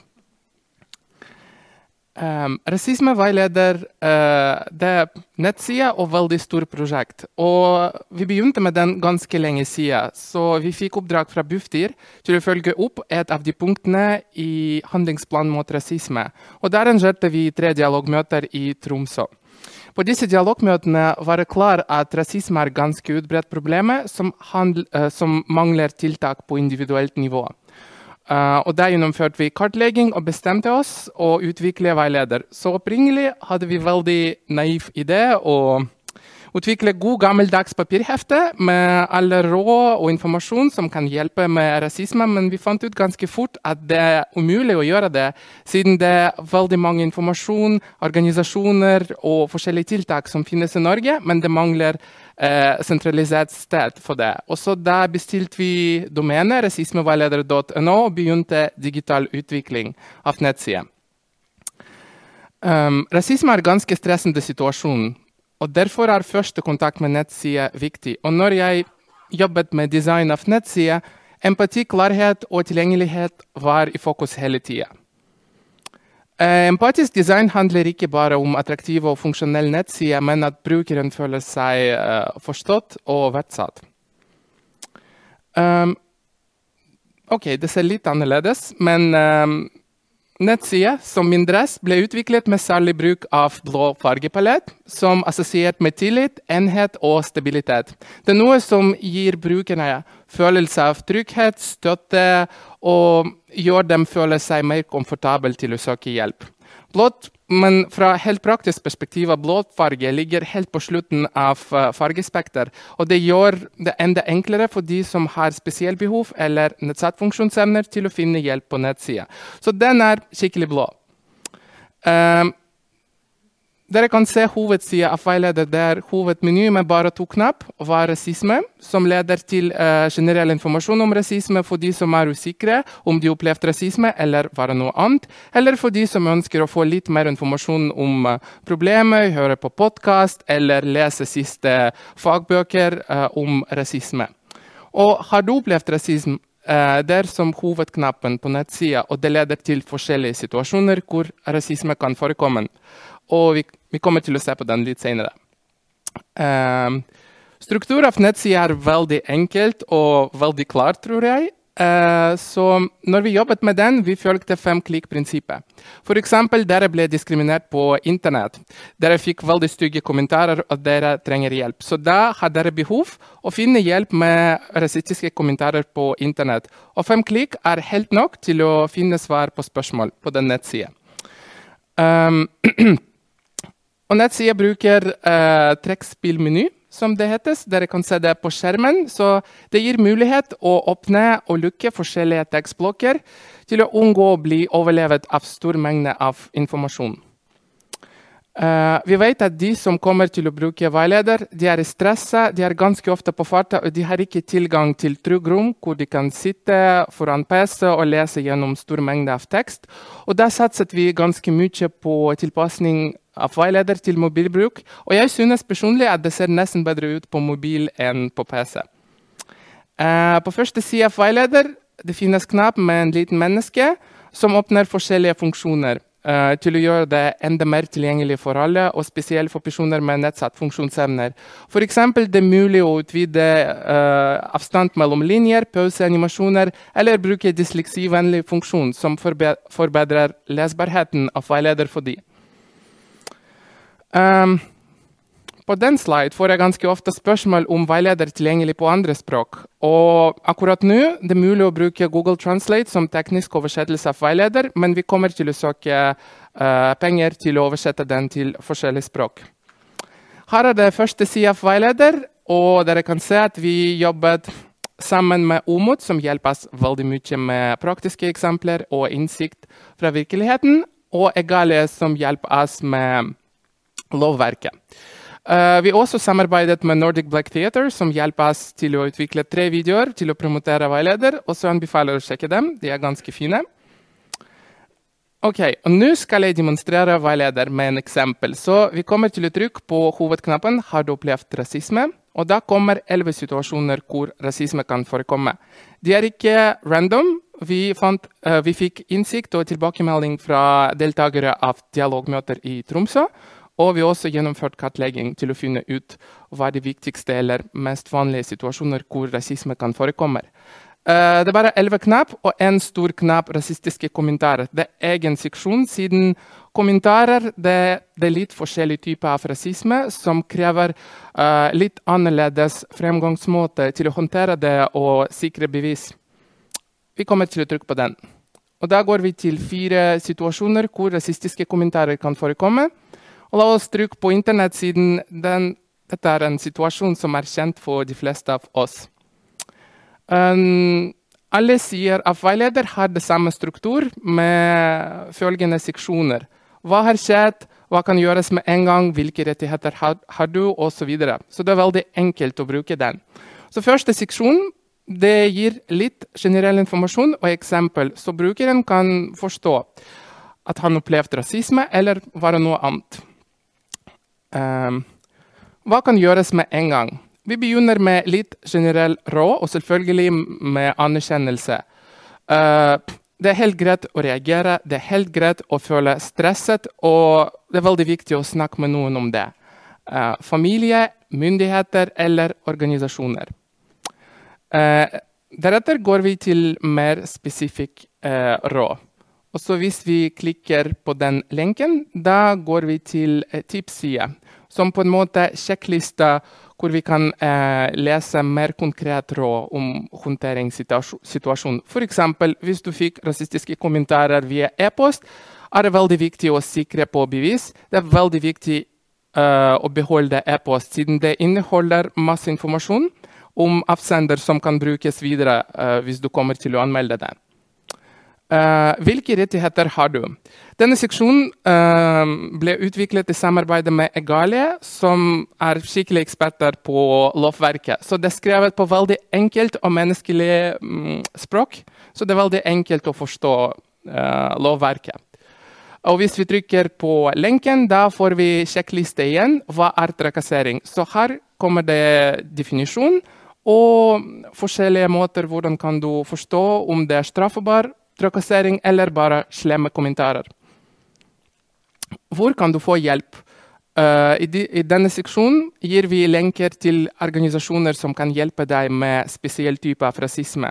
Og alle organisasjoner som vi nevner i veileder, de er forberedt til å få kontakt av brukere av veileder. Så de er ikke random, og de kommer til å hjelpe. Uh, vi går til tipsside igjen med store knapper med navner av organisasjoner. Så hvis vi trykker på Egalia, da går vi direkte til juridisk bistand til privatpersoner. Og da kan vi ha direkte kontakt med dem. Uh, på alle sider av veileder helt nederst har, har, vi tre knapper. Første knapp lek ved eventuell anmeldelse. Uh, vi presser ikke brukere til å anmelde rasisme siden det er ganske heftig og det er ganske stressende. I stedet vi gir veiledning hvordan kan du gjøre det. Så her er det ferdig skjema som kan skrives ut hvis vi trykker på den nederste knappen. Og da kan vi legge den ved til um, klage til politi, f.eks. Snakk med noen.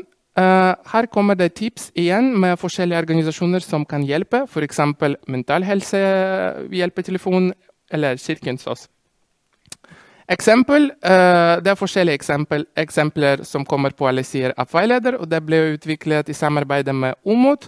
Så det, det kommer uh, situasjon og løsning av den situasjonen, som kan også bli veldig hjelpsom. Uh, prosjekt er ferdig, så, men vi fortsatte å jobbe med den. Vi jobber ganske mye med formidling. så Vi var i møte med Kirkens Bymisjon i Oslo, hvor vi forklarte hvordan kan de bruke rasismeveileder i deres arbeid. Og vi var på feiring av Aid i Bodø, og det var skikkelig suksess. Og det var veldig stor interesse til å vite mer om uh, prosjekt. Og akkurat nå uh, ble jeg involvert i andre prosjekt som er relatert med den. Så vi kommer til å påbygge en nettside og snakke om rasisme i arbeidslivet. Det er en veldig komplisert situasjon uh, som har veldig mange nyanser. Så det var helt umulig til å beskrive alt som kan skje på jobb, bare i en side av veileder. og Derfor søkte vi på en egen prosjekt om den. Den er helt intern dokument, men dere kan se at vi kommer til å snakke om rasisme i arbeidslivet som prosess, og rasisme kan forekomme før arbeidsforhold, f.eks. i stillingsutlysning eller CV, under arbeidsforhold, eh, med kommentarer, vitser og arbeidsmiljø generelt, og etter arbeidsforhold, med oppsigelse, referanser og pensjon. Eh, vi også får spørsmål ganske ofte er det mulig å bruke den for barn og unge og svaret at ja, selvfølgelig det er mulig, men jeg synes at det ikke er tilpasset med språk og utforming for dem. Og I tillegg finnes det allerede mange ressurser i Norge for barn og unge. Og så da skriver vi søknad til å, til å påbygge rasismeveileder og kartlegge alle ressurser som finnes i Norge, og samle dem alt på ett sted, rasismeveileder.no. Jeg anbefaler alle å skanne QR-kode og sjekke nettsida sjøl. Og hvis dere har noen spørsmål, kommentarer eller forslag, Uh, bare ta kontakt med meg. Tusen takk.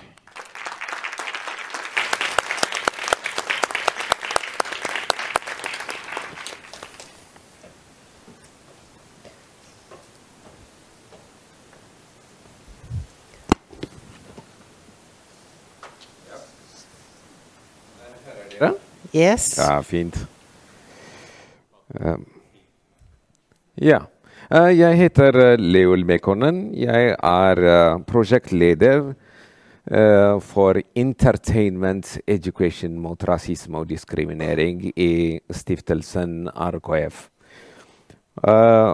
Ja, min, min, kollega han kommer til å introdusere seg selv, men jeg vil bare si litt om den organisasjonen. For vi etablerte stiftelsen RKF med tanken på å jobbe på grasrotnivå i etnisk minoritetsmiljøer.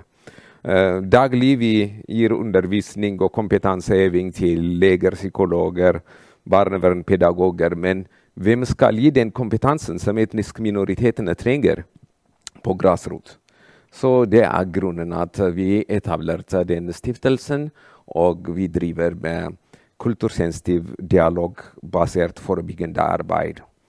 Uh, så vi mobiliserer ressurssterke innvandrere, og vår hovedmål er å ha flere endringsagenter med minoritetsbakgrunn uh, i, i, Norge, slik at alle skal jobbe i sitt miljø med uh, forebyggende arbeid. ja. Så egentlig når det kommer til rasisme og diskriminering, så vi har mange års erfaring å jobbe med barn og ungdom, særlig med minoritetsbakgrunn. Så hvis vi går med å beskrive hvorfor er det, det er en overrepresentasjon av minoritetsbarn og ungdom uh, blant kriminalitet eller, eller avvikende atferd eller atferdsproblemer, marginalisering, så egentlig vi går tilbake til den roten, og det er rasisme og diskriminering. Og uh, skolevegring, hvorfor er det? Men det er ikke bare i Norge.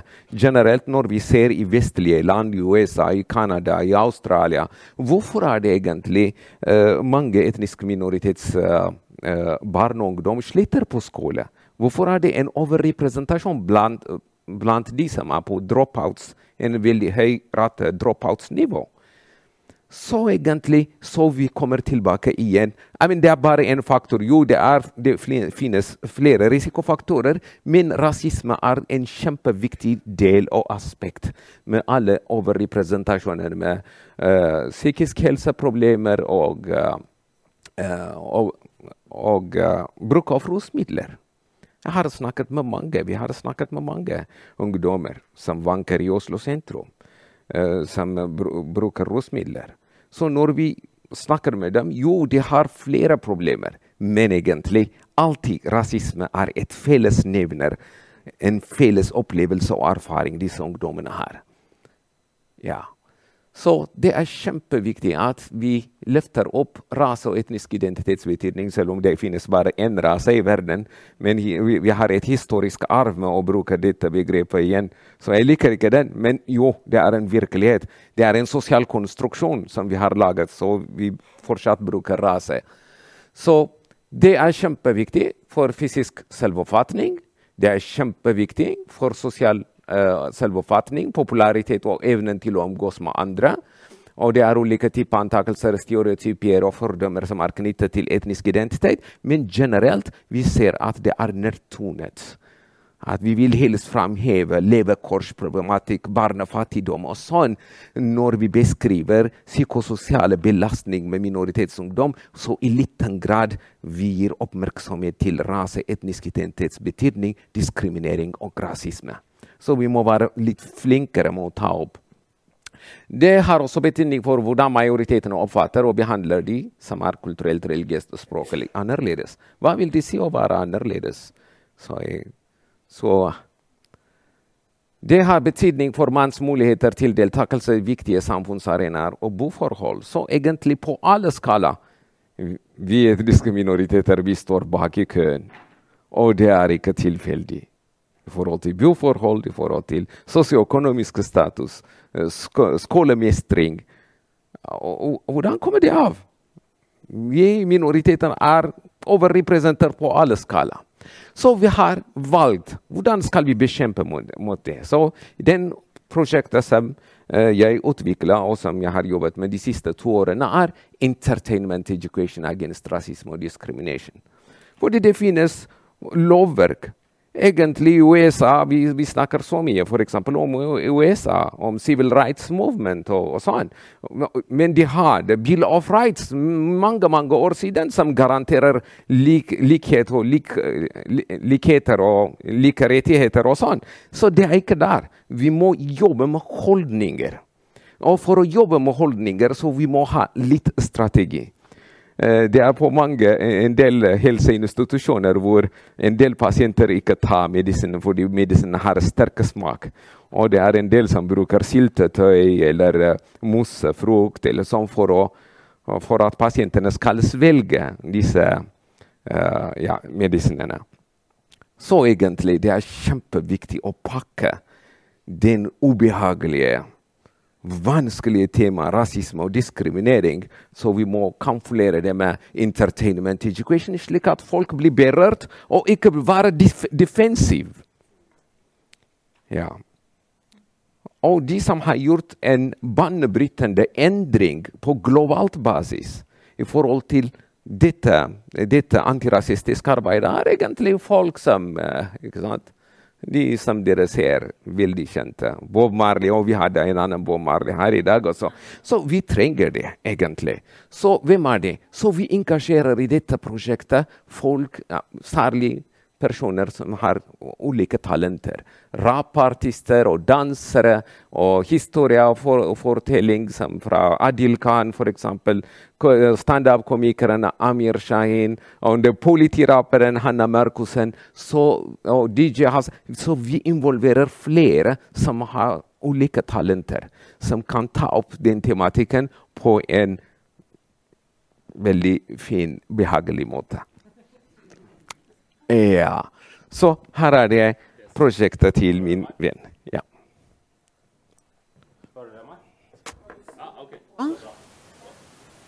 Er, den, er det lyser det grønt? Lyser, det gjør det. Ja. Hallo? Yes. Uh, mitt prosjekt heter uh, 'Foreldre mot rasisme, diskriminering og hatefulle ytringer'. Uh, det skjedde år, nei, tre år siden så skjedde to hendelser.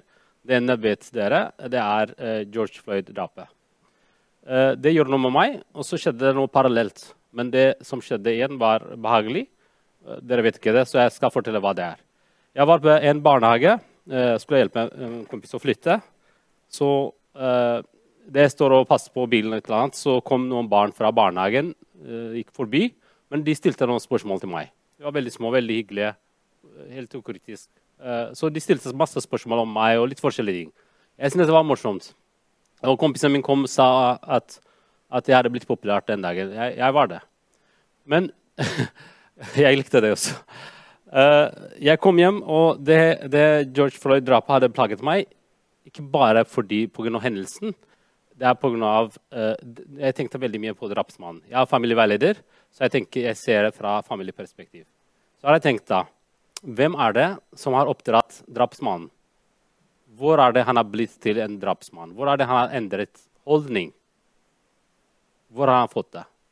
Samtidig, når jeg så parallelt så disse barna, så begynner jeg å tenke Når er det disse barna begynner å bli kritiske til meg? Er, når er det de ser uh, Istedenfor en person, de ser en svart person, kanskje farlig. Jeg vet ikke hvor de plasserer meg. Hvor er de utvikler holdning? Så tenkte jeg da To som er ansvarlige her, er samfunnet og foreldre. Det er de som oppdrar. ikke sant? Samfunnet og, og, foreldre. Både drapsmannen George Floyd og disse barna. Da tenkte jeg ok, da kan jeg ikke treffe hele samfunnet. Da kan jeg treffe foreldrene. Så skrev jeg et prosjekt som heter 'Foreldre mot rasisme'. Uh, heldigvis fikk vi uh, tilskudd til det. Tanken bak er bevisstgjøre foreldre på deres rolle i å utforme barn.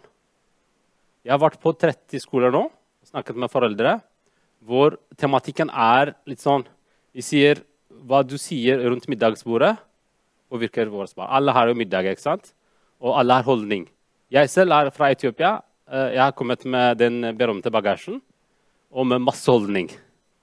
Som jeg bevisst og ubevisst overfører til mine barn. Det er akkurat det vi tar opp i disse dialogkveldene dialog, uh, med foreldre. Det kommer masse, masse ting. Det jeg har lært mye, er at alle blir truffet av det med rasisme, diskriminering og hatefulle ytringer. Ofte tenker man det er rasisme mot svarte, mot hvite, raser. Det er, mange, det er noen ting vi tenker er sånn standard, men det er ikke det. Det kan være farlig å være kvinner i noen land. Det er jo med, med, med, med, legning og det er jo mange ting. Alle blir truffet. Men alle kan gjøre noe, spesielt når vi Det jeg sier, da, poenget uh, Når du snakker om meg rundt middagsbordet du kan si han er svarte mannen. Du sier han hvite. Han sånn, han med hår. Bare si hva du vil. Det går, det går fint. Men den kategoriseringen er bra, men rangeringen er verst. Hvis du rangerer meg når du snakker om meg hjemme hos deg, snakker om han etiopieren eller et eller annet Hvis du plasserer meg her eller der, det er der det begynner med den holdningen. Barn kopierer det. Så jeg snakker om Jeg sier kategorisering det er veldig bra. Det trenger vi. Men rangeringen det ødelegger for oss. Det er det vi sier. Og så Siste poeng da, at jeg kan Selvfølgelig alle har holdninger, alle sammen. Vi har det. Ingen kan påvirke den samtalen jeg har hatt med mine foreldre. Men hvis noen skal jobbe med meg, det kan påvirke den samtalen jeg kommer til å ha med mine barn. Det er der vi kan jobbe. Så vi uh, jeg har så blitt invitert på ungdomsskoler som skulle snakke om, om, om uh, dette her. Jeg syns det er vanskelig. Det er lettere å snakke med foreldre. Hva skal man si til ungdommer? Sant? Det er neste prosjekt, men det har vært vellykket til nå. Hvis dere er tilknyttet til eh, FAO på skolen eller skole, eller et eller annet, og dere ønsker dialogkveld på skolen, bare kontakt oss. Yes. Takk for meg. Her er vår adresse.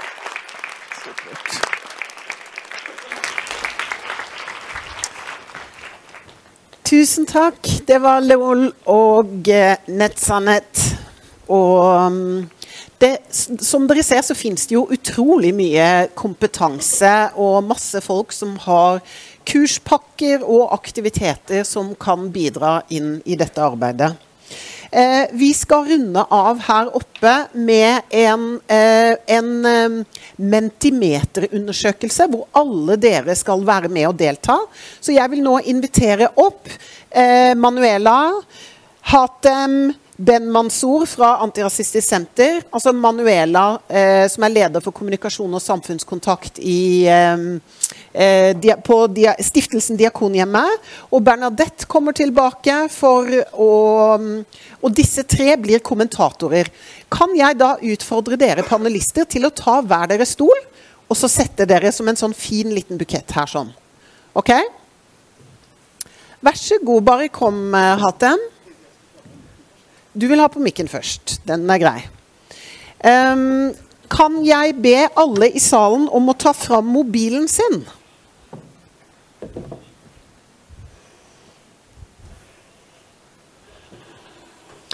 Og så er det Ruben Jervel Petersen, Pettersen, som eh, også er del av dette panelet.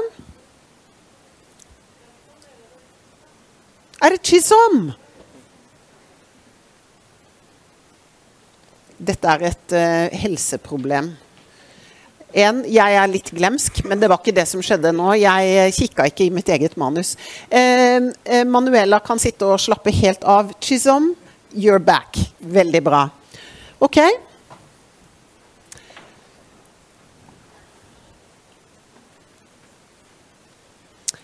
Eh, ja.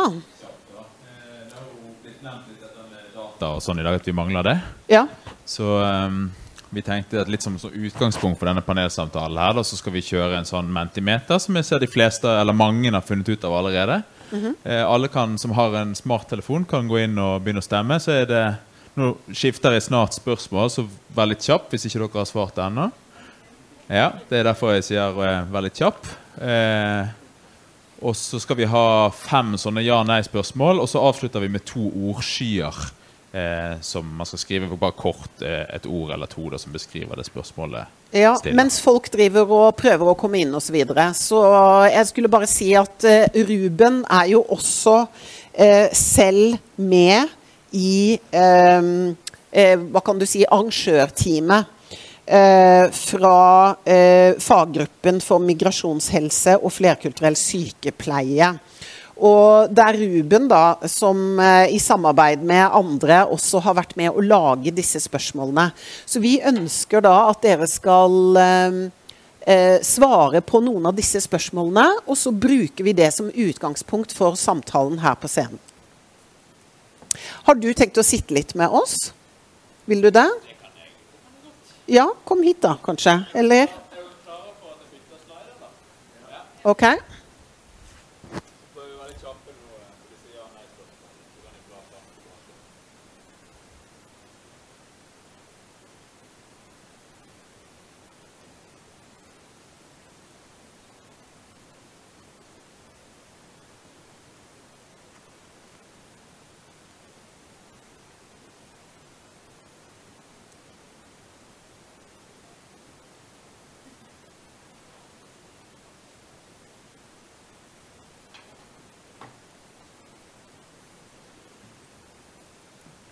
Er det noen i panelet også som deltar, eller? Nei?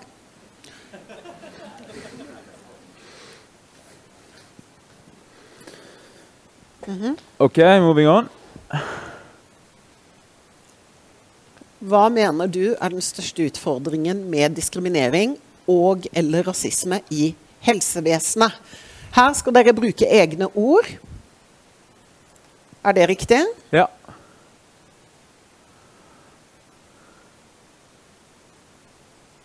Ok. Største utfordringen med diskriminering og rasisme i helsevesenet?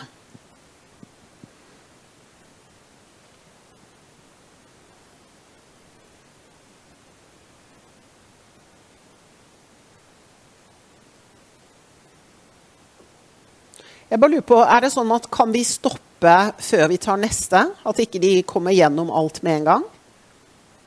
Eh, det må du ta en til. Stoppe. Hvor, hvor mye er det igjen? Hvor mange oppgaver? Eh, egentlig én, men jeg lurer på om jeg hoppet over noen i starten. Noen ja-nei. Okay. Men jeg kan hoppe frem og tilbake. Nå begynner det å komme ganske mye Ja, men det her. kan hende når vi Så skal jeg tror vi tar den siste der eh, ute av ordskyen. Hva mener du er det viktigste vi må gjøre for å bekjempe rasisme og diskriminering i helsevesenet?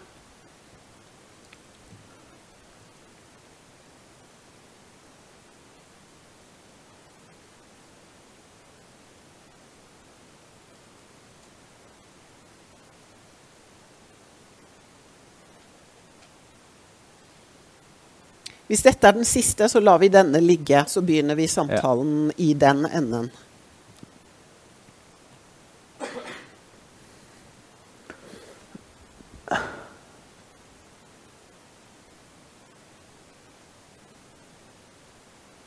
så er det jo sånn da at de, eh, de, ordene som blir størst, det er der det er flere som har skrevet. da.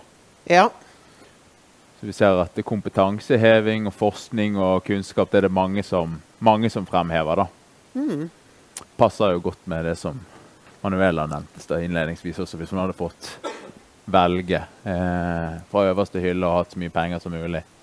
Ikke sant? OK. Dere, jeg tenkte jeg skulle invitere inn til eh, et lite kommentatorpanel. Eh, og da eh, er det sånn at eh, to av dere i panelet har jo vært på scenen tidligere. Og så har vi Hatem, fra, som er daglig leder i Antirasistisk Senter, som ikke har vært der. Så han uh, må jo få lov å komme til orde først. Uh, da er det ikke 'ladies first'. Um, det som jeg lurer på om vi kunne starta med, litt sånn fritt, uh, uten at du trenger å se på dette akkurat nå, det er um, Hva har du fått med deg av uh, konferansen og eventuelle ting som har kommet fram mens du har vært her? Er det noe du har lyst til å trekke fram, eller kom du akkurat nå? Jeg kom dessverre litt seint, men um, okay. Jeg hørte jo litt av Skisom sitt innlegg, så jeg hørte også Skisom snakke før om uh, litt av disse problemene. Ja. Uh, så det knytter seg jo veldig mye til uh, egentlig hvordan man møtes som menneske. og strukturene rundt det, ser jeg i hvert fall. Og så er det jo, som det også ble trekka inn, forskning, men nå fins jo egentlig ganske mye av den forskningen hvis man ser internasjonalt. Jeg er litt lei av den at vi har kunnskapshull, for vi har virkelig ikke kunnskapshull. Vi har kunnskapshull i Norge. Mm. Og biologisk forskning, som medisin ofte er, er jo ikke akkurat noe vi trenger å forske på bare mennesker i Norge. Det er Mm. ikke sånn at jeg er et annerledes menneske om jeg er her eller om jeg hadde vært i Nord-Afrika. egentlig. Mm. Bortsett fra at jeg er litt kaldere her, da. Men, eh, men eh, jeg, jeg tenker jo at det er viktig at det er altså, Vi vet selvfølgelig mye sånn generelt om eh, rasisme og diskriminering og hva det gjør med mennesker. Det vet vi ganske mye om. Eh, men jeg tenker at det er veldig viktig at det gjøres forskning også som er helt spesifikk for det, den konteksten og det stedet som det forekommer. Fordi det er jo noe man hører ofte sånn Ja, dette er interessant, men hvis man bare har forska på amerikanere f.eks., så vil konteksten her kanskje være litt annerledes. Um, ja. Jeg syns jo eh, at Shisom illustrerte det veldig godt i sitt innlegg. Eh, at eh, når du snakket med Var det din søster som er lege i USA? Eh, at nei, det, du bør være klar over disse tingene, men i Norge så går det sikkert bra. Eh, og det gjorde det jo beviselig ikke. Eh, og det har vi lite norske data på som viser vi har det som dessverre da, eh, her i dag på en måte blir det som forskningen kaller for anekdotiske bevis. sant? Eh, selv om det er veldig viktige med enkelthistorier, men sånn som det politiske systemet, avgjørelsene som fungerer i Norge, så må vi ha norske data før vi kan gjøre norske handlinger. Og det kan man, Jeg er helt enig i perspektivet. Det er sånn pragmatisk man skulle tenke at det fins side opp og side ned på forskning internasjonalt. Men vi ser jo alltid til Danmark før vi gjør noe endring i Norge. Vi gjør ingenting før vi har eh, data på hva som helst i Norge. Og da Mm. er ikke det en overraskelse at det også gjelder rasisme, da tenker jeg fra et forskningsperspektiv. Det er jo kanskje det som er noe av utfordringen her. Fordi jeg opplever faktisk at vi har ganske mye kunnskap om det her også. Altså Det har faktisk kommet, gjort noe forskning på det. Man kan definere at det finnes rasisme innenfor helsevesenet. Og så setter man ikke inn tiltak, man setter inn mer forskning.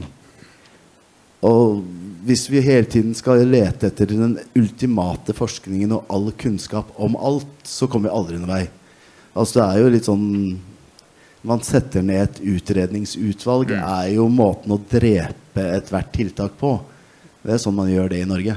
Mm. Så jeg, helt ærlig, når vi sier vi må se etter mer kunnskap, så blir jeg litt lei. Mm. Når handlingsplanen er finne mer kunnskap, og ikke tiltak på hvordan man skal handle om, altså, rundt problemet. Mm. Så, så altså Antirasistsenteret har holdt på i 40 år, OMOD har holdt på i 30 år. Det her er ingenting som er nyheter for oss. Og det er dokumentert, så ja, eh, Forskningen fins jo der. altså Det er bare å gå inn i tallene på alle som har meldt fra om rasisme innenfor helsevesenet. Mm. Ok, så jeg tar poenget. Dere tenker vi vet egentlig mer enn nok. Det vi trenger nå, er systemer for hva man skal gjøre. Eh, jeg har en venninne eh, fra England, og, og hun, hun har jobba som lærer både i England og i Norge. Og hun syns jo at den største forskjellen faktisk er nettopp det. At i England så har de sånn veldig eh, Altså, de har metodikk og systemer på hva du gjør hvis det oppstår en rasistisk eh, hendelse, f.eks. i klasserommet. Mens hun opplevde at når hun jobba her, så var alle helt sånn der Ingen visste hvor de skulle begynne, og det er berøringsangst, og man har ikke noe system, og det blir veldig sånn personavhengig om det blir tatt tak i på en profesjonell måte. Jeg lurer på om dere kan kommentere litt på eh, eventuelle erfaringer dere har rundt det. Eh, altså hvordan, eh, hvordan er det sånne type eh, situasjoner håndteres i praksis i deres erfaring? Chisholm, English, Norwegian, whatever.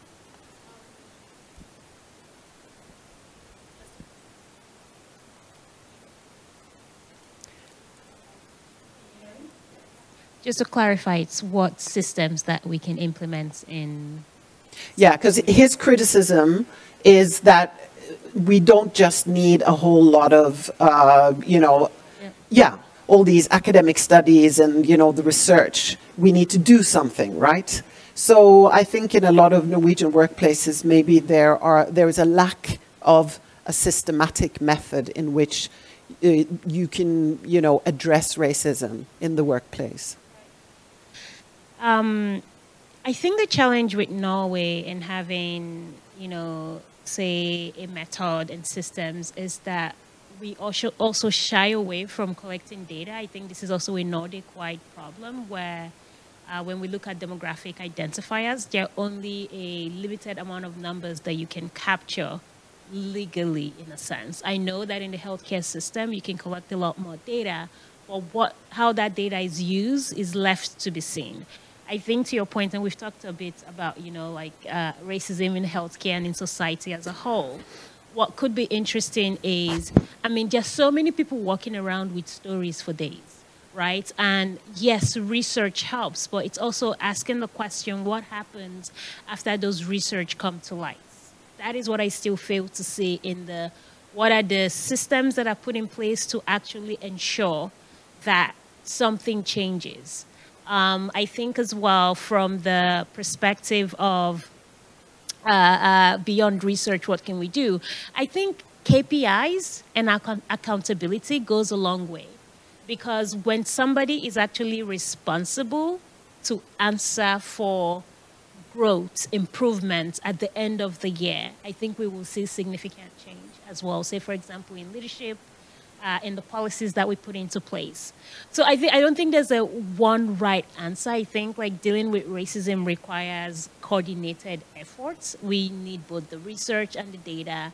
We need both the practices uh, uh, uh, uh, and the policies, and we also need somebody or group of people who we hold accountable for measurable results. So. Mm. Dette reflekteres jo egentlig i det som står her.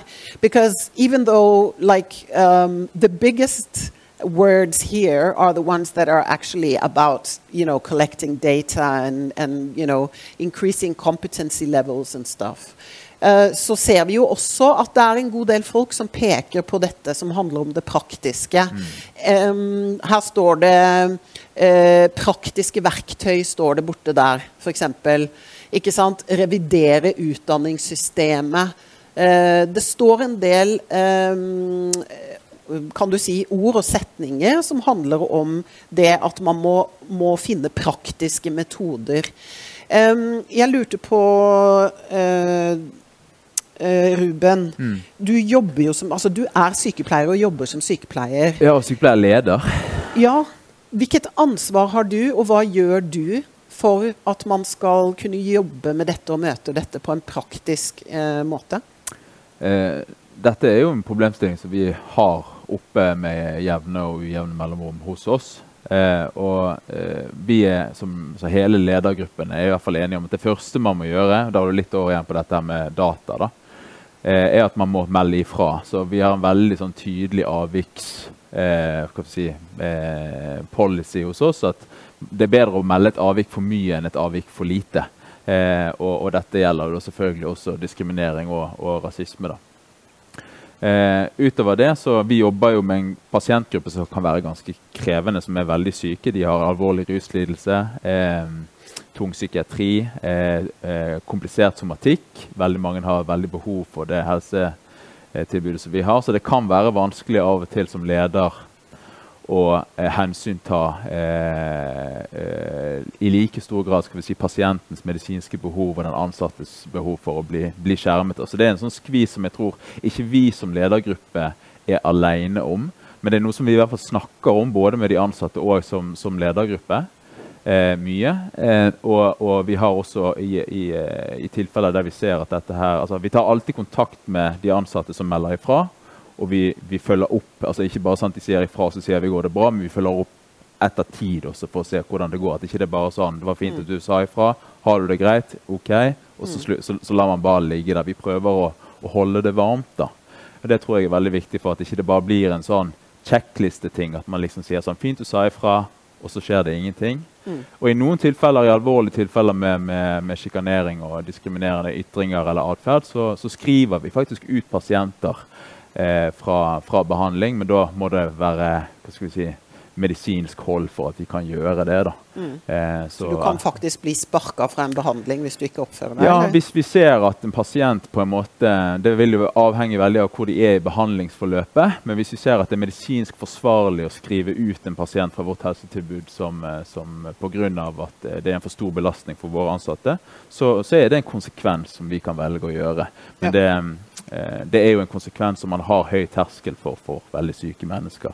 Okay. Så alternativt så kan man også beskytte de ansatte ved å flytte de til en annen avdeling i den perioden mm. som eh, den eh, pasient er, pasienten er innlagt. Da. Så det er ikke jeg, jeg, ikke, jeg skulle ønske at det var sånn fasitsvar. Jeg tror det er noe som vi lederne hos oss syns er krevende, men veldig viktig. Og jeg er helt sikker på at det er mange andre steder også så, så er det krevende. Men det går an å gjøre ting, tenker jeg. Ok. Jeg vil bringe Bernadette inn i samtalen. Jeg lurer på, Kunne du ha, ha flytta oss til en av de tidligere mm. svarene? Mm. Eh, så kan vi ha det litt sånn i bakhånd. Eh, Bernadette, det har nå vært en lang konferanse. Det har kommet uh, fram mange forskjellige ting på scenen. Eh, vi vet at det sitter folk i salen som har mange erfaringer. Vi har fått presentert praksiseksempler, vi har fått presentert eh, sitater fra informanter som forteller om egne erfaringer med rasisme i helsevesenet. Eh, og vi har fått tall og data. Eh, alt dette blir jo en slags sånn kunnskapsbank som denne konferansen genererer. Hvordan skal dere ta dette videre? All den informasjonen og kunnskapen som har kommet fram i dag. Hva skjer nå? Um, det er mange ting, som du sier. Og det er veldig rik her i forhold til erfaring. Jeg har først lyst til å bare gå tilbake til det som Hatim sa. Og det er at vi tenker ofte at kunnskap er bare forskning. Det er det ikke. Det er erfaringsbasert kunnskap, og det er forskningsbasert. I want to be like Winnie the Pooh. Yes, both. Honey and milk.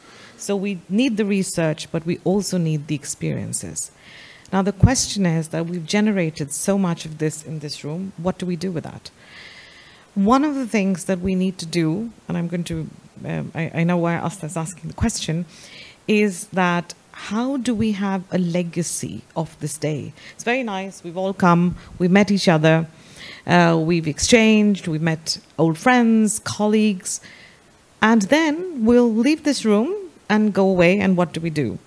So there is of course, you have uh, uh, there's a legacy that we need to take forward, and that legacy earlier on, uh, we've published some calls or declarations in which we take together the essence of what people have said, and which is why a lot of us have been on this side of the um, of the uh, stage, and a lot of people on that side of the stage, and we've got both together now because people have been listening to what has been said and we really need to come with a call, a declaration, a call for action.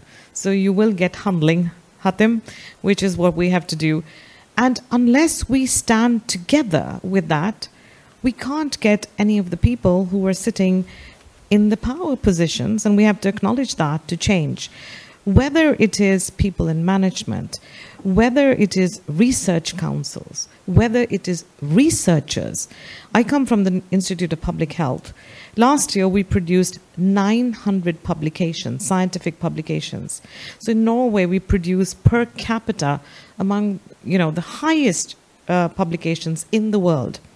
But if you ask me the question, out of those 900 publications, how many of them were about racism, discrimination, health? One. That was led by Ragnhild.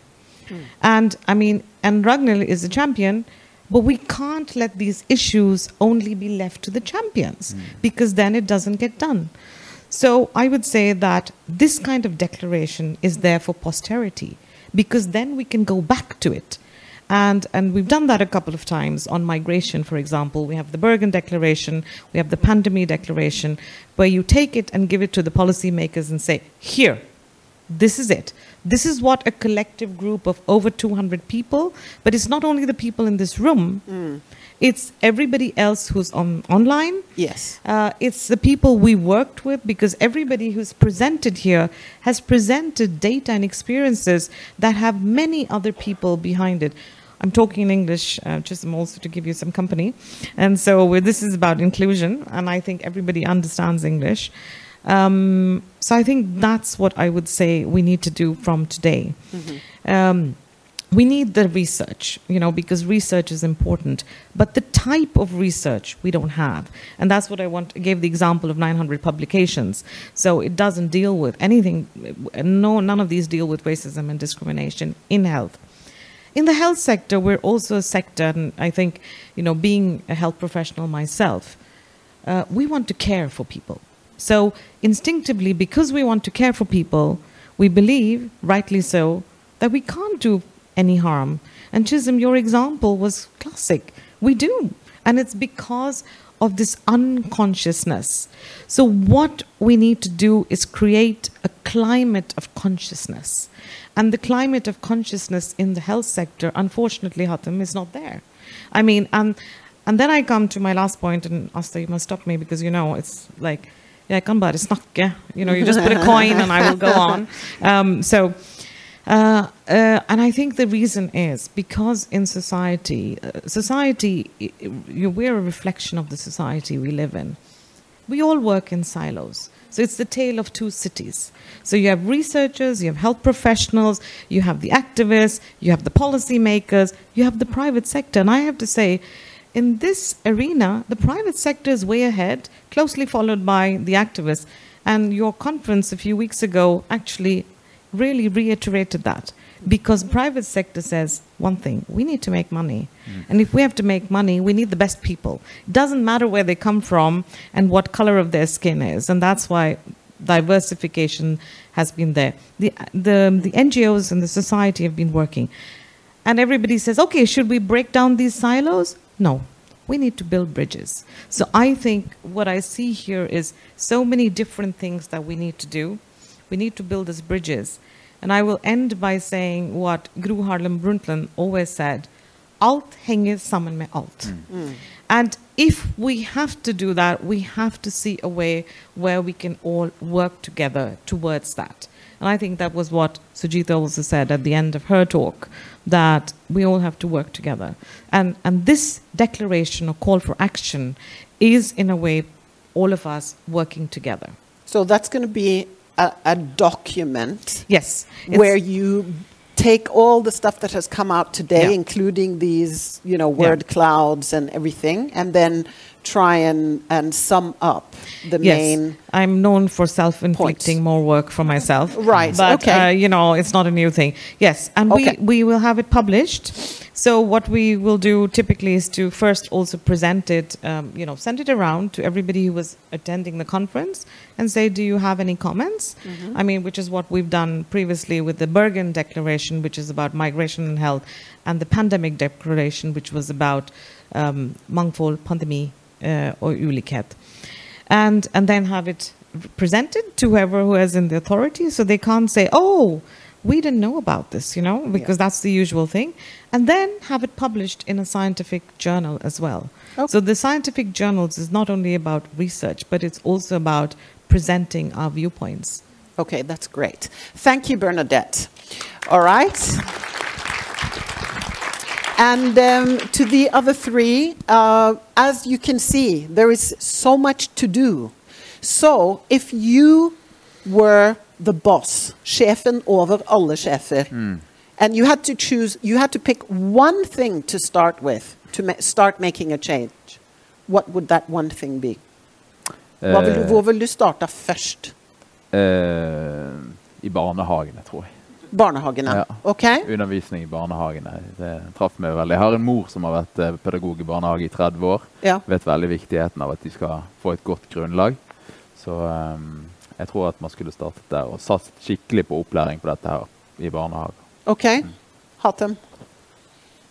Well, going to, to in English now. Uh, I would start at the top. At the other end, I would start with top leaders and put demands on them and actually, well, get rid of the ones who doesn't buy into anti-racism and diversity. That's what we actually need. If it's not, you know, uh, in the place at the top leaders, we're never going anywhere, Mm. to be honest. And well, we were talking about research and what pushes thing in Norway. We also have what is called the kjøttvekta, m- power in numbers, basically, which is as strong as research, or even actually stronger than research when it comes to policies. So we could still do that. Good. Chisholm? I think in addition to starting from the top, I would work directly with patient facing practitioners because that is where the harm begins. Um, so, educate, educate, educate doctors, midwives, nurses, any kind of practitioner. Assume they are racist, assume they have unconscious biases, assume it all, and start educating them from there because ultimately we can have great policies and leaders who have strong buy-in. But if my nurse doesn't see me as a full human being, I die. So I think I will work directly with the people who have power over our lives and our outcomes. Thank you. Dere, tusen takk for at dere kom, alle sammen. Tusen takk til panelet. Eh, Ruben, Hatem, Chisholm og eh, Bernadette. Og tusen takk til faggruppa som har arrangert dette. Eh, dere har vært et flott publikum. Jeg håper vi alle sammen har lært noe, og at vi gjør det som ble sagt her fra scenen. Em, og det var eh, det Sujita sa. Eh, finn ut hvilken space det er du er i, hvor du kan gjøre en forskjell.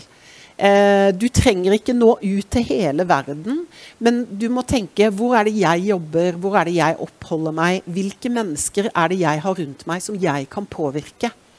Så bruker vi de stedene og de kanalene vi har for å påvirke. Eh, og summen av det hele kan forandre verden. Tusen takk for i dag, alle sammen. Jeg må bare si at det er en person som må komme opp på scenen. For uten henne vil dette ikke skjedd. Ragnhild, kom igjen.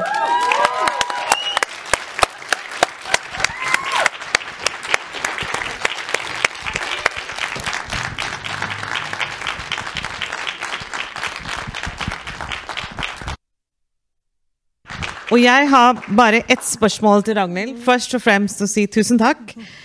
Men Ragnhild, hvorfor gjør du det? Hvorfor har du brukt så mye av din tid for dette?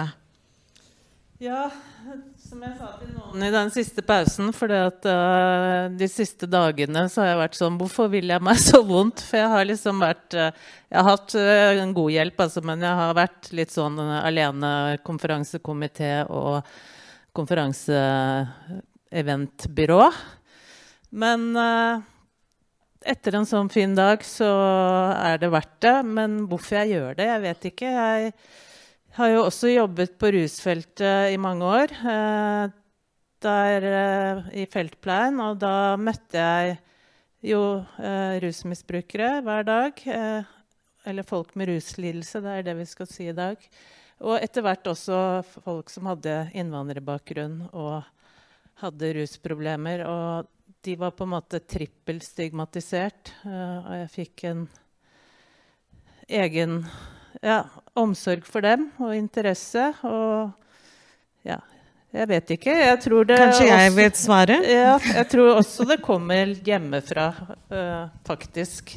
Det vi snakket om, hva man lærer hjemmefra. Og jeg hadde uh, en bestefar som eh, var veldig viktig i livet mitt, og som ja, lærte meg betydningen av å Jeg har vært så privilegert å ha jobbet med deg mange, mange år, Ragnhild. Og du har én ting som er det viktigste. Du bryr deg. You care. And the greatest argument for all of us working with this is the humanitarian argument that we care for one another. So keep doing that. Thank you.